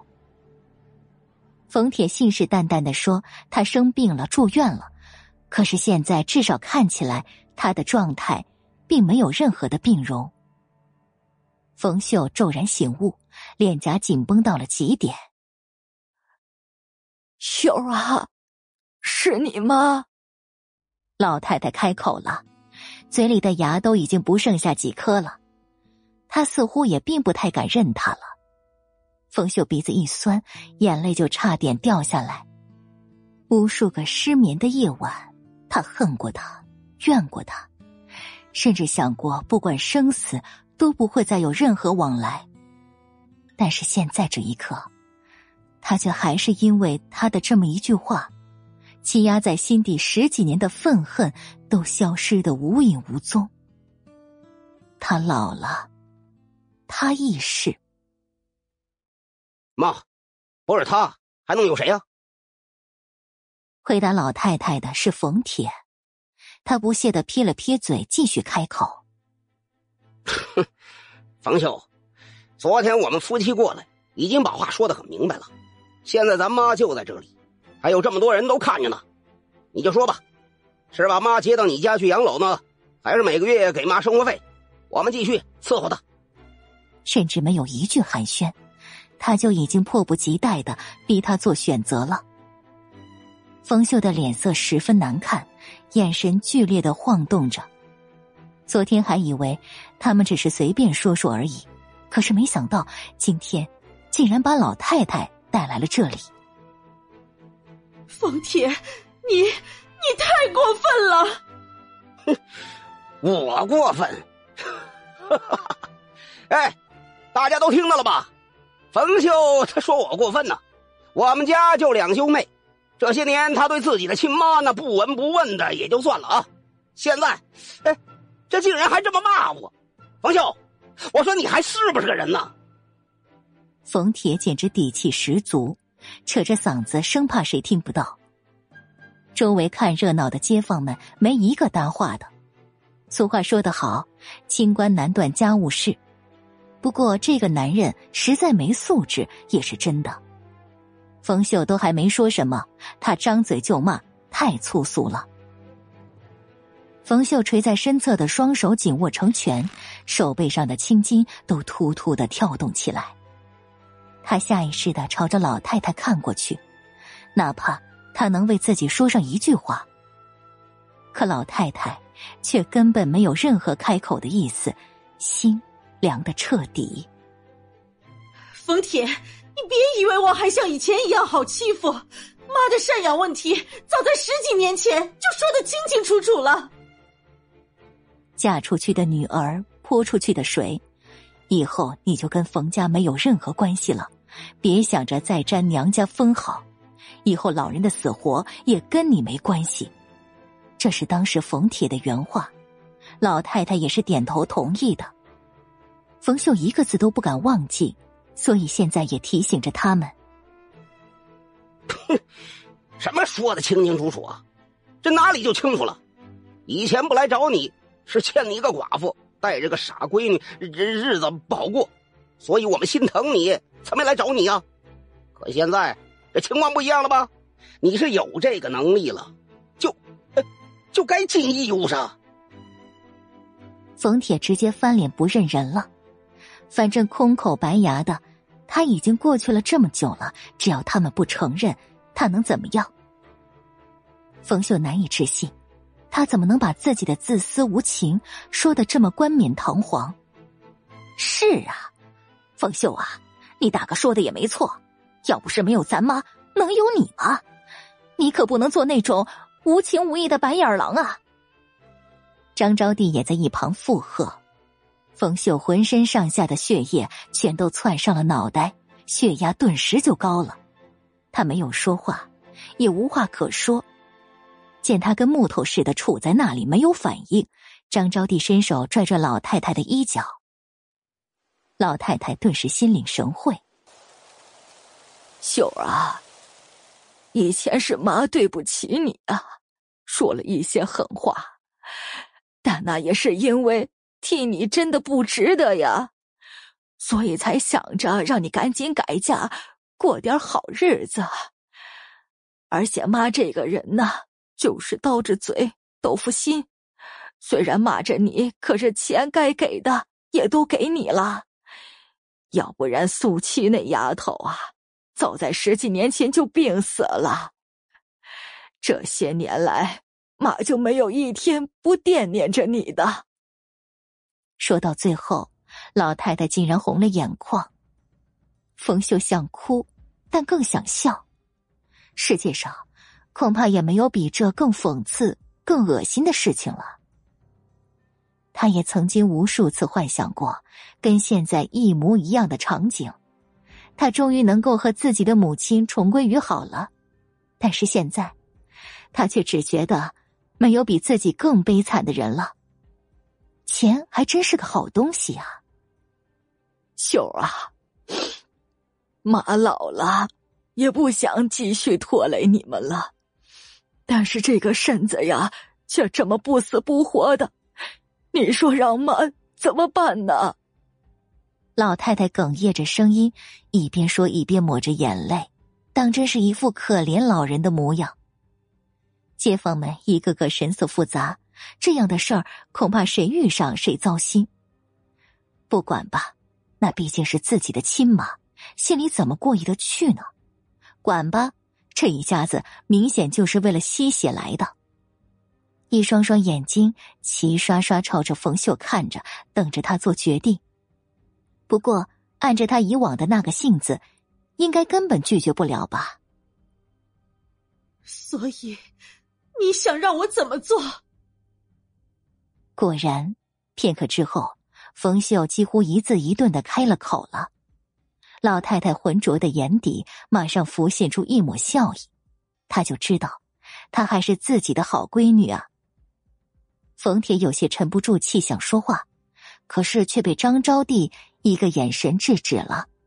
这事儿让老太太说，比他们更容易。来的时候，我就已经跟你大哥大嫂商量过了。我这个身子呀，不中用了，平时还需要人照顾，断屎断尿的。你家的新房子，虽然我还没看见，但心里也是欢喜的呀。可是我这么一个脏老太太，怎么好去住新房子呢？要不，就还是在你大哥他们家，辛苦辛苦你大嫂伺候我，你就每个月给我出点生活费，以后有空了多回去看看我，我就知足了。